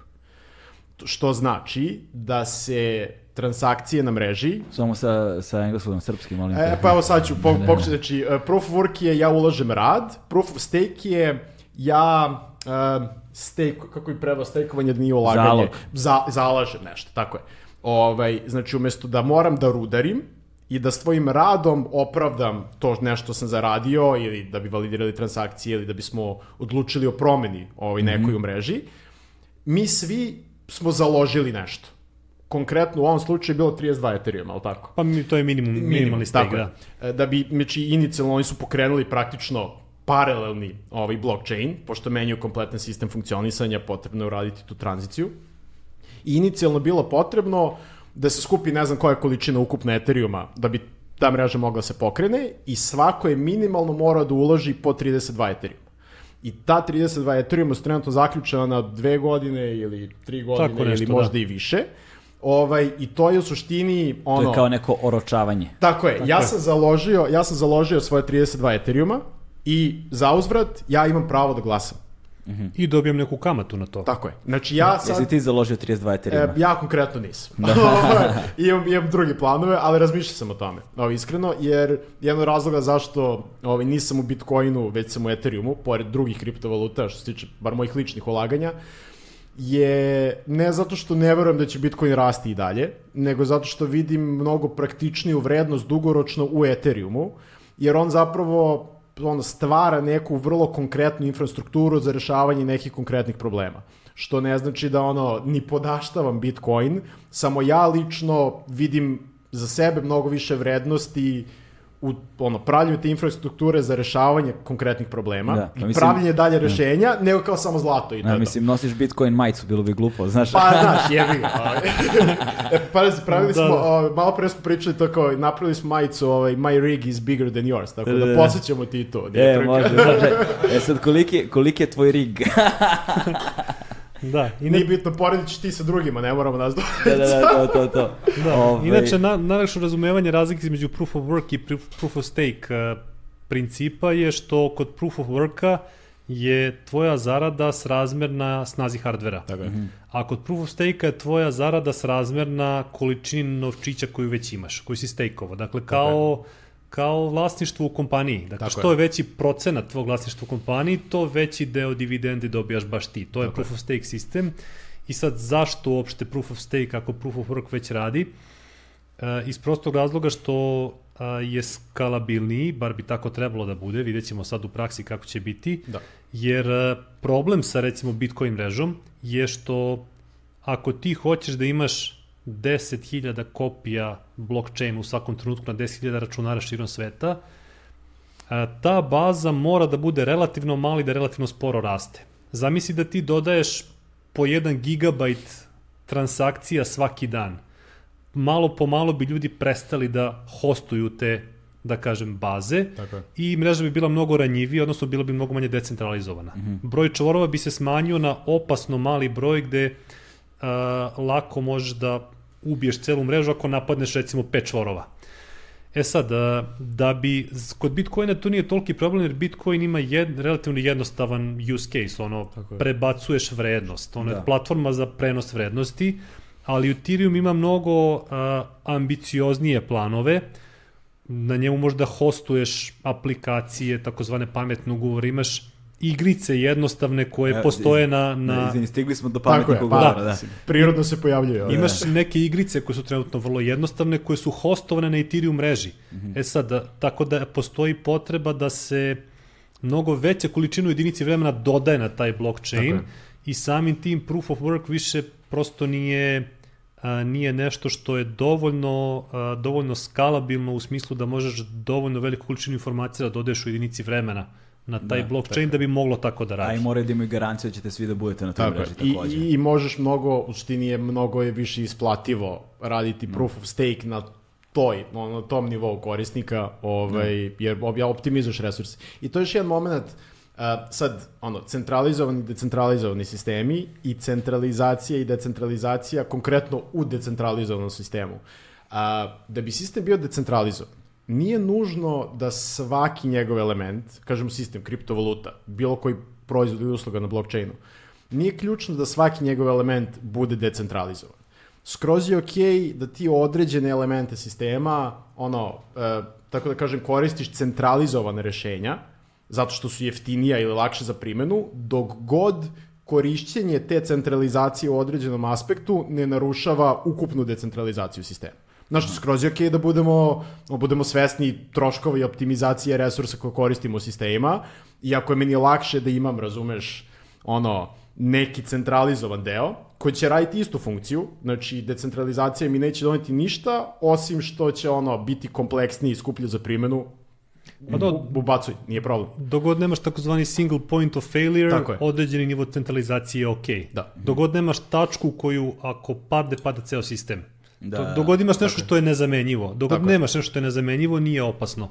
E, to je, da, to je, to je, to je ono što je ključno za taj sistem decentralizacije i za, to je onda i o, štiti i od napada, Tako štiti je. od uh, kva, kvarova, Da. štiti od uh, grešaka, štiti od svega i Tako je. svačega, što ne znači da se napadi ne dešavaju, što ne znači da se greške ne dešavaju, nego je stvar u tome da je sistem takav da u svakom trenutku ono što, što ne javlja samo odstrani i ono ostaje... Tako Upravo je, tako, tako da. Jer Ono- blok, tako, jer blockchain nije sam po sebi rešenje. Iako Da. ga ono, inženjeri drajvuju sada razvoj i sve to i kao blockchain će rešiti sve, uh, ima stvarno neverovatan potencijal. Ali blockchain je samo ono tehnološka platforma za implementaciju rešenja. Da. Kako ćeš ti implementirati svoje rešenje? To samo zavisi od toga kako ga ti osmisliš, dizajniraš i koji koliko ljudi žele da ono da pristanu na taj dijela kažu važi, učestvujemo, ono, Da. tu smo.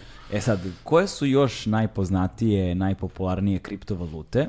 I, ovaj, I da se dotaknemo, možda sad da ne širimo previše, ali mi je super zanimljivo ono o čemu smo pričali, a to su uh, landing uh, Platforme. platforme, Da, landing, da, da, da. land- landing platfo- platforme, možda Da, da. još to da pomenemo kao, Baš. da recimo Ethereum smo pomenuli kao nešto drugačije od blockchain, od blockchaina, od uh, Bitcoina, pa sad pomenemo još jednu, čisto da otvorimo ljudima da postoji spektar Tako je, tako je, kriptovaluta, tako je. pa da recimo pomenemo dakle taj landing, pa da pomenemo malo pametne ugovore. Može. Da. Mislim da će Može, nam to može. biti dovoljno da pokrijemo taj segment i onda da uh, govorimo ono čem, čime se i vi iz- između ostalog bavite, a to su ti zakoni, podzakonski akti i gde se ceo ovaj sistem nalazi kada je Srbija u pitanju. Apsolutno. Da, pa ja bih, ajde, kad pričamo o kriptovalutama, neke, neke tri osnovne kategorije po meni postoje, ali samo da kažem zašto kriptovaluta uopšte ima tako puno.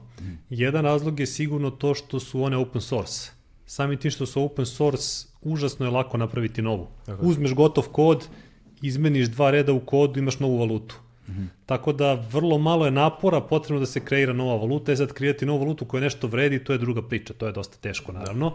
I pokazalo se vremenom, eto i dalje, praktično imaš Bitcoin koji je kreiran 2009. krenuo se rudar i Ethereum valjda 2015. i dalje su to bez konkurencije dva najjače igrača na tom tržištu. Dakle, nije tako lako kreirati nešto novo, a da može da parira. Svaki dan nastaje ko zna koliko valuta, ali Jest. boga mi, mi dalje pričamo o dve uglavne. Tako je, Da, tako je. da, da. Ako pogledaš, a, mnoge kriptovalute nastale nakon Bitcoina po raznim performansama su superiorne odnosu na Bitcoin. Apsolutno. Ali Bitcoin eto, je krčio put. Da. Pa, krčio put, ali i dalje je dve trećine celog kripto tržišta vrednosti u Bitcoinu. Da. Iako ima preko 10.000 kriptovaluta. E sad, a, prve kriptovalute koje su nastale su bile mm, manje ili više kopija Bitcoina. Bilo je bukvalno to, ok, uzeo sam Bitcoin kod, nešto sitno sam izmenio i sad to više nije Bitcoin, sad je Litecoin, recimo, da. ili no, tako nešto. Cash. I gomila kriptovaluta su zapravo i dalje kopije Bitcoina sa relativno malim izmenama i uh, jedna kategorija kriptovaluta su zapravo čiste kriptovalute čija je jedina funkcija prenos vrednosti. Mm -hmm. Onda imaš platforme kao što su Ethereum koji je jedan nivo kompleksnosti iznad koja koje nisu namenjene za uh, pomeranje vrednosti po svetu, nego su namenjene da hostuju određene aplikacije, pametne ugovore, tako dalje. Znači više kao ono svetski računari koji su decentralizovani, da ti možeš da hostuješ neku aplikaciju koju niko ne može da skine. Znam, što decentralizovani internet. Da, Da, da. to ono svedemo na... ko što niko ne može da obriše Bitcoin transakciju, tako niko ne može da obriše aplikaciju na Ethereum mreži. Da. Jer je decentralizovano hostovana.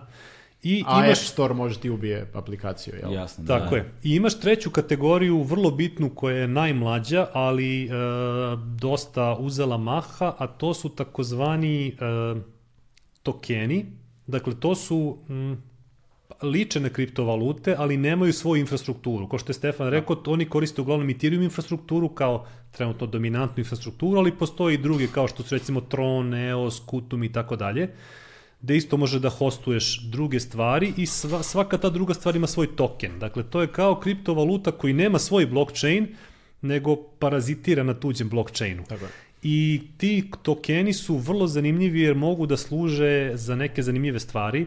Naprimjer, ti možeš da finansiraš svoj projekat kroz izdavanje tokena. Mm -hmm umesto da ideš na ono VC, VC funding ili da ideš da izlaziš na berzu, Da. ti kreiraš tokene, na primjer na Ethereum mreži, prodaš te tokene uz obećanje da ćeš ti nešto napraviti i da će onda na tome što ti napraviš ti tokeni moći da se koriste. Aha. Slično kao crowdfunding platforme. Da, da, da. Samo malo, malo, da kažem, na višem nivou i malo više para može se skupi. Da, dakle, ja u stvari e, kreiram unapred nešto što će posle moći da se koristi unutar tog zatvornog sistema koji ja kreiram. Upravo tako, je. i ako Znači, I ja... ti kupuješ da. zapravo poverenje u, taj, u budućnost tog sistema. Tako, u Ne. taj, u taj, u taj proizvod, U taj tu proizvod, firmu, da, da, da, tako to, je. to. Kao da, kao da ulažeš u neki startup, Pa razumiješ? da, kao što, kao što odlaziš na exit i tamo koristiš tokene koji imaju vrednost, a van njega nemaju nikakvu vrednost. Da, zamisli, da, zamisli sad da E exit... sad, sad da tebi exit nudi nešto vrlo konkretno za uzrat u tom slu- Tako je, slučaju što tako tebi je. služi u, u, u svetu ovako. Ili da ja na Sigetu mogu za exit token da dobijem nešto, razumiješ? Jer su ta dva sistema povezana iz nekog razloga. Da, da. Da, ali zamisli da, zamisli da sad neko kreira novi exit i kaže ja hoću da napravim on najjači festival ikada, ali nemam pare.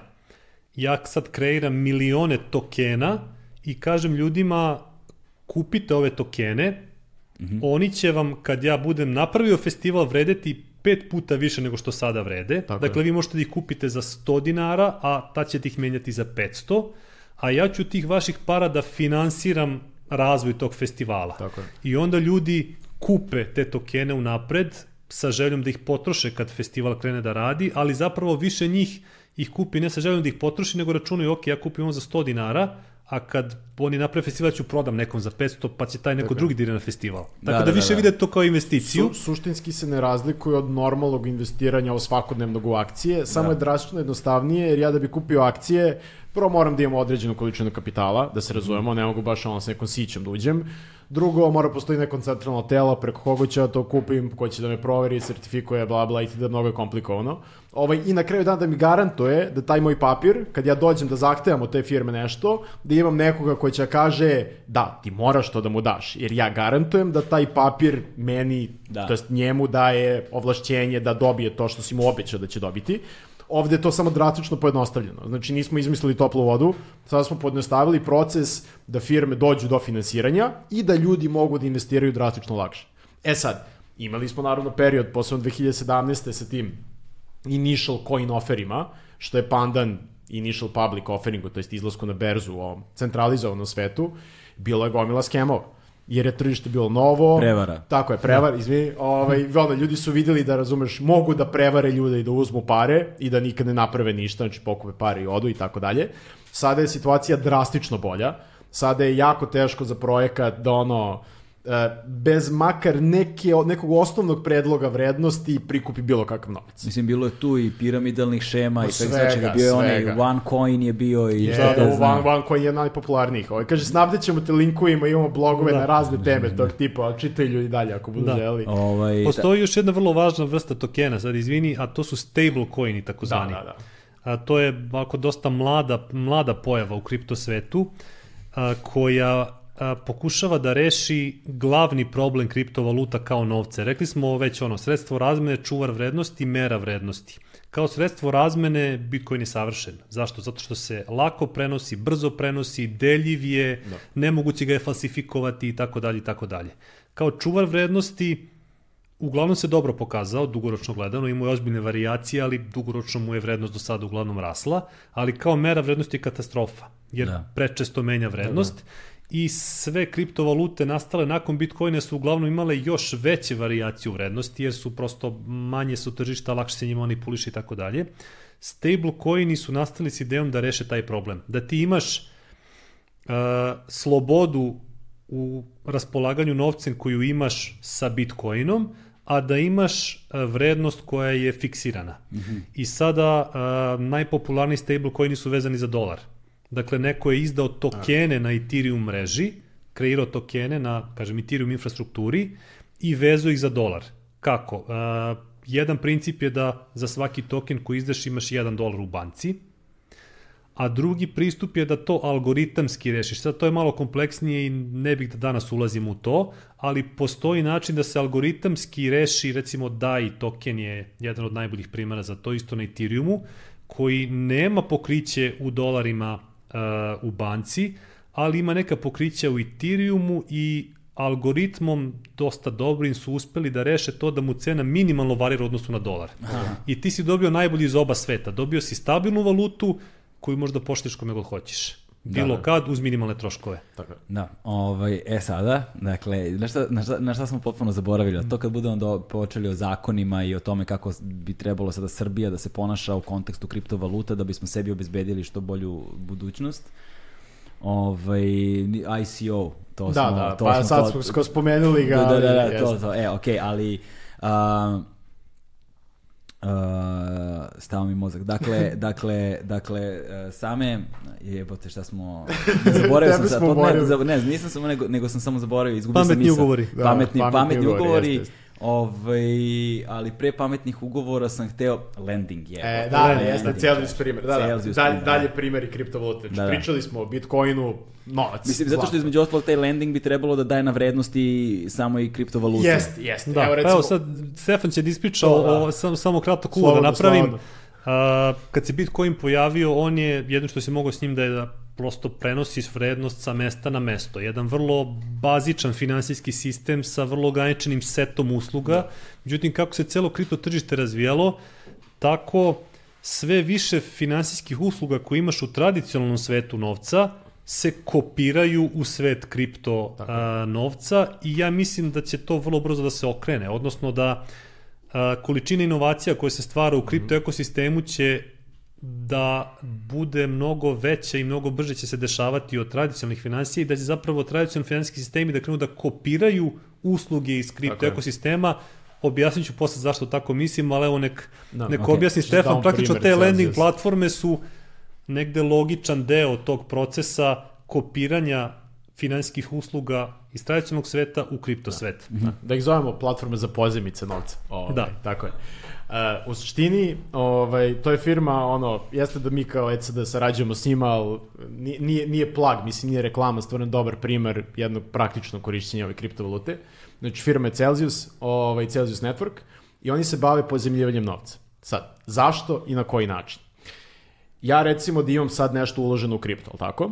I nemam cash. Ili mislim imam, ali mi treba više. Treba mi 3000 evra, ja imam, ne znam, dva bitcoina i neću da ih prodam, hoću da ih čuvam, je tako? Koje su mi opcije? Izvini sekund, a tu se sad oslanjamo na onu priču sa početka kako nešto ima manju vrednost i potrošnije je. Jest, Da, da. jest, Tako, naš, i jest, onda tako je, hoćemo jest, da čuvamo. tako je, Upravo to, da, to je rešenje, upravo da. Digitalno zlato čuvam, ovaj papirni novac trošim. Tako je. Ovaj, I sad, znači koje su meni opcije u ovom svetu u kojem mi svakodnevno živimo, znači mogu da odem u banku, mogu da uzmem cash kredit ili stambeni kredit ili šta god. Ovaj, u Srbiji ću dobiti prilično dobru kamatu, zato što smo mi onako malo um, jedinstveno tržište po tom pitanju, ali u Americi bez 15%, mislim, ne, nema uopšte priča o kreditu, što je katastrofa. Ovaj, znači ja odem lepo ovaj, na Celsius, njihov sajt, to jest instaliram aplikaciju ovaj, na telefonu, njihov wallet, ubacim tu ovaj, svoj kripto, je tako? Prebacim tu svoje dva ovaj, bitcoina. I recimo, ja hoću da podignem ono, 5000 evra pozajmice, mogu da podignem u evrima, u dolarima, u nekom kriptu, kako god želim, ima nekoliko opcija. Ja kao zalog dajem duplu vrednost toga u nekoj kriptovaluti. Znači, ako hoću 5000 dolara, ja kao zalog dam 10.000 dolara u Bitcoin. Što je u našem slučaju koliko? 0,25 skoro. Ovaj Bitcoin, četvrtina. Ne znam, rok za kredit je dva meseca, da ga ja vratim, i kamate je nešto smešne. Tipa ono, ispod 5% sigurno. A mislim da je oko 2-3% kamata na, da, ovaj, kamata na kredit kod njih. Možeš i dodatno doboriš kamatu ako daš više para. Ako daš četiri Da, puta da. više od onog što uzimaš, dobiješ još bolju kamatu. Tako je, jer sam dodatno njima smanjio rizik da ja to neću vratiti. Ovaj, uzem 5000 evra, potrošim, kupim šta mi treba, vratim za dva meseca, u momentu kad sam vratio sve pare, znači mogu da ih vratim i ranije ako hoću, nema onih fazona s bankama, ne može da mi vratiš sve ranije, mora redom. U momentu kad sam vratio sav novac, meni oni otključuju kripto i ja taj kripto opet mogu da koristim. Mogu ga prodam, mogu ga držim tu i dalje i to je to. I sad, Celsius token, konkretno, ovaj, to je Celsius, sad zovemo ga token jer on je u suštini inicijalno osmišljen kao ono utility token, to je da bude spona u okviru te interne mreže za ne znam, ja Aleksu pošaljem pare ili oni meni daju pozemicu ili tako dalje. Ovaj, on je konkretno u prethodnoj godini procentualno imao drastično veći rast od Bitcoina. Ovaj, ono, Bitcoin je porastao, ne znam, sa 3000 na 40, ovaj je porastao sa, ne znam, 30 centi na maks mu bio 6, 6,5 dolara, sad je oko 5 i nešto. Mm -hmm. ovaj, mada opet će to da se vrati, mislim, opet sve raste. Razlog zašto Celsius token vredi toliko je zato što je to odraz uspešnog poslovanja Celsius platforme kao platforme za pozemicu novca. I znači, u suštini ja nemam tehnički njihove akcije, držeći njihove tokene, ali držeći njihove tokene, ja držim deo vrednosti njihove firme. I cena tog tokena raste, zato što oni imaju sve više ljudi koji pozajmljuju i vraćaju sve više para. Znači, Zato- oni su uspešna Da. platforma zato, za pozemice. za, zato što sa svim ovim slučajevima kao što je bilo ono d- 10.000 bitcoina za dve Tako je. pice, što sad Tako posle je. celog ovog razgovora deluje još sumanutije. Ovaj, ljudi su, ljudi strepe a, da potroše svoje kriptovalute, Definitivno. Upravo a tako. potrebne su im neke stvari u svakodnevnom životu i onda se upravo dešava ono što mi je vredno, ću da ono oročim kod nekoga, Tako je. a, koji će mi dati za uzvrat lovu, koju ću ja potrošiti, imam rok da je vratim, a, da bih otključao nazad sopstvene kripto, da- kriptovalute. Dakle, I da se razumemo, Celsius ne radi samo ono fizičkim licima, oni rade i institucionalne pozemice velikim firmama i tako dalje. Da. I samim tim što on dodatni incentiv da ti budeš deo tog ekosistema Dodatna je... motivacija. De, sorry, Znaš kao, celokupan razgovor je toliko opterećen ono stranim rečima da da. u jednom trenutku se svi pogubimo. Pa da mislim da smo po proseku smo dobri, mislim, nije Ma, ono ništa smo dobri, si normalan. To se, to se ti zavaravaj, brate, znaš. Dodatna motivacija je da ja držim svoj kripto u njihovom voletu, u njihovom novčaniku, u njihovoj aplikaciji, da bi oni imali što veći ovaj taj dotok novca koji mogu da pozajmljuju ljudima. Da. I ja za to takođe bivam nagrađen. Znači napravili su sistem koji on ima više načina da motiviše ovaj korisnika da bude deo njihovog ekosistema i da ima neki benefit od toga. Okej. Je neku korist od toga. Korisnika. A dobro, ajde, benefit još. Ali okej, pošteno. Čuti, pošteno. kad se nagomila, Pošteno, izgubi pošteno. se čovek, znaš. Da, jeste, jeste. Ovaj, a, pošto bi su mogli ovako, jel te, zauvek, naravno, ajde sada da a, pomenemo još, da, da pomenemo još te pametne ugovore. Da. Mislim da je to važno da se pomene. Da šta su pametni ugovori, kako funkcionišu, koja im je funkcija. I makar ukratko o regulativi, to sigurno zanima ljude, jer pa to da, direktno pa da, utiče... da, regulativu sam mislio zato što, zato što pored regulative tu nam je onda tu nam ulazi ICO, tu Jest. nam ulaze zakoni, Tako tu je, nam ulazi je. ono što je sad aktualno posebno na teritoriji Republike Tako je. Srbije. Da radimo makar, da uradimo makar kratak ovaj siže, šta je, šta je zakon trenutno, gde je, šta Da, znači. da, to, ćemo na, to ćemo za kraj da, Da, da. Znači kad dođemo do zakona znate da smo pri kraju razgovora. Ajde. A, pametni ugovori, a, neki u šali kažu niti su pametni, niti su ugovori. ovaj, šta je tu štos? A, Štos je što ti imaš, a, mislim, a, prepisivanje ugovora u programski kod nije nov koncept. Mislim, ti, ti razne procese možeš da automatizuješ time što prosto ugovor prepišeš u programski kod i onda taj programski kod umesto tebi radi neke stvari kad se neki uslovi steknu. E sad, ono što je ovde novo je što ti imaš ugovor u koji možeš da šalješ novac. To je malo čudan koncept. Zapravo ti prvi pametni ugovori, a i većina ugovora danas su hostovani na Ethereum mreži. Dakle, to je jedan softverski kod koji ti nakačiš na Ethereum infrastrukturu i koji izvršava ono za šta si ga programirao. Ajde da dam neki, ono, možda najjednostavniji mogući primer. Uh, recimo da a, ti ja hoćemo da se kladimo na ishod utakmice Real Barcelona. I umesto da idemo u kladionicu, ono, dosadno nam je kao da napišemo programčić, odnosno taj jedan smart kontrakt, da ga nakačimo na Ethereum i programiramo ga tako da i ti i ja ubacimo po jedan Ether, Ether je valuta za Ethereum platformu, ubacimo po jedan Ether na taj ugovor i ugovor je programiran tako da onog trenutka kad i ti i ja ubacimo po jedan Ether, on se aktivira. On kaže, aha, sad sam ja aktivan i sad ja pratim rezultat utakmice. Kako prati i kako mi njemu ubacujemo rezultat utakmice, to je sad druga priča, ali recimo da on prati rezultat utakmice i da je programiran tako da kaže, ok, ako, ako pobedi Real, dva etera idu Galebu, ako pobedi Barcelona, dva etera idu meni, ako je nerešeno, svako dobije svoj eter nazad.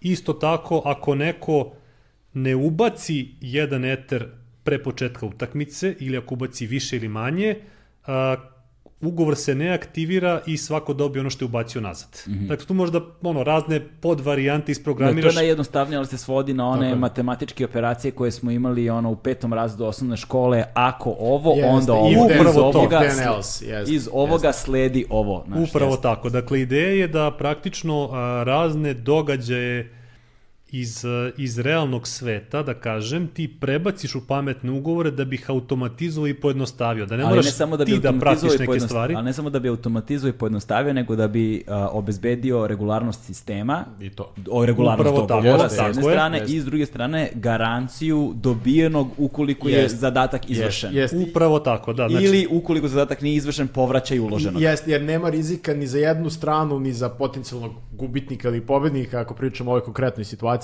nema rizika da će s bilo koje strane doći do prevare. Nema ko da te prevari. Tako je, E, ne, da. jer tehnologija ti garantuje da nema ko te prevari. Ima tu jedna kvaka, nema rizika ako je smart kontrakt napisan dobro. Da, naravno. Da, da, da. Ako je, jer naravno. puno je smart kontrakata puklo i puno je Jest. para izgubljeno zato Jest. što neki programer nije dobro napisao smart kontrakt. I neko je našao neku falinku, manu koju je iskoristio da, natera pametni ugovor da uradi nešto za što nije originalno namenjen. Tu dolazimo do onoga zašto su kriptovalute važne, jer svaka greška je na kraju Je- ljudska greška. Jeste, Tako je, jeste, tako je. jeste. I većina hakova dolazi od ljudske greške, a ne od toga što neko ubo šifru, ono, ili Tako da, tako da ti pametni ugovori su u principu nešto što se često navodi ono kao budućnost i kao nešto što je možda i glavni use case za, za celu blockchain tehnologiju, da. gde ti možeš mnoge procese, kao što smo rekli, iz realnog sveta, realnog života, da preneseš u programski kod, da time automatizuješ, pojeftiniš, pojednostaviš i obezbediš pravednost, što je Tako jako je, bitno, odnosno je. da ne bude posle da neko podmiti sudiju pa sud odluči on na njegovu stranu, nego prosto imaš programski kod koji je napisan kako je napisan, oko čijih smo se uslova zajedno složili na početku i nema posle nazad. Da. E sad, ostaje taj veliki problem šta ako kod ima bagove, imajući u vidu da ono što se jednom upiše na blockchain ostaje tu zauvek. Znači, ako si ubacio bug u pametni ugovor, taj bug ostaje zauvek. Tako da tu je a, veliki potencijal, ali sa velikim znakom uzvika, jer a, a, svaka greška je potencijalno vrlo skupa jer ju je jako teško korigovati. Jeste. Odnosno nemoguće je korigovati. Pa praktično nemoguće, da. Bilo je slučajeva kad se radio, čak je Ethereum jednom to uradio, da. kod Bitcoina se nije dešavalo.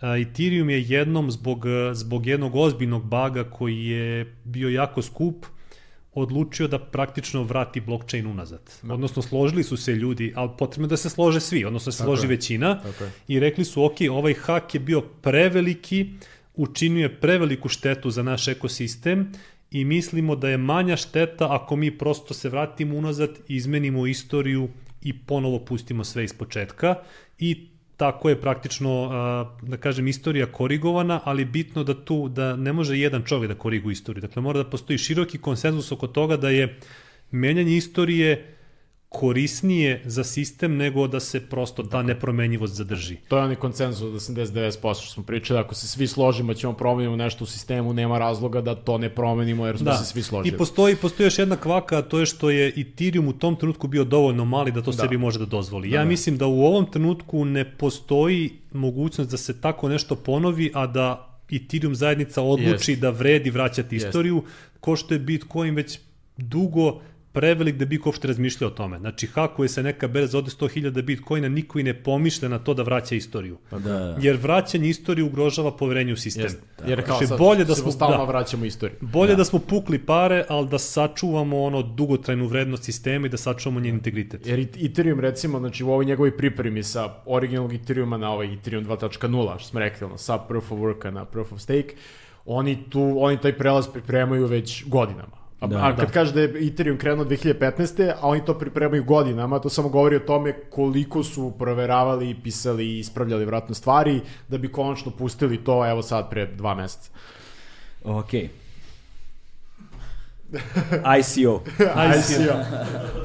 Pa da, ICO smo zapravo i pomenuli Ali kao stavi, koncept. Stavi ga odmah u kontekst ove naše, ovog našeg zakona. Mislim, da, to da, može bude zgodno da ga... Da, e, ajde sad, ajde sad ono, ono to. Država, Narodna banka, to, to monetarni sistem, to. Srbija u kontekstu međunarodnog monetarnog sistema i kriptovalute, tako kako se zakonski e, mi odnosimo prema tome, mi zapravo imamo jedan zakon napisan, je li tako, ali nemamo nikakve podzakonske akte. Pa nemamo još uvek, ali, ali a, zakonodavci su krenuli da rade na podzakonskim aktima praktično čim je zakon usvojen, tako da Dobro, to očekujemo narednih znači, par meseci. Koji je zakon bio, kada je bio, kada je usvojen, šta se dešava, hajde da pričamo. Počne. Hajde ovako, da, zakon je usvojen u Skupštini tokom decembra. Zakon o digitalnoj Zak, imovini. Da, to je zakon Tako o digitalnoj imovini koji je krovni zakon za tu oblast.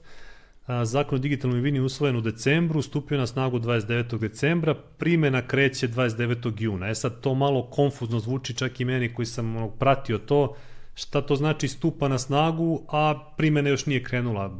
Ne, nebitno, ali uglavnom E, imamo sad taj zakon, ali potpuno kreće da se primenjuje tek od 29. juna. Ok, koji je zakon? To je prvo, ovo definišete zakon, šta to pretpostavlja i daj da definišemo taj koncept digitalne imovine. Hajde, Jasne, dakle, da, a, pa od kad postoji Bitcoin praktično se lome koplja da li je to novac ili je to imovina. Da.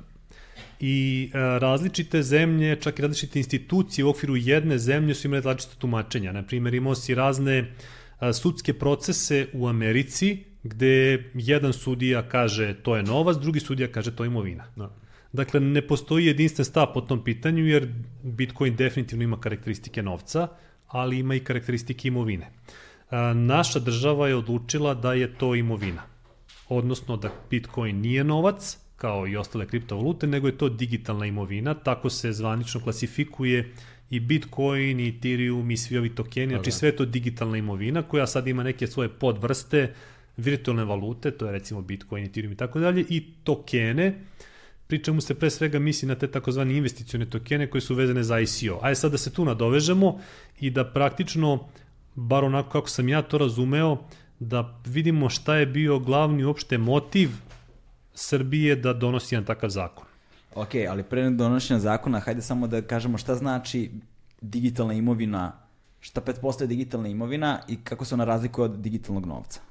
Pa uh, u kontekstu u kontekstu Bitcoina, pa vidi, digitalni novac je novac na tvom bankovnom računu. Ne, ne, mislim da ti... da, izvini, pogrešno sam rekao, u odnosu na kriptovalutu. Znači, znači kao, za, šta nam menja činjenica da se da se Bitcoin doživljava kao novac, a ne kao digitalna imovina i obrnuto. Pa vidi, e, da, kriptovalute su sad podvrsta digitalne imovine, praktično po našem zakonu. E, Manje bitno kako se zove, bitnije je zašto se koristi. Ok. A, to što on nije zvanično novac ne znači da mi njega ne možemo da koristimo kao novac, jer zakon i predviđa mogućnost da se u bitcoinima i u kriptovalutama generalno nešto plaća. Mm -hmm. Tako da, iako su ga oni definisali kao digitalnu imovinu, oni su ostavili prostor i rekli, ok, za nas ovo nije novac, ali prihvatamo da ga neki ljudi koriste kao novac, jer prosto on ima neke karakteristike novca. Ok. Tako da, kažem, zvanično je imovina, ali ima karakteristike novca i te karakteristike novca su i prihvaćene u tom zakonu i da kažem ozvaničene su na neki način. Kad zakon krene da se primenjuje, praktično sve firme u Srbiji će imati mogućnost da naplaćuju u kriptovalutama ako to žele, ali uz obaveznu konverziju. Dakle, ja dođem u restoran i ja mogu sa svog digla novčanika da platim u bitcoinima, ali ti bitcoini ne idu na novčanik restorana, već idu na novčanik posrednika u transakciji, on to konvertuje u dinare i isplaćuje na račun restoranu. Dakle. Isto kao kad stranac dođe uh, kod nas i ode u restoran, Plati u eurima. plati u eurima, ali restoran dobije dinare, jer tu ima neku između koji to razameni. E, I, isto I će, zabada proviziju. I zabada proviziju, da. I ovde će biti zabadanja provizije sigurno, ali... Koliko? Pa, gledat ćemo da bude što manja.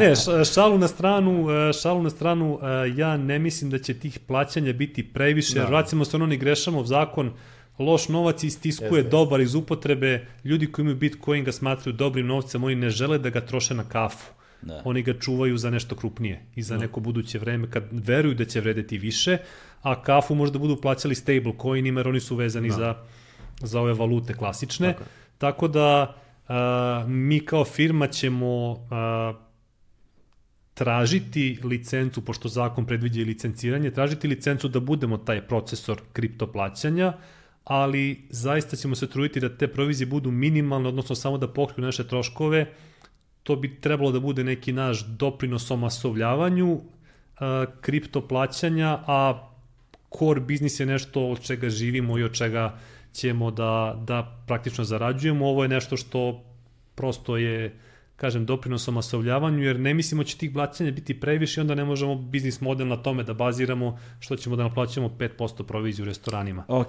ajmo sada, uh, zašto zakon? Pa da, za... Za... Ba, da. E, slabo ste, te se kaže, zakon je otvorio, pošto uglavnom pričamo ono, ok, plaćanja, pričamo o fizičkim licima, uh, do sada su fizička lica kod nas mogla, mislim da kupuju i prodaju, jel te, ove kriptovalute, samo je sada ono apsolutno sve ozvanično, imamo više opcija, ali recimo pravnim licima manje više nije bilo načina, jer bi sigurno bio na radaru države, u najboljem slučaju bi potpao pod prethodni zakon koji može da tumači kako god ko želi, jer ne piše ništa konkretno o kriptovalutama, u najgorem slučaju bi plaćao neke penale ili kazne, ovaj poenta da sad i pravna lica mogu apsolutno da uđu u taj svet na koji god način žele, da li kao ono, transakciono, da li investiciono, kako god. Mislim, to je još jedna velika da. stvar kod zakona o digitalnoj imovini. Povezan zakon je zakon o porezu na dohodak građana, koji je updateovan u Pa suštini. on je samo, da, ne, je. neki prateći Osvežen. zakoni su updateovani da bi, osveženi da bi ubacili koncept digitalne imovine i kako se ona poreski tretira i kako se tretira na Tako druge načine. Jer recimo do nove godine, to je do 28. ili 9. 9. decembra prethodne godine, ja ako sam prodavao kriptovalute, ovaj, i ono izlazi u dinare, ja sam u obavezi da prijavim porez, jel tako? Mm -hmm. I neki ljudi su prijavljivali porez. I za neke od njih su ono, im je neko naplatio po, ne znam, porezu na kapitalnu dobit od 40%, priča se sa, sa dr. Kostićem o tome, Da, da, da, da. Ove, I tako dalje. Nekima su ono, poreski inspektori ili kogod rekli, ja ne znam šta je ovo, ajde skloni se, razumiješ. Da. Mislim, to čovek je super, jer em što nije platio porez, em što ima potvrdu, pa ja sam pokušao, vi mi niste dali. Mislim, šta Da. ja da radim tu? Ovaj, sada i taj porez definisan. Mislim, ono, najkraće moguće objašnjeno 15% na dobit. Što nije fenomenalno, ali moglo bude mnogo gore.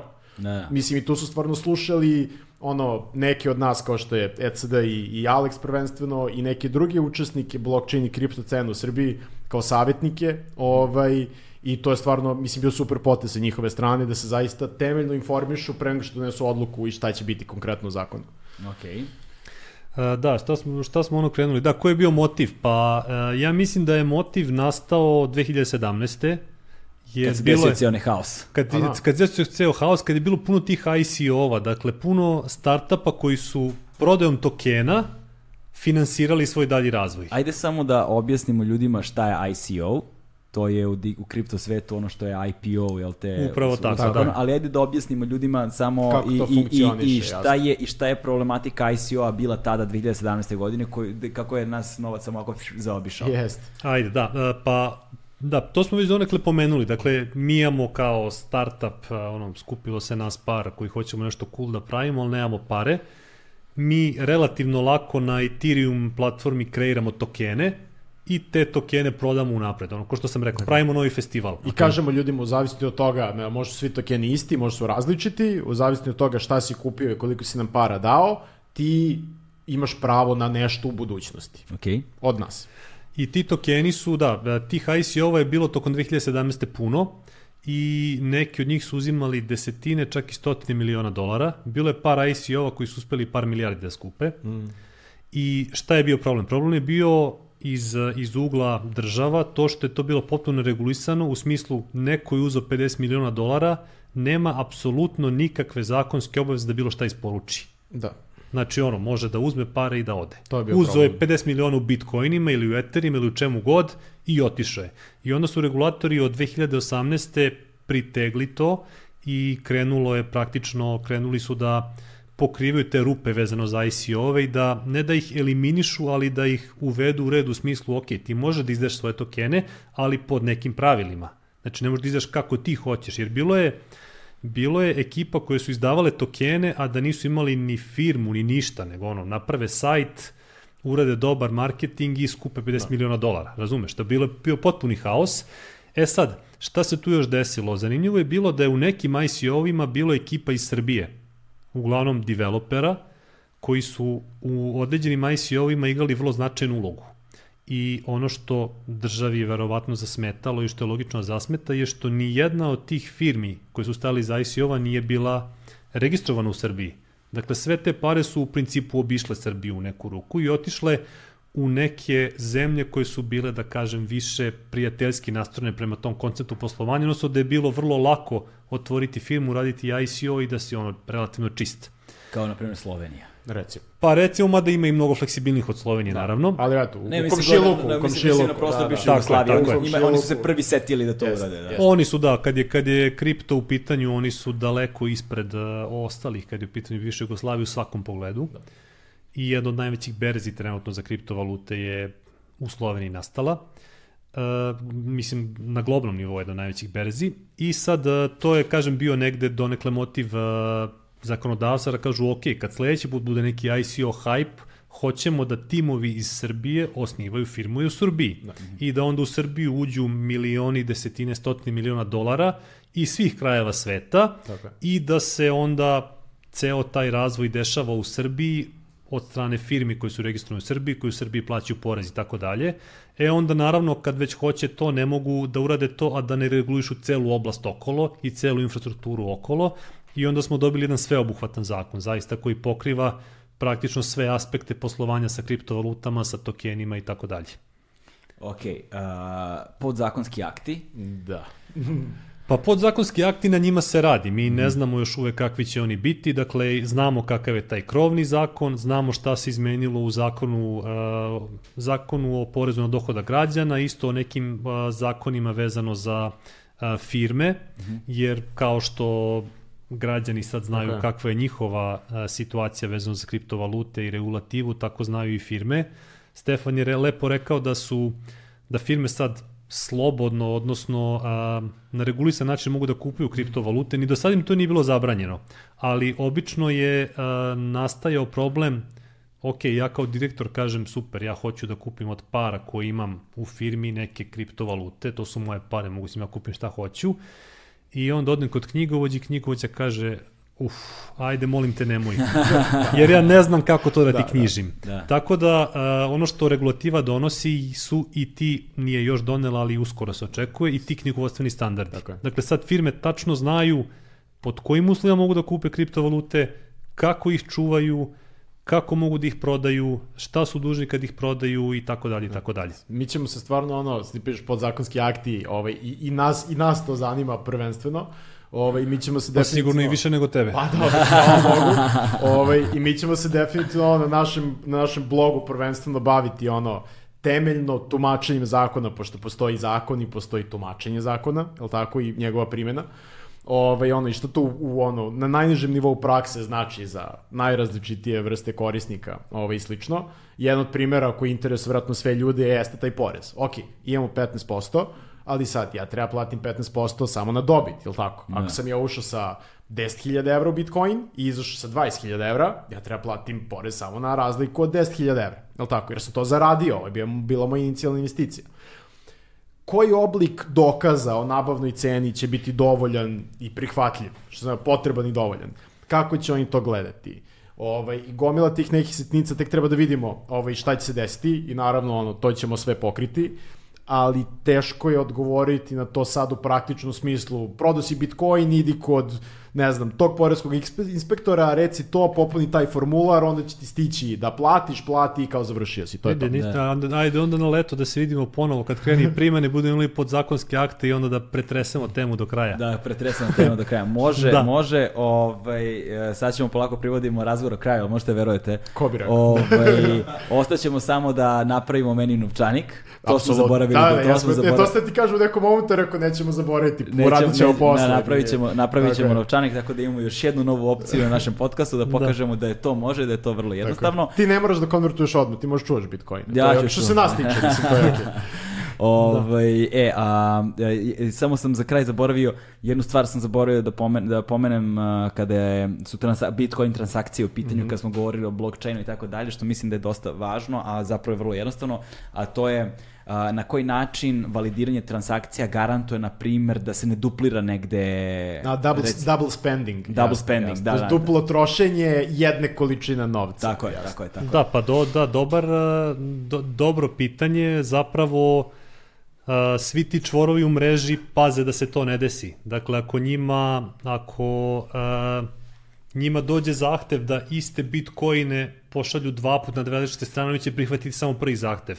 Kad, drug, kad neko drugi dođe, onda će kažati, pa čekaj, ovi bitcoini su već otišli tamo, ne mogu sad da idu i tamo. Jer nisu Dakle, više ovdje. Da, da. dakle, t, sama mreža vodi računa o tome i još jedna sitnica koju nismo pomenuli, a to je ta pseudanonimnost kriptovaluta, Da, možda da, da, par da. minuta samo Može, o tome, može, jer to je vrlo reci. važna stvar. Da, da.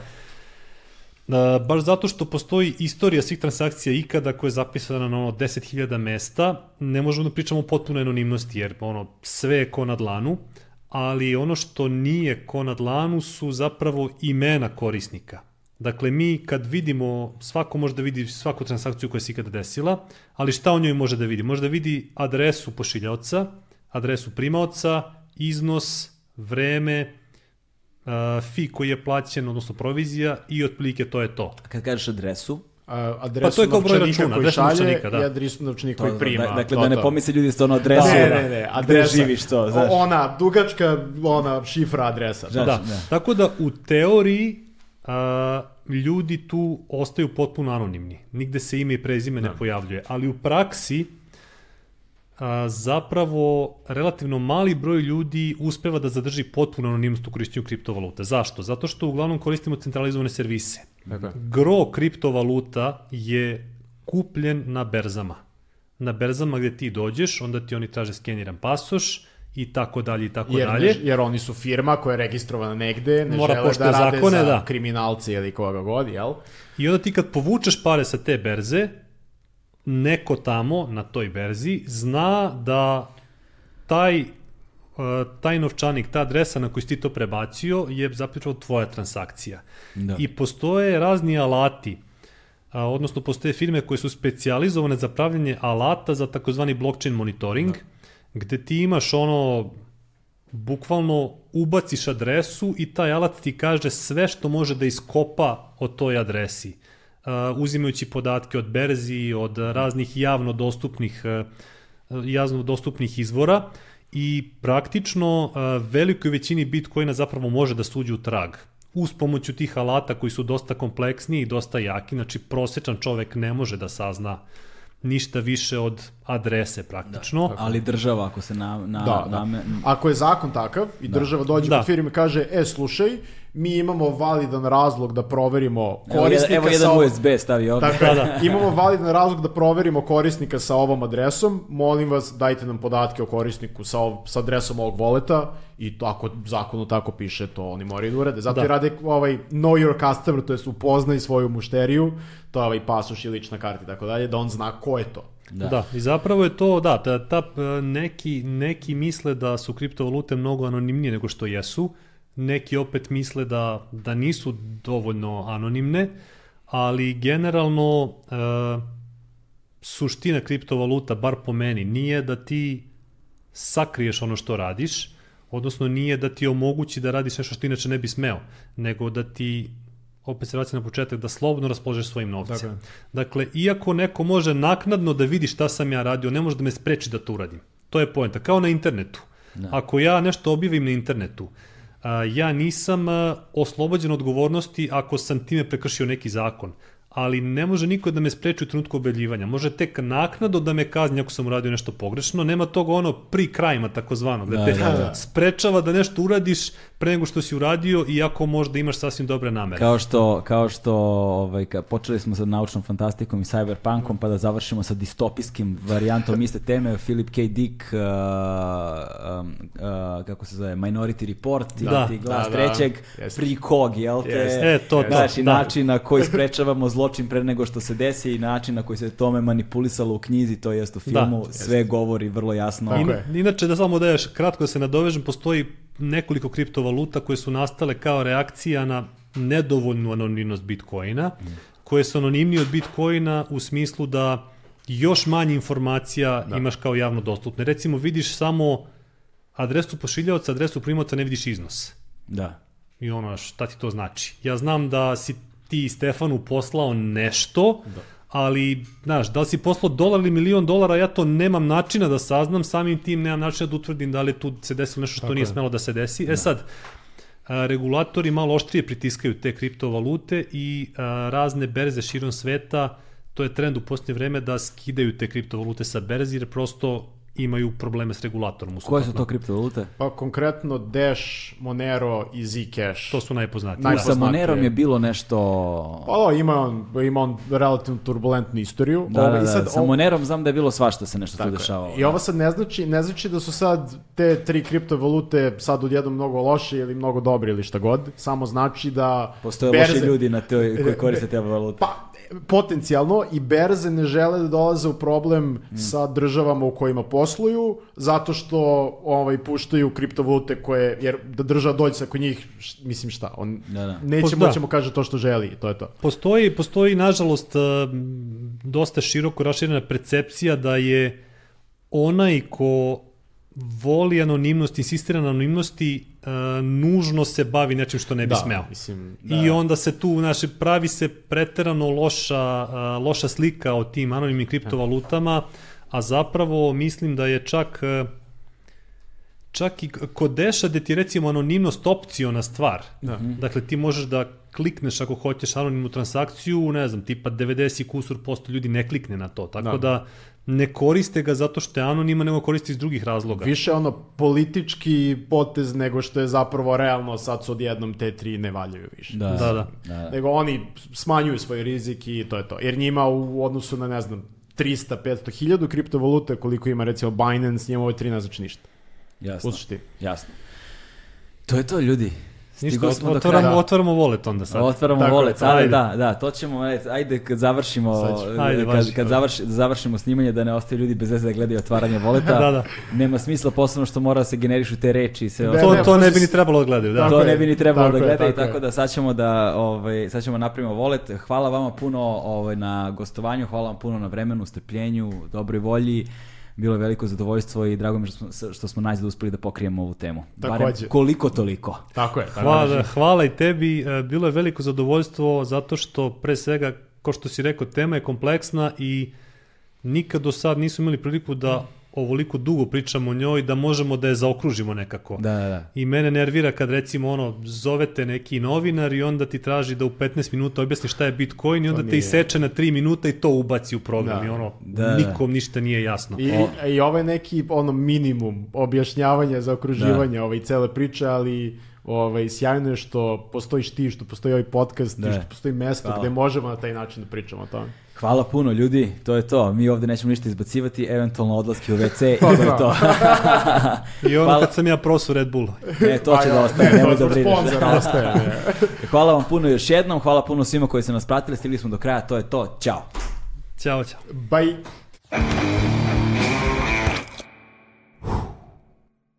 Hmm.